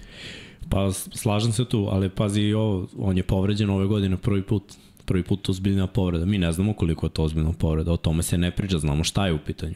I verovatno je to neka frustracija, ti kada na terenu nisi ono na što si navikao da budeš. To može da te promeni promenite malo i u glavi, onda počneš da razmišljaš, počneš da kalkulišaš, ne možeš da uradiš neke poteze na koje si navikao, pritom ti se menja ekipa, pritom Dallas ne ulaže u tebe, oko tebe, što se ekipe tiče, ovaj njihov pokušaj da odu dva, tri igrača, da dođe Kairi, da li je sve, sve to u kratkom roku ti hoćeš u mesec dana da dođe Kyrie Irving, vi se sklopite, odmah je sjajna hemija i vide tu playoff. Koliko je to realno? Koliko ekipa to uspe, koliko ekipa to ne uspe. Izvini, potpuno drugačija situacija od Phoenixa gde ti već imaš ono ekipu gde ovaj dolazi kao, kao faktor koji treba da napravi razliku, a ne ovde da je sve biti ili ne biti. Ti tamo imaš Krisa Pola, imaš Bukera, imaš Ejtona, Znaš, i onda kao e, Durant je to što fali, a tebi ovde u stvari to polovina tima, dakle on i Dončić treba sve da, da, da, da izvuku. Tako da ne deluje, nije delovalo, ne znam, da će biti šta, ali ja i dalje verujem u njih, iskreno ti kažem. Zato što sad već, ako Kairi ne uradi ništa sa Dallasom, onda pogledaš oni koji kažu da mu je, da, da bez Lebrona ne može ništa, on je otišao u Boston, znamo kako se proveo, pa u Brooklynu znamo šta je sve prolazio. I evo sada ovde, mislim da Kairi je problematičan. U smislu vidio si šta se sve dešava u njegovoj karijeri. Dakle, prvo onaj post, pa za, ravna, ravna je zemlja, pa onda ide pa Kadi, e, pa onda ono sve sa vakcinom, pa onda ovo sa tim nekim tweetovima gde ne znam šta promoviš. Dakle, malo, malo pa Kairi ima taj neki e, off-court e, moment i mislim da on kao on ekipi možda donosi neki nemir. A sada ovde, ako još Luka ima problem, to je onako zagarantovana propast. Ako je zaista to na duže staze Možda, znaš, ali dokle god igra, tako talentovan igrač svakom sportu uvek nalazi novu, novu ekipu, novu šansu. Dokle god on igra i postiže poene, on će dobijeti novu šansu. Sad, da li je ta hemija timska uspostavljena u Dallasu? Nije, mislim, rezultati to govore. To je valjda sedam poraza u devet utakmica. Dve pobede imaju samo. Imali su tri poraza, pa dve pobedili, pa četiri poraza. Mislim, to je jako loša serija, naročito sada. Mada vadi ih to što je na zapadu situacija takva da eto dve pobede i nečija dva poraza mogu to da promene, ali eto budi realan i da li onda ih vidimo negde u play-offu i da li oni mogu da napakoste nekome. Oni će šta, u najboljem slučaju play-in. Ekipa su nadaš da će kad su najbolje da sada odjednom kao nešto, ali nije, nije to baš tako lako. Pa da, da, ovaj, da odjednom sad kao nisu igrali, dobili su šansu u play-offu i sad će nešto da urade. Tako da to nije se ranije pokazivalo kao, kao, kao izvodljivo. Čak bih više e. volao da gledam neke druge ekipe, iskreno. iskreno Sad, više bih volao da, da se LeBron vrati da gledam Lakers-e nego što bih volao Polo ne, ne, okay, ja recimo umesto Oklahoma, koliko god go ti ove klince, mislim da i verovatno će nekom pružiti onako ozbiljno otpor u play-inu gde će igrati kako stoje stvari, ali evo, da se ne naljuti Kuzma, ja bih pre volao da gledam Dallas nego Minnesota. Iskreno. Dakle, Ali Minnesota dobija svoje tekme, dobili Golden State znači, sinoć. Minnesota Vratio se Carl Anthony Towns. ne, kad, kad navriš jednog igrača iz Minnesota, onda će... Jones. A pa imaš Gobera, Gobera ovdje znaš da je tamo. Ali, da, Gober. E, gospodin Ket ili ti Karl Anthony Towns je rekao danas da, ili već pre neki dan da bi igrao za Dominikansku republiku. Uh, kako ti se to čini, Miks? Pa gledaj, ja stvarno cenim kada svi igrači igraju za svoju reprezentaciju i bilo bi lepo. Sad videli smo u kvalifikacijama, radio sam Dominikanu, pa mogu da kažem da im treba. da, biće, biće zanimljivije kad imaš jednu takvu igrača takve klase u jednoj takvoj ekipi koja je pokazala da i bez njega može mnogo, tako da ja se nadam da će svi oni koji mogu da igraju i ovo što govoriš Reeves za Nemačku, šta god da se desi, samo da, da, da se igra, tako da ja sa tim apsolutno nemam problem. E, I Miksa, posljednje što ćemo e, pomenuti, to je taj meč između Chicago i Lakersa, gde se Beverly onako prilično ložio i pokazivao Jamesu da je mali, ali e, i Vučević je imao to da je isključen, što se zaista tom dečku redko dešava, videli ste ga ovde u ovoj stolici pored, dakle ako je neko miran, ako je neko priseban, to je Vučević, ali on verovatno u nekom trenutku mora da, da pošizi. A, na stranu taj meč, ali eto da mi kažeš Lakersi i Chicago u sličnoj poziciji, ono kroz play-in, pokušavaju nešto da urade, koliko misliš da, da, da oni imaju šanse? Pa iskreno mislio sam da će Lakersi na krilima tih dobrih partija bez Lebrona da reše ovo ali nisu. I onda da. opet imam jedno malo pitanje, da li igrači kad je Lebron s njima na terenu Jest. imaju neku kočnicu, imaju neku blokadu, da moraju da mu se dokažu, da umesto šuta lopta mora da ide njemu I, ili, znaš, ne znam ništa, ali kad je neka legenda... Ali u centru pažnje, izvini, vidio si kada je Juri onim Karimov uh, rekord, dakle utakmice pre toga i ta utakmica, svi se sklanjaju, samo on tu. Ne vidim da je mnogo drugačije u, u ovim normalnim situacijama. Ipak kad je Lebron tu, samo što ti kaš njegovo prisustvo, nekako menja. Ja ne, ovi Vanderbilt i ostali igrači ne mogu doći do izražaja i kraj priče. Pa bolje su mi nekako, bili su rasterećeni stvari. Možda i to, možda nema veze s Lebronom. Možda je, nisu imali šanse za playoff, sad kad su ušli u playoff, sad je frka. Jer su da. konačno ostvarili neki cilj koji je bio postavljen. Mada oni imaju dobru šansu, pobede par tekmi u play-inu.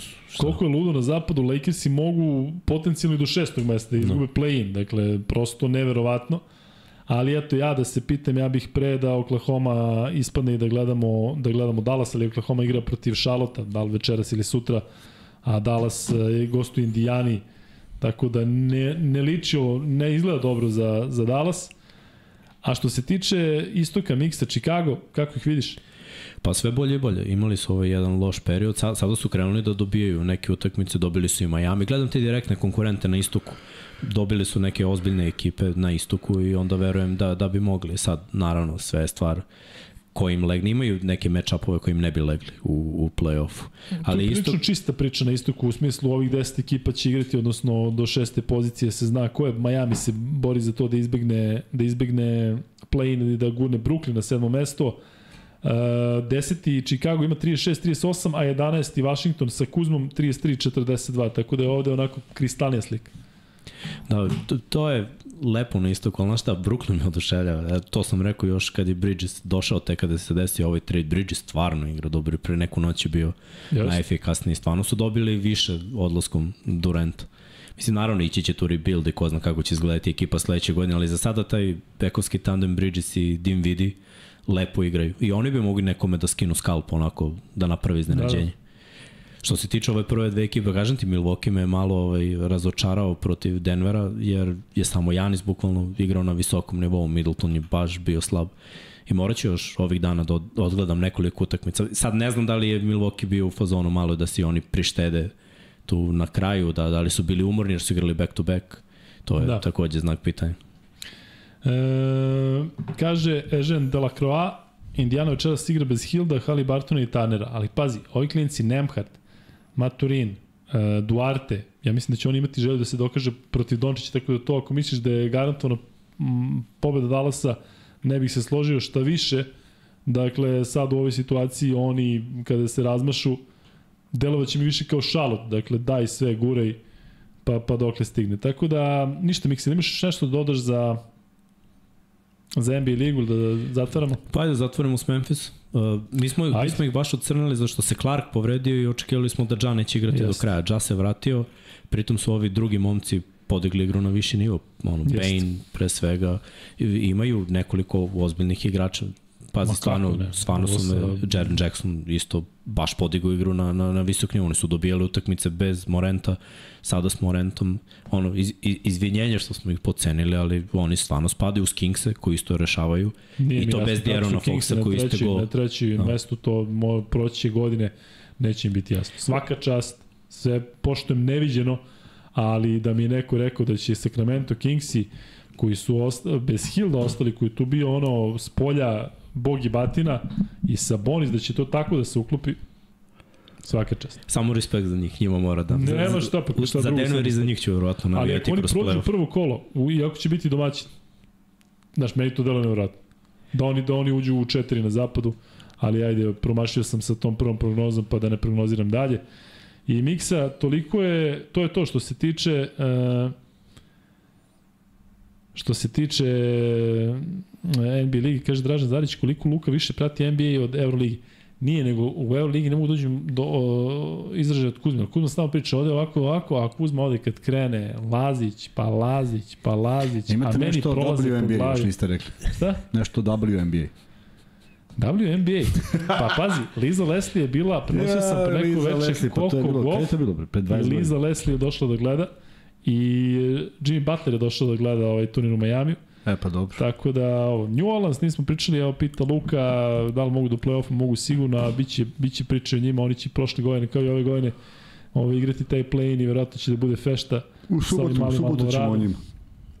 U subotu, da. Mikse, hvala ti, Kuzma, hvala za kraj imaš da kažeš šta?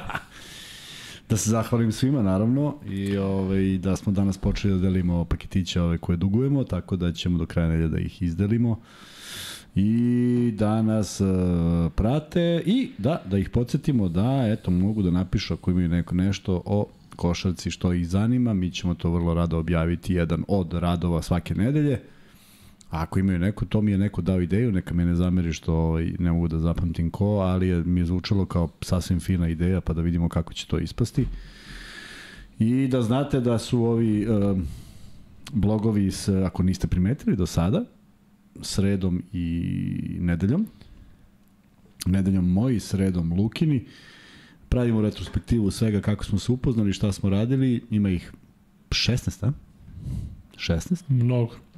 Mislim da smo doći, došli do broja 16, a onda idemo retrospektivu onih početnih uh, dobrih uh, podcasta s kojim, s kojim gostima smo krenuli i o tim gostićima ćemo spisati do daljnjeg.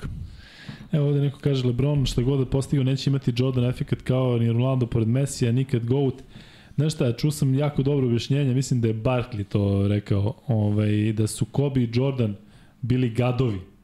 Dakle, jednostavno da si, da si znao da će da te polome ako, ako ne radiš po njihom i da je tako nešto potrebno kad imaš e, igrač na tom nivou da jednostavno takav lider mora da bude. A Barkley kaže LeBron je jedan mnogo dobar dečko, mnogo dobar tip i onda ovaj, moguće da pre svega moraš da budeš takav ludak da bi, da bi postigao to što su postigli Kobe LeBron, Kobe i Jordan, tako da eto, to je objašnjenje koje se meni sviđa. Vidim da je ovde sad krenula neka priča koliko košta igrači Partizana.